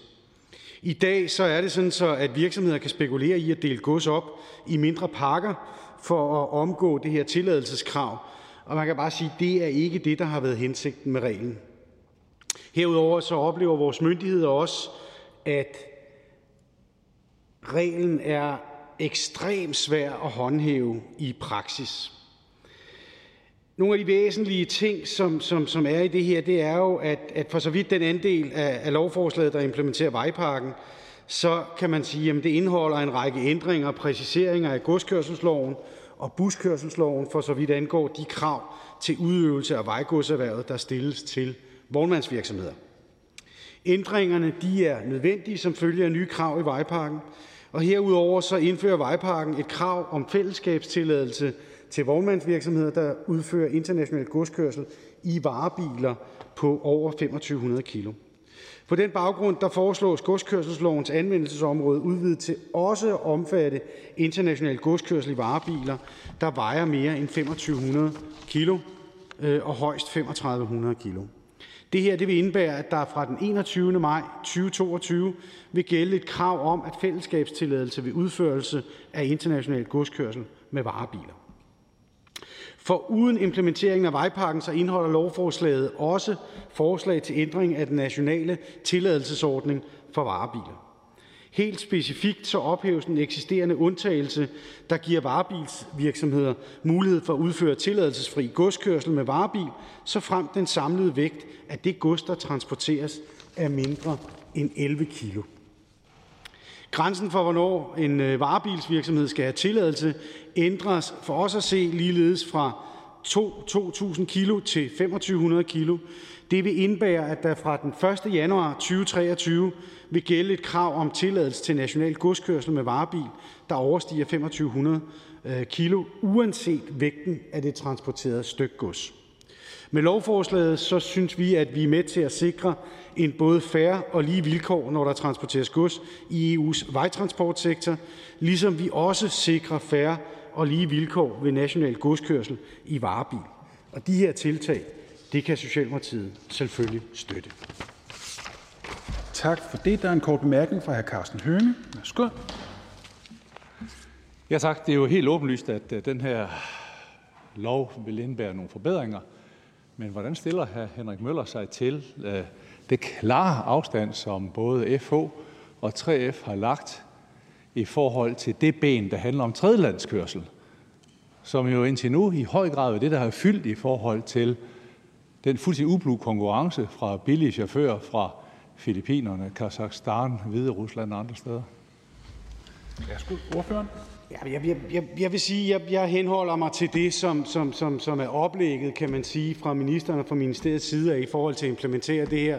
Og vi synes sådan set, at den del i forhold til den nationale lovgivning omkring øh, det her med, øh, hvilken vægt øh, bilen skal have, og, og et spørgsmål om, hvad, hvad, hvad vægten skal være i forhold til, hvad der er i, det, det, det føler vi sådan set meget godt øh, dækket ind med. Tak. En supplerende? Værsgo. Jamen, det, det var da et, et lidt forunderligt svar. Jeg, jeg spørger specifikt til de høringssvar, der ligger fra, fra 3F og fra FH, og også fra DTL faktisk, som vi vel kan kalde det. En, altså en, en progressiv arbejdsgiverorganisation, der fuldstændig nøjagtigt sætter fingeren ned på det allermest ømme punkt, nemlig hvis det her skulle være en lov, der gjorde op med social dumping på landevejene, hvordan kan regeringen så finde på at fremlægge så et amputeret forslag som det her? Værsgo. Det, det ved jeg jo heller ikke, om det er alene. Altså, det her er jo implementering af en vejlov, som, som har været diskuteret igennem et stykke tid. Så størstedelen er det jo at implementere det, der er kommet fra EU's side af. Det er sådan set det, vi lægger op til her med den tilføjelse i forhold til den nationale lovgivning. Så er det jo ikke sådan, så, at alt er løst omkring social dumping. Der vil jo stadigvæk være nogle ting, som der også bliver peget på i de her høringssvar, som vi fremadrettet bliver nødt til at forholde os til. Tak til den socialdemokratiske ordfører. Der er ikke flere korte bemærkninger. Næste ordfører er hr. Christian Pihl Lorentzen. Nej, nej, nej, det er ikke nødvendigt. Den er der blot for hyggens skyld, tror jeg. Øh, hr. Christian Pihl Lorentzen fra Venstre. Værsgo. Tak for det, formand. Som min socialdemokratiske kollega allerede har redegjort for, så handler lovforslaget her om ændring af godskørselsloven, buskørselsloven samt lov om udstationering af lønmodtagere. Der er to hovedelementer. Det ene handler om at implementere EU's vejpakke. Det andet handler om at ændre nationale regler. Vejpakken først. EU's vejpakke det er jo noget, en bred kreds af partier, inklusiv Venstre, har støttet øh, undervejs, og det har været en hård fødsel ned i EU. Øh, der er gået afskillige år, fra vi startede det arbejde. Og hele målet er jo at få ordnede forhold på tværs af landegrænser omkring transporten. Målet er at få lige trans- øh, konkurrencevilkår for transporten på tværs af Europas grænser. Så EU's vejpakke den hilser vi meget velkommen, og derfor øh, er vi selvfølgelig helt med på at implementere det i den danske lovgivning. Det, der er centralt omkring vejpakken, det er som alt andet, der kommer fra EU, det er, at vi gerne skulle have, at det bliver håndhævet ens i de enkelte lande, således vi har en, en færre konkurrence, og således vi får reglerne til at gælde over hele Europa. Konkret øh, betyder den her implementering, at øh, udenlandske virksomheder, der udstationerer chauffører i Danmark, skal anmelde deres kørsel via informationssystemet for det indre marked. Derudover foreslås det, at øh, godskørselslovens anvendelsesområde fremover også omfattes international godskørsel i varebiler, der vejer fra 2500 kg op til 3500 kg. Det synes vi er en god idé, og det kan Venstre støtte. Så kommer vi til den anden del af lovforslaget. Det, som ikke er reguleret af EU.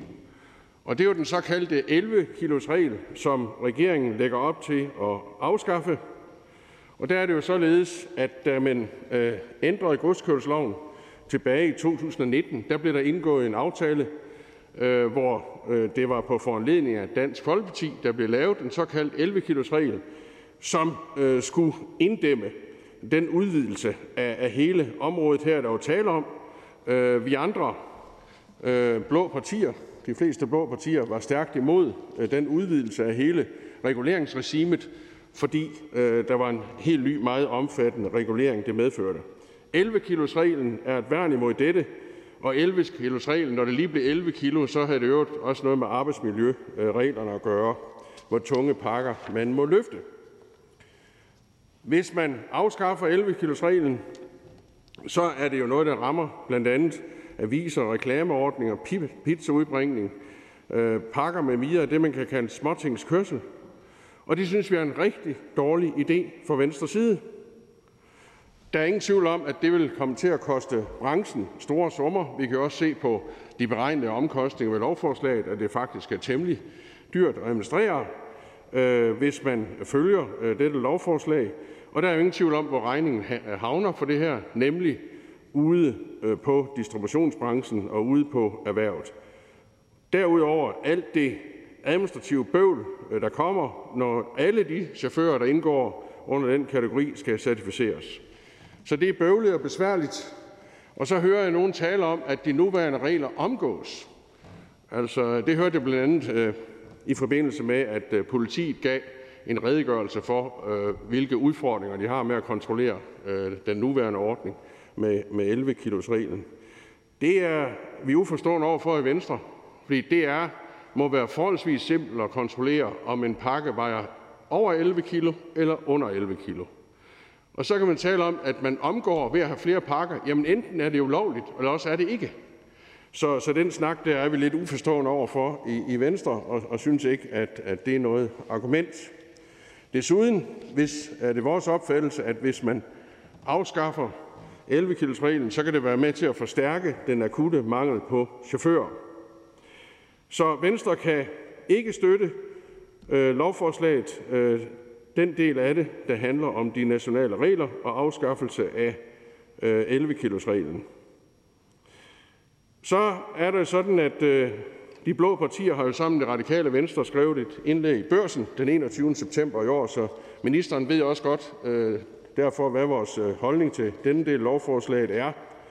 Og øh, Venstre har også allerede øh, bebudet et ændringsforslag, der gør, at vi bevarer 11 kilos reglen og vi mener også, at der kan blive behov for at dele lovforslaget i to, således vi får mulighed for at stemme på de fornuftige ting, nemlig det med EU-pakken, men kan stemme imod, hvis regeringen fastholder afskaffelse af 11 kilos reglen. Og øh, Øh, derfor er Venstres holdning til lovforslaget dels. Vi støtter den fornuftige del med vejpakken.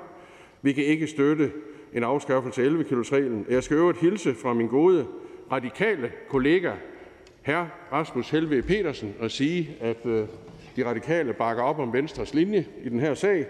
Og jeg skal også hilse fra min kollega fra Nye Borgerlige, Mette Thiesen, og siger, øh, at de også støtter en opdeling af lovforslaget, så de kan stemme imod afskaffelse af 11 reglen Tak. Tak til ordføreren. Der er et par korte bemærkninger. Først fra hr. Carsten Hønge fra Socialistisk Folkeparti. Der er noget, vi skal opklare her. Når hr. Christian Pihl siger, at øh, Venstre støtter det her, fordi man ønsker at implementere vejpakken, Hvordan kan det hænge sammen med, at man har valgt ikke at implementere vejpakken, men kun del af den?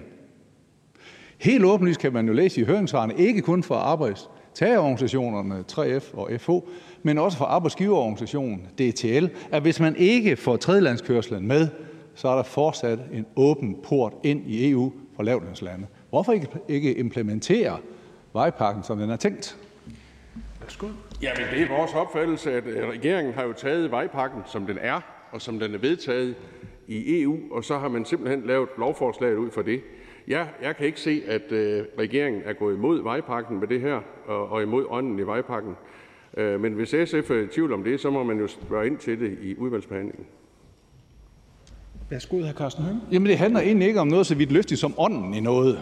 Det her det handler faktisk om, at når hr. Christian Pihl Lorentzen selv i sin tale siger, at det her det skal vi gøre for at skabe færre vilkår, Hvordan kan man gøre det, når man stadigvæk har en kæmpe port åben for social dumping, fordi man ikke sikrer tredjelandstransport, som udtrykkeligt præciseres af både lønmodtagerorganisationer og arbejdsgiverorganisationer. Det her det er et amputeret, en amputeret implementering. Værsgo. Nu er det jo sådan set regeringen, der har fremslagt et lovforslag her til implementering af vejpakken. Så jeg vil behendigt øh, lede det spørgsmål videre til ministeren, der kommer på senere. Det må være der, det skal adresseres. Øh, men som sagt bakker vi op om den implementering af vejpakken, som ligger her. Tak. Næste kort bemærkning er til hr. Henning Hyllested fra Enhedslisten. Ja, det er lidt nemt at slippe om ved det, vil jeg sige her, Christian Pihl Lorentzen. Ikke? Øhm, fordi det her handler netop om, at vejpakken ikke bliver implementeret fuldt ud. Og det handler om det, som var hele udgangspunktet for øh, øh hele ændringen af dels godskørselsloven og også i langt hen ad vejen øh, også har været genstand for diskussionerne i vejpakken, nemlig tredje landskørsel. Altså det, at et firma kan holde til i Bulgarien eller Rumænien, eller for den sags skyld i Polen, som det var tilfældet med Kurt Beyers øh, øh filippinske chauffører, øh, som kørte på en polsk overenskomst. Det var et polsk datterselskab, og så lå de at køre transporter med udgangspunkt i Danmark og rundt omkring til Europa altså tredjelandskørsel, hvor, man, hvor det ikke kommer i nærheden af, af det såkaldte etableringsland. Det er ikke implementeret med det her lovforslag efter vores mening. Og derfor kan jeg ikke forstå, hvordan hr. Christian Pihl Lorentzen kan sige, at det, var, det er rigtig positivt, og det går vi ind for, og det, det implementerer vejpakken. For det gør det faktisk ikke. Værsgo. Jamen, vi har jo faktisk en regering, som, som øh, jeg mener har en ret tæt dialog med, med fagbevægelsen. Og jeg går ud fra, at der også har været en dialog øh, inden det her lovforslag. Og, og derfor må man jo spørge regeringen, øh, hvorfor man ikke har taget det her med. Jeg går ud fra, at det her det er en implementering af både ordlyden og ånden i EU's vejpakke. Øh, og derfor må ministeren jo svare på, om der er mulighed for at gå videre i forhold til vejpakken. Det, der er centralt for Venstre, det er, at vi får ens rammevilkår på tværs af grænserne i Europa. Og vi er også meget optaget af at få ordnede forhold, og derfor er det også, at de her regler skal håndhæves ens i landene. Fordi der er ikke noget værre end regler, der ikke bliver håndhævet. Så er det næsten bedre ikke at have regler. Tak. Hr. Henning Hyllested. Værsgo. Jo, men hvis man nu har sat sig ned og læst høringssvarene, ikke mindst det fra 3F, men også det fra, fra DTL øh, for eksempel. Øh, hvis man har sat, sat sig ned og læst det høringssvar, så vil man også kunne se, at der er uler i mosen. Og derfor kan jeg ikke forstå, hvorfor man sådan meget kægt står op og siger, det her det støtter vi, og det implementerer vejpakken. Og altså, man kan jo ikke sådan bare give den videre til regeringen. Jo, det er selvfølgelig regeringen, der har, transportministeren, der har initiativretten her. Men altså, man, er jo lov, man har jo lov til selv at forholde sig kritisk til det, øh, man ser og man læser. Og øh, når der er nogen, der gør opmærksom på, at det her det er en ufuldstændig implementering af vejpakken, så må man vel på en eller anden måde gøre anskrig. Værsgo. Jamen, det er enhedslisten jo i sin god ret til. Men, men hvis man læser høringsnotatet, øh, så svarer regeringen jo på de kritikpunkter, der er rejst. Og, og øh, så vidt jeg husker, så svarer regeringen, at det her det er implementeret, som det skal. Men det kan ministeren eventuelt bekræfte. Tak til Christian Pihl Lorentzen. Der er ikke flere korte bemærkninger. Den næste ordfører det er hr. Jens Henrik Thulesen Dahl fra Dansk Folkeparti. Vær så god.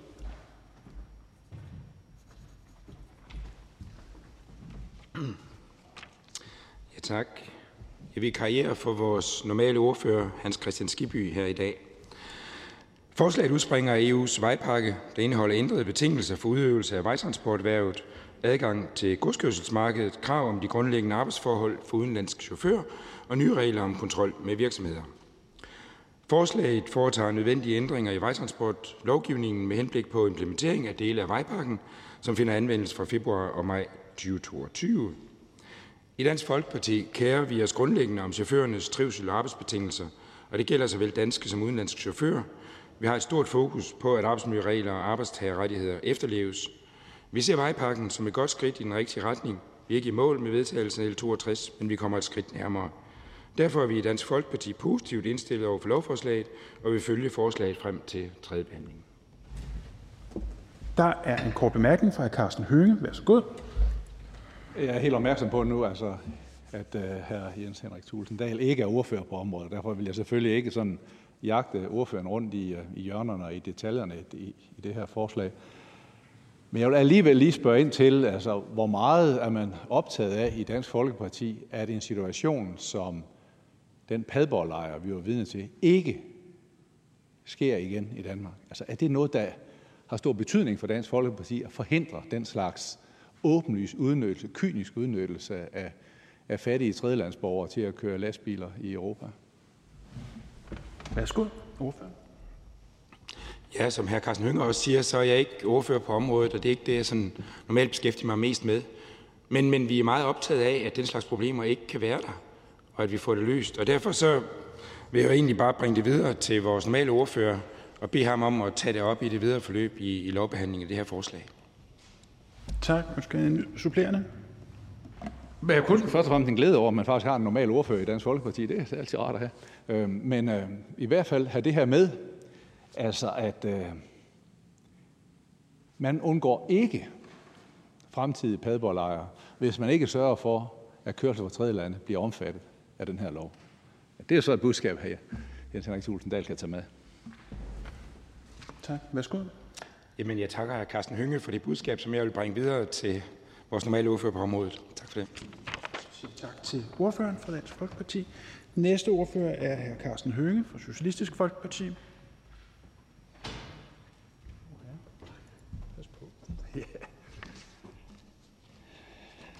Den her annonce den er fra et øh, dagblad i Filippinerne.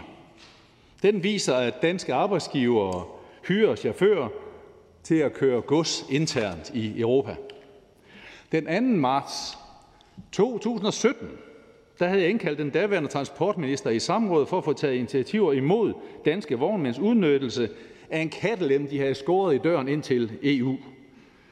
Det er nemlig den lidt for snedige manøvre, som nogle danske arbejdsgivere, typisk med et postkasseselskab i et østligt EU-land, benytter for at trække underbetalte, underkudede og disciplinerede chauffører fra Filippinerne, Ukraine, Kazakhstan, Uzbekistan og Belarus ind på de europæiske landeveje. Vi har fri bevægelighed i EU, men vi har dog ikke fri bevægelighed ind i EU hvor vi, som vi så i situationen, at chauffører fra Filippinerne til 15-20 kroner i timen gør lønkonkurrencen fuldstændig umulig over for danske eller andre vesteuropæiske chauffører. Vi kender situationen fra den berygtede lejr i Padborg, og viser, at der er ikke nogen nedre bund for, hvor elendigt nogle arbejdsgiver er villige til at behandle deres ansatte, når der lige er en hurtig profit inden for rækkevidde.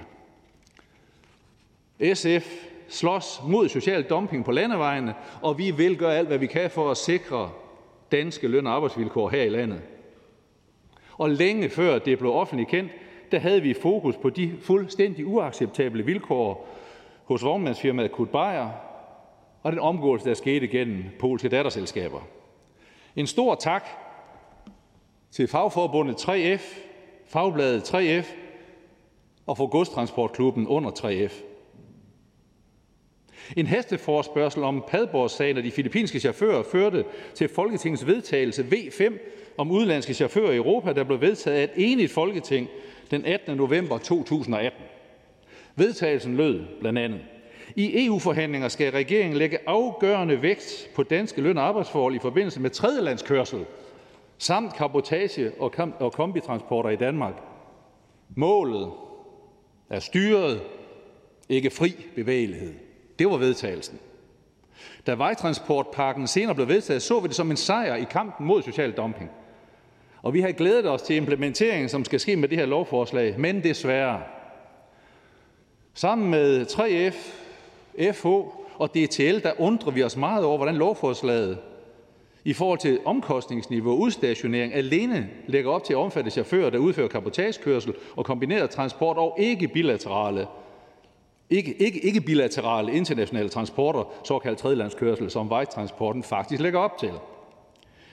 Vi troede, at den her pakke ville give baghjul til social dumping.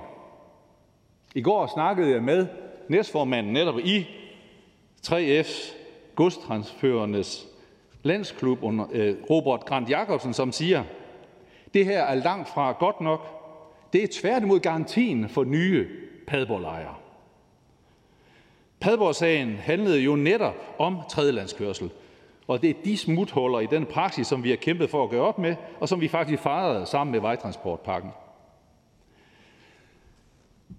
Vi mener derfor heller ikke, at der er tale om en korrekt eller tilstrækkelig implementering af vejtransportpakken. Det er jo klart, at SF støtter de andre elementer i lovforslaget, men lovforslaget er mangelfuldt, og vi vil derfor tage initiativ til ændringsforslaget, således at de gældende regler i udstationeringsloven for krav til mindsteaflønning af udstationerede chauffører, som blev vedtaget i Folketinget i 2020, med de samme begrundelser som ved udførelsen af kabotage og kombinerede transporter, skal gælde for ikke-bilaterale internationale transporter. Danske chauffører skal ikke smides ud af lastbilerne på grund af skæv og unfair konkurrence for lavlønslande. Vi skal ikke finde os i social dumping. Arbejdsgiverne skrald griner hele vejen til banken, mens billige chauffører udnyttes og arbejdsforholdene presses i nedadgående retning i hele Vesteuropa.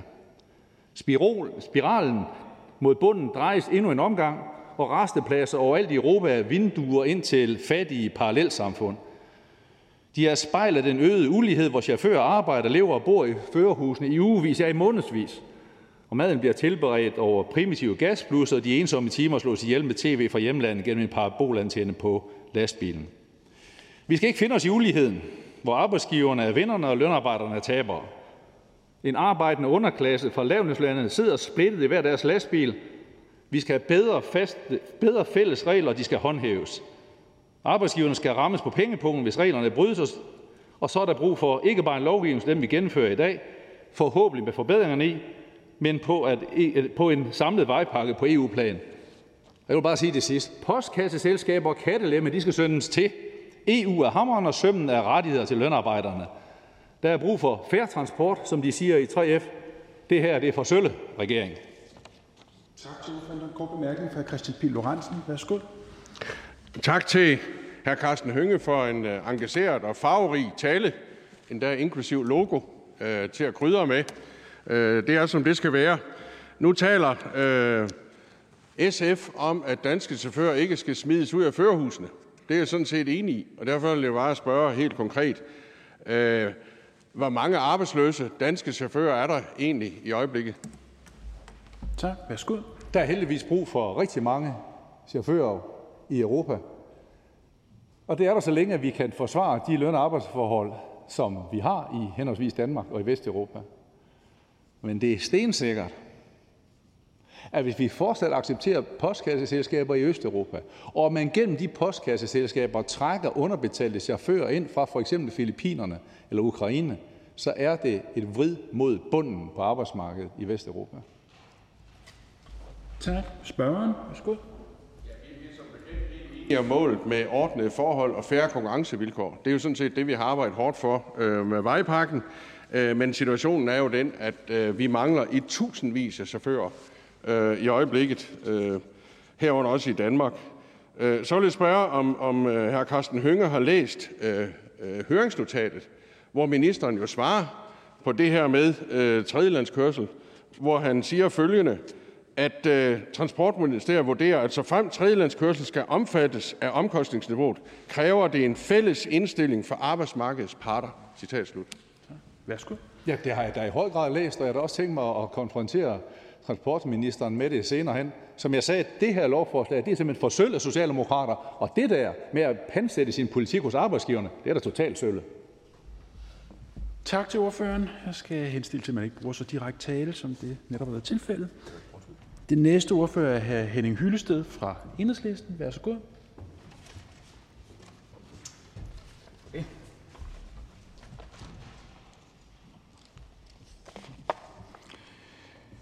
Ja, øh, jeg vil øh, slå ned på to ting øh, omkring det her lovforslag. Først lidt omkring øh, 11 kilos reglen. Øh, det har vist sig, Øh, at det er en regel, der ikke lader sig kontrollere, hvis man skal tro dem, der kontrollerer det, nemlig politiet. Det lader sig ikke kontrollere, og der er rigtig mange omgåelsesmuligheder. Øh, det fremgik meget tydeligt af den øh, oversigt, vi fik vist i Transportministeriet her i sidste uge, tror jeg det var. Øh, vi synes jo, at man skulle tage at lade fornuften råde her. Det, er jo ikke, det dur jo ikke at have regler, der ikke lader sig kontrollere. Øh, de, er jo, de er jo lige så gode som ingenting. Reglen kom jo ind i sin tid øh, på et ønske fra ikke mindst øh, Dansk Avisomdeling. Det er jo, øh, men vi synes jo, at man måske i stedet for skulle lytte til øh, for eksempel de varebilstransportører, som forsøger at skabe ordentlige forhold. De holder meget til i DTL, øh, og øh, de, har, de, har, de har orden i tingene, og øh, kan jo dagligt næsten berette om, hvordan øh, reglerne omgås, og hvordan de er udsat for unfair øh, konkurrence. Og det er det, det handler om. Det handler om at have fair konkurrence, og det handler om social dumping, som er et udbredt fænomen på det her øh, varebilstransport. Jeg synes også, man skal gøre opmærksom på, eller være opmærksom på, og det, det gør DTL også i deres høringssvar, at de faktisk siger, at forøgelsen af vægtgrænsen, som også er en del af det her lovforslag, på varebiler fra 2 Øh, 2.000 kilo til 2.500 kilo jo er en del af et kompromis i forhold til netop 11-kilos-reglen. Øh, og det synes jeg måske nok, man skal, øh, man skal bemærke sig, og, og derfor også, synes jeg, komme til fornuft omkring 11 timers regel. Så er der den anden del, som er implementering af vejpakken, og jeg kan til fulde tilslutte mig øh, hr. Carsten Hønges øh, bemærkninger omkring det her. Det er klart, at det er høringssvaret øh, fra 3F, som påkalder sig opmærksomhed. Øh, man kan sige, at lovforslaget her, som skulle implementere vejpakken, øh, omfatter jo alene kapotagekørsel og kombineret transport. og det indeholder ikke tredjelandskørsel, og det er på trods af, at det var det, man kan sige, der, der, der, var hele udgangspunktet, som skabte hele situationen, der gjorde, at vi nu øh, har ind, øh, dels ændret i godskørselsloven med henblik på øh, øh lønniveauet for, øh, for og arbejdsforholdene for udenlandske chauffører, og den øh, udtalelse, eller hedder den vedtagelse V5, som også hr. Carsten Hønge har citeret fra. Vi synes egentlig, at EU's regler her er ret klare, når man kigger på udstationeringsdirektivet. Det er kun regulære bilaterale øh, transporter og transittransporter, der er undtaget fra øh, udstationeringsdirektivet. Men reglerne gælder altså for både kabotage og kombi, det er med i lovforslaget, men det gælder også for det, de kalder, det man i EU-sprog kalder ikke bilaterale transporter, det er det, vi andre kalder tredjelandskørsel. Og hvis man er i tvivl, så kan man jo kigge i, øh, i udstationeringsdirektivet, kigge i præambel nummer 13 og 14 omkring løn- og arbejdsforhold, og nummer 22, øh, som omtaler kontrol med udstationeringsreglerne. Øhm, øh, øh, i, hvad hedder det, I høringsnotatet, der er det jo også ligesom om, man fra Transportministeriet erkender, at ja, okay, det er måske ikke så smart. Så man kommer ind på det, og man afviser jo ikke at medtage tredjelandskørsel en gang i fremtiden, men det kræver, som også øh, øh hvad hedder det, argumentationsudveksling mellem hr. Christian Pihl Lorentzen og hr. Carsten Hønge viste, det kræver en henvendelse fra arbejdsmarkedets parter. Jeg synes selv lidt, det er en lidt søgt begrundelse, øh, når DA og for den sags skyld også DI, øh, transportområdet, selvom de er lidt mere uldne, vil jeg sige, i deres høringssvar, men jeg synes, det er en lidt øh, søgt begrundelse, når man, når man bruger det, øh, fordi hele øvelsen her er, øh, går jo ud på at forsøge på at dæmme op for, for løndumping og social dumping i det hele taget. Det handler om at regulere øh, lønforholdene, også ved tredjelandskørsel, og det har der egentlig aldrig været tvivl om. Så vi synes, der er en mangelfuld implementering her af, øh, øh hvad hedder det, af vejpakken, Øh, og vi er ret sikre på, at det her øh, det fører til en eller anden form for åbningsskrivelse. Og derfor synes vi også, og det vil vi i hvert fald satse meget på i udvalgsarbejdet, der vil vi sætte fokus på det her med tredjelandskørsel, og vi vil, vi vil have en gennemgang af, om det her virkelig er den implementering, der, der skal finde sted øh, med, af, af vejpakken i, øh, i blandt andet i godskørselsloven. Mange tak til ordføreren. Der er ikke nogen korte bemærkninger. Næste ordfører er hr. Niels Flemming Hansen fra Det Konservative Folkeparti. Mange tak skal I have. Ja, og tusind tak øh, for det. Jeg skal gøre det kort, for meget er jo allerede øh, blevet sagt i denne debat, øh, og jeg tror, at mange af jer husker mine holdninger til godskørselsloven sådan i generelle termer. Vi glæder os til at følge udvalgsbehandlingen og stiller os i, i første omgang positivt i forhold til den første del, altså implementeringen af, af EU øh, og, og øh, vil sige, at vi vil også følge det her cross-trade, øh, som, som der ligger i det her, som, som DTL jo har været meget fremme med. Den anden del omkring øh, 11 kilos reglen øh, tror jeg heller ikke, der er nogen tvivl om, at som den ligger i øjeblikket, så kan vi ikke støtte den.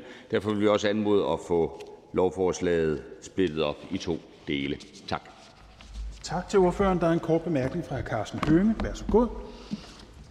Jeg kan næsten ikke forestille mig andet end, at hr. Niels Flemming Hansen gå ind for en fair konkurrence mellem virksomhederne. Det er utrolig svært for et, øh, et erhvervsliv i et land som Danmark, som er et højtlandsland, og kan, kan begå sig i konkurrencen med andre lande øh, og mellem hinanden, hvis man ikke sørger for ligesom at ligesom have en form for, for færre vilkår at konkurrere på. Hvordan mener de konservative så egentlig, at man skal stille sig, når en arbejdsgiverorganisation her øh, netop siger, at tredjelandskørsel det skal følge niveauet for de lande, hvor i transporten udføres? Er det simpelthen en krumtap i den her argumentation om at få fair og lige konkurrence mellem virksomhederne, at der ikke er nogen, der skal føle sig fristet til, som vi så det i Kurt Beyer-sagen og Padborglejren. Nu var Kurt Beyer-sagen jo ikke en, øh, en dansk sag, det var jo en tysk kørsel, som, som lå i det der. Men det ændrer jo ikke ved, at det hører til under EU's øh, vejpakke. Jeg vil øh, sige det sådan, at vi går ind for færre og rimelige arbejdslønvilkår. Det tror jeg heller ikke, der er nogen, der er i tvivl om og, øh, og ser, jo også, øh, ser jo også netop den her mulighed for behandlingen, som jeg sagde, at få uddybet spørgsmålet omkring cross-trade, altså tredjelandskørsel.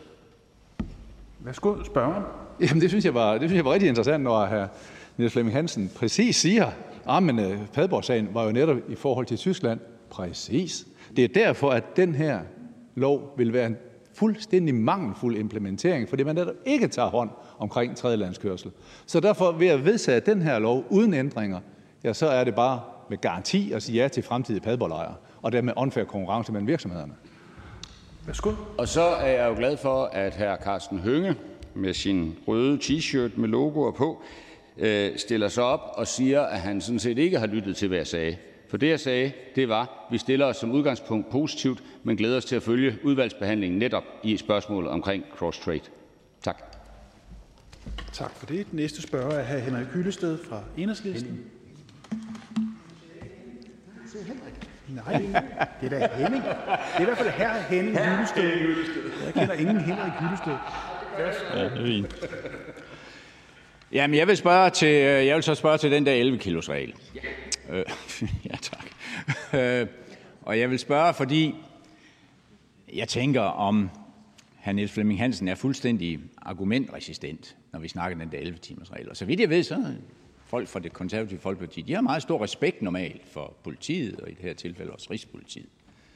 Og når de argumenterer med, at det her, det kan vi ikke kontrollere, og der er så mange omgåelsesmuligheder. Vi har set eksemplerne i sidste uge på et møde over i Transportministeriet, hvor han Niels Flemming Hansen desværre ikke var til stede, men jeg vil da opfordre ham til, at, hvis der gives en lejlighed, til at indfinde sig og, og, og, og være med til at se, hvordan det faktisk kan omgås, og hvor umuligt det er at kontrollere.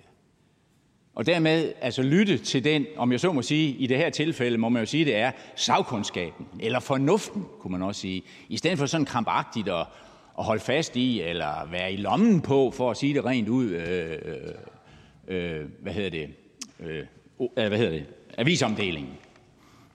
Værsgo. Jeg er nu glad for at blive beskyldt for at være i lommen på avisomdelingen. Øh, det er jeg nødt til at sige. Øh, jeg er ikke i lommen på nogen, og slet ikke avisomdelingen. Øh, men hr. Henning Hyllested har fuldstændig ret i, at der var et møde i sidste uge.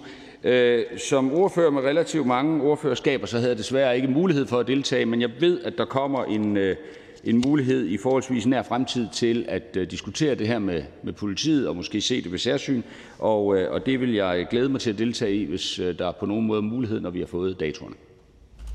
Tak for det. Hr. Henning Hyllested. Ja, men selvfølgelig kan det virke som en lidt en grov beskyldning, når man siger, at man er i lommen på, men det er jo fordi, at vi her har, gjort, har, har at gøre med, at politiet på den ene side, som er dem, der står med fingrene i dejen, om jeg så må sige, meget, meget tydeligt fortæller os, at det her, det lader sig ikke kontrollere. Synes hr. Niels Flemming Hansen virkelig, at det er fornuftigt at have regler, lovgivning for den sags skyld, men regler, som ikke lader sig kontrollere, og som der er rigtig, rigtig mange omgåelsesmuligheder fra. Og det er jo altså ekspertisen, der siger, at det forholder sig sådan. Tak. Værsgo. Nu er jeg nødt til at sige, at øh, nej, det ved hr. Henning Hyllested også godt, jeg ikke gør. Og når vi så taler om at være i lommen på folk, så er jeg nødt til at sige, at der findes fagbevægelser her i landet, som har nyt rigtig, rigtig godt af godskørselsloven og dens ikrafttrædelse. Alt for godt. Der er jo tale om et monopol til en bestemt fagforening. 11-kilosreglen har været et boldværk mod, at lovgivningen fik endnu mere vidtgående konsekvenser. Og 11-kilosreglen giver i dag varebiler mellem 2, og 5, 2 kilo og 3500 kilo, der leverer mindre pakker eller gods på maksimal 11 kilo stykgods, muligheden for at være undtaget af tilladelseskravet for godskørselsloven. Så tal ikke til mig, hr. Henning Hyllested, om at være i lommen på nogen. Jeg bliver fornærmet. Tak til ordføreren. Selv tak. Der er ikke flere korte bemærkninger. Den næste øh, på talerstolen er transportministeren. Værsgo. Det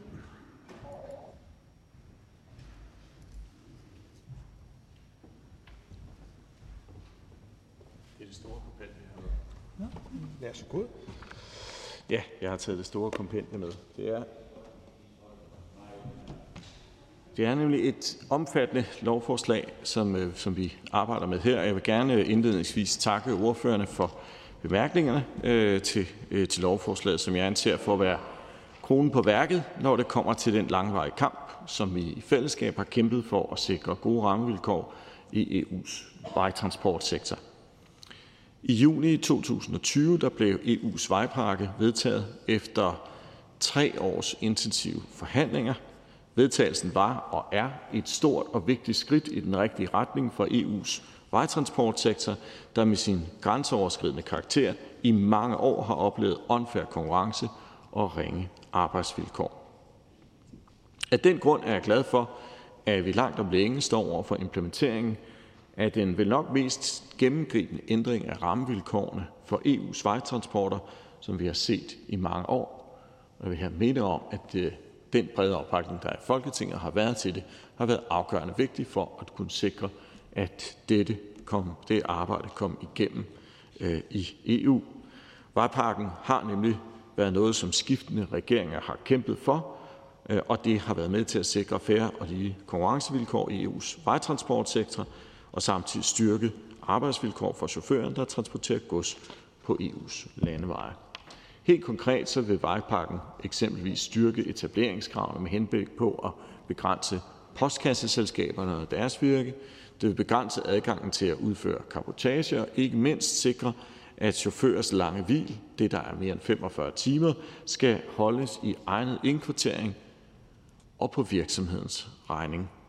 Herudover så vil det der med vejpakken blive klart defineret, hvornår chauffører anses for at være udstationeret.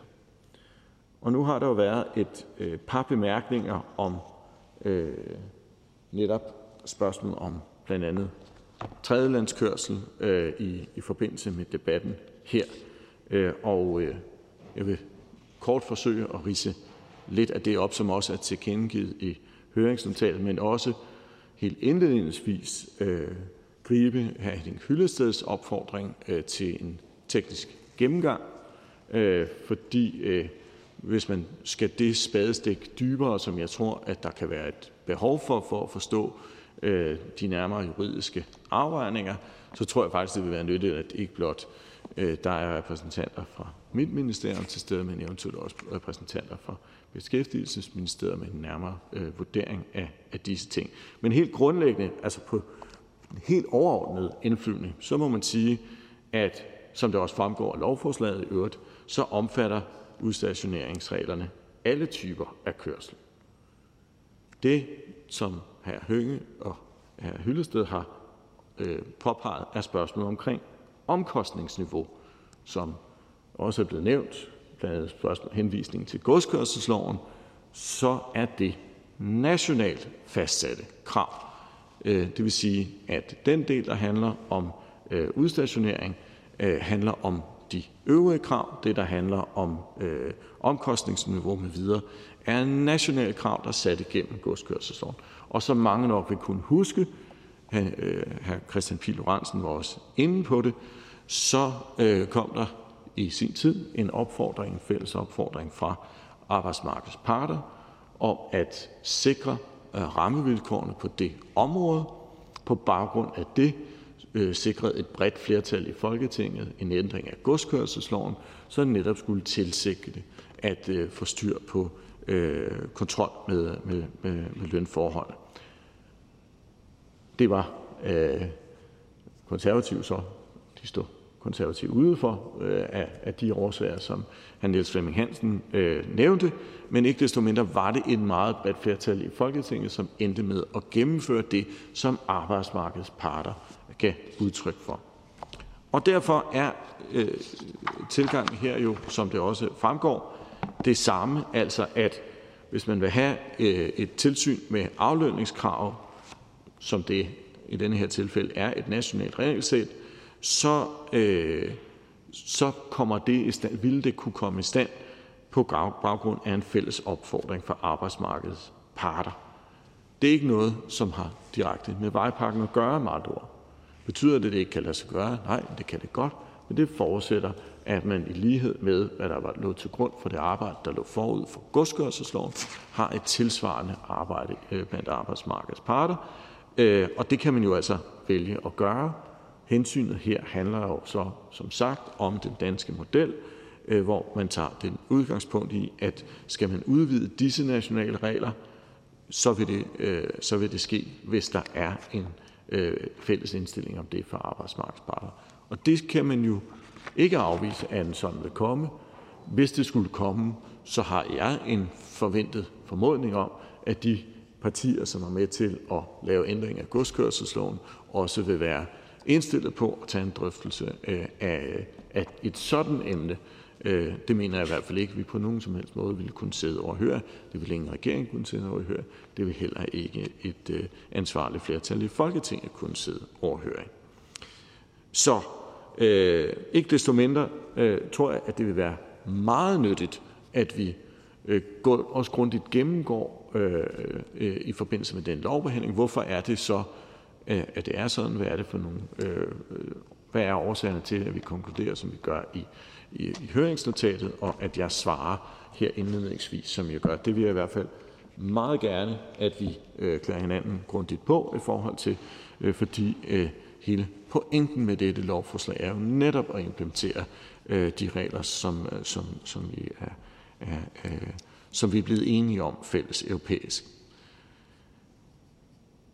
Og så måske også bare sige, at øh, meget væsentligt er det jo selvfølgelig også, at vi med vores arbejde i Danmark også sikrer, at andre lande også gør tilsvarende, øh, og dermed jo altså sikrer, at det er i hele Europa, at de her regler kommer til at gælde. Øh, og derfor øh, er vi selvfølgelig også ekstraordinært opmærksom på, at vi implementerer øh, denne pakke, denne, denne EU-pakke, øh, så præcist og nøjagtigt som muligt. Øh, og derfor kan jeg også øh, med sindsro give garanti for, at hvis der er det mindste, øh, han Hensted øh, nævnte nogle emner, som øh, øh, man gerne vil have øh, øh, vurderet, det vil vi naturligvis sikre, fordi der er, vi har kun den ene interesse at sikre, at vi er duksende i klassen, bogstaveligt talt, fordi med vores øh, Øh, eksempel vil vi også kunne påvirke andre lande øh, til at, at gennemføre EU's vejpakke på en, øh, en så præcis måde som muligt. Det er trods alt også Danmark, som har været øh, øh, i høj grad primus motor for, at vejpakken i første omgang kom i stand. Nå, Øh, det var lidt om det. Som følge af vejpakkens nye krav om tilladelse til international godskørsel i varebil, så har jeg fundet det hensigtsmæssigt også at fremsætte forslag til ændringer i de nationale varebilsregler i samme ombæring. Formålet med lovforslaget er derfor dels at implementere vejpakkens bestemmelser i dansk ret, dels at ændre de nationale varebilsregler, således at de i højere grad stemmer overens med de EU-krav, som vejpakken indfører – Herudover vil ændringen af de nationale varebilsregler være med til at sikre lige konkurrence for alle, der transporterer gods for fremmed regning i varebiler over 2.500 kg, uanset vægten på den pakke, der transporteres. Og her havde jeg jo nok håbet på, at en større del af Folketingets partier havde udtrykt opbakning til forslaget om at ændre de nationale varebilsregler, særligt for den borgerlige del af Folketinget savner jeg opbakning til at sikre lige konkurrencemuligheder og lige konkurrencevilkår, noget som er eksplicit øh, ønsket også fra en del af transporterhvervets organisationer. Jeg troede faktisk, at lige konkurrencevilkår var en mærkesag for de borgerlige partier.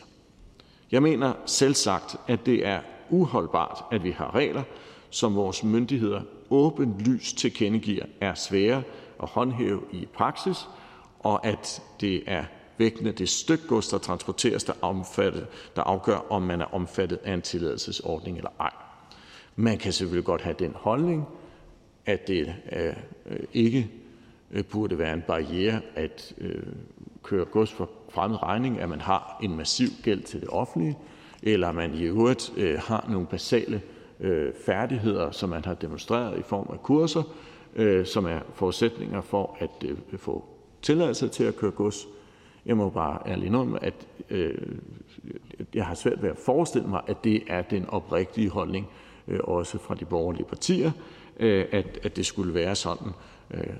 Jeg har faktisk sådan det udgangspunkt, at, at jeg altid har antaget, at også borgerlige partier vil foretrække, at man ikke skyldte øh, væsentlige penge til det offentlige, og man havde øh, almindelig, at man levede op til sådan en almindelig god øh, handel og vandel øh, øh, praksis osv.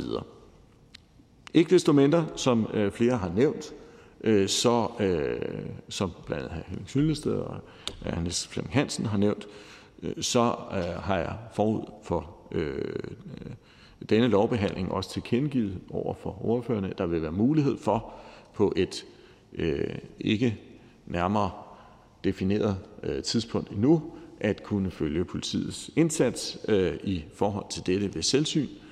Den slags ting kommer jo uforberedt, øh, og, og, og det er sådan set en del af formålet med kontrollen, at man skal ikke vide, hvornår den er der, men jeg er overvist om, at vi skal finde en mulighed, hvorpå at man også ved selvsyn ved feltstudier har muligheden for at kunne sætte sig ind i de konkrete komplikationer, der gør, at 11-kilosreglen i praksis ingen effekt har, ikke kan kontrolleres. Og jeg kan så også allerede nu, for ikke at øh, ødelægge nogens forventninger, sige, at jeg har endnu til gode at se pizzaleverancer foretaget med øh, varebiler over 2.500 kilo. Øh, det er, er også sådan, at det stadigvæk øh, står for mig som en gåde, hvor man i landet skulle lave avisdistribution med øh, biler, der vejer over 2.500 kilo. Øh, og derfor har jeg stor respekt for, at man øh, gerne vil til gode se pizzakørsel, øh, øh, avisdistribution og forskelligt andet. Øh, jeg er den klare overbevisning, at ved at sætte øh, Øh, vægtgrænsen ved 2.500 kilo, har vi fundet lige præcis den balance, der gør, at man til gode ser de hensyn, som rigtig mange af de borgerlige ordfører har været bekymret for, og på den anden side sikrer, at man ikke snyder øh, på vægten, når det handler om, øh, om, om, om, om kørsel med gods fra fremmed regning. Det betyder ikke, at vi ikke godt kan tage en drøftelse af de her ting mere konkret. Det kan vi jo så gøre i det følgende, for det kan jo godt være, at der er andre forslag fra borgerlig side til, hvordan man i givet fald ville kunne indhegne det her. Men det er ikke sådan, at jeg som minister er argumentresistent. Jeg vil dog mene, at det vil være fordel, hvis man så også argumenterer med nogle øh, bekymringer, øh, som, som der faktisk er øh, om jeg så må sige, og undskyld det ordspil, udspil, lidt gods i. Øh, altså, at der faktisk er et, en bekymring, og, og her der skal vi nok finde noget andet end, end pizzaerne, øh, for at være øh, ganske, medmindre man spiser nogle helt utrolig store familiepizzaer, øh, vel sagtens. Nå, ikke desto mindre. Det har været en rigtig god debat. Det har ridset nogle af problemstillingerne op. Det viser, at der er et behov for, at der er noget af det her, vi borer yderligere ud, at vi meget, meget grundigt kigger på øh, disse spørgsmål, der handler om, hvor er det, der er noget, der handler om vejparken, og hvor er der noget, der er afgrænset i forhold til, til den danske arbejdsmarkedsmodel. Det øh, sørger jeg øh, for at få foranstaltet så hurtigt som overhovedet muligt, at vi kan øh, få det øh, uddybet, fordi det skal vi naturligvis have uddybet, og derfor vil jeg på nuværende tidspunkt sige øh, tak for bemærkningerne, og jeg ser naturligvis frem til den videre behandling her i Folketinget. Tak til ministeren. Det gav anledning til forløbig tre korte bemærkninger. Den første er fra hr. Carsten Hønge. Regeringen må beslutte sig for, hvilken side man står på. Og jeg synes ikke, det skulle være særlig svært, når man nu er socialdemokrat. Jeg er inde på, jeres hjemmeside, inde på Socialdemokraternes hjemmeside, hvor man også skriver, lastbilchauffører lever kummelige vilkår, øh, kummelige liv på danske og europæiske restepladser, fordi de bliver udnyttet af vognmænd, der går helt til kanten af, hvad man kan tillade sig. Og jeg synes også, at man må beslutte sig som regering. Vil man overholde den vedtagelse, som vi vedtog her i Folketinget i 2018, den der var V5, hvor der står, i EU-forhandlinger skal regeringen lægge afgørende vægt på danske løn- og arbejdsforhold i forbindelse med, og det første, der bliver nævnt, er tredjelandskørsler. Så kommer det bagefter kabotage og kombitransporter i Danmark. Og dertil kan vi så lægge høringssvarene fra 3F. Det er de mennesker, der faktisk sidder i førerhusene fra FH, der organiserer lønmodtagerne i Danmark, og også fra arbejdsgiverorganisationen DTL. Så hvilken side står regeringen på? Er det virkelig over i den ene organisation, der mener, kan sætte en stopklods for det her, nemlig Dansk Arbejdsgiverforening, der allerede i høringssvaren har sagt, at de ikke har tænkt sig at bidrage til en løsning? Tak. Ministeren? Vi står på linje med den danske model, naturligvis, og står fuldstændig på mål for den. Og det er jo så også derfor, det er denne regering, som heldigvis med meget bladet flertal i Folketinget har gennemført godskørselsloven, som lige præcis sikre og indfører øh, de, øh, det tilsyn, der er med, med afledningskrav. Det er et nationalt regelsæt, øh, og det er et nationalt regelsæt. Ja, det kan godt udvides, øh, men da det ikke handler om EU-vejparken, men derimod om øh, national regelsæt, som er blevet indført på baggrund af øh, en øh, opfordring fra øh, arbejdsmarkedets parter, jamen så er det jo klart, at øh, regeringsdør står fuldstændig åben for at arbejdsmarkedets parter måtte blive enige om noget sådan i forbindelse med, det kunne være en forhandling eller andet, øh, og det skal ikke være nogen øh, tvivl om, at jeg så selvfølgelig også har en forventning om, at det flertal, meget bredt flertal i Folketinget, som i sin tid var klar til at lægge med stemmerne til, at vi kunne gennemføre godskørselsloven, det, det var et noget kompliceret forhandlingsforløb, men det lykkedes dog til sidst, at det flertal det også vil være klar til at øh, følge en tilsvarende opfordring, skulle den komme. Værsgo, spørgeren. Altså, jeg giver ikke meget for den der henvisning til den danske model i den her sammenhæng, for hvis det virkelig skulle være så vigtigt for ministeren, hvordan kan Socialdemokratiet så stemme for V5 i 2018, der udtrykkeligt skriver, at vi skal have tredjelandskørsel omfattet af danske løn- og arbejdsforhold, hvis det nu det var så vigtigt. Det viser, at det er et, øh, et skinneargument. Sagen er her, at hvis man ikke sætter sig ud over, at Dansk Arbejdsgiverforening har tænkt sig at være stopklods, ja, så sker der ikke noget af det her. Derfor må man da som regering sige, at vi står ved den vedtagelse V5 2018, og i øvrigt de bekymringer, som de her organisationer kommer med. Og den sidste ting, jeg vil sige, det er bare, hvad med lige at forholde sig til det, som øh, næstformanden i Godsforførens Landsklub under 3F, Robert Grant Jacobsen, siger, at det eneste, den her lov sikrer, det er flere padboldejere. Værsgo, ministeren. Vi kan jo ikke handle på mavefornemmelse. Det kan godt være, at hr. Carsten Hønge foretrækker det. Vi er jo nødt til at tage udgangspunkt i den danske model og de klare juridiske afgrænsninger, der er i forhold til det. Og derfor så lad os få det her afklaret, sådan også at hr. Carsten Hønge føler sig tryg i det her. Og så må man jo klart opfordre arbejdsmarkedets parter til at blive enige om, hvis det her er så vigtigt, så må vi jo få forhandlet på det. Men det er jo derfor, vi har den afgrænsning, vi har. Det er også derfor, vi har gennemført en godskørselslov på opfordring af arbejdsmarkedets parter. Tak. Næste kort bemærkning er fra hr. Henning Hyllested. Værsgo. Ja, altså, der findes jo faktisk øh, en vejledning, EU's vejledning for vedrørende national implementering af og information om udstationeringsregler, lønvilkår og fair konkurrencevilkår, som det hedder så knudret i det sprog dernede. Men det der dokument, det viser jo rigtig klart, hvordan EU's kontroldirektiv og EU's udstationeringsdirektiv faktisk skal udmyndes. Og herunder altså, hvordan, øh, hvordan man håndhæver, øh, Øh, at medlemsstaterne efterlever betaling af den såkaldte sektorspecifikke lønsats øh, for udstationerede arbejdstagere. Og der mener jeg altså, at det, det, det, det, står ikke, det, det er ikke helt i overensstemmelse med den argumentation, som ministeren bruger om, at det her det er rent nationalt.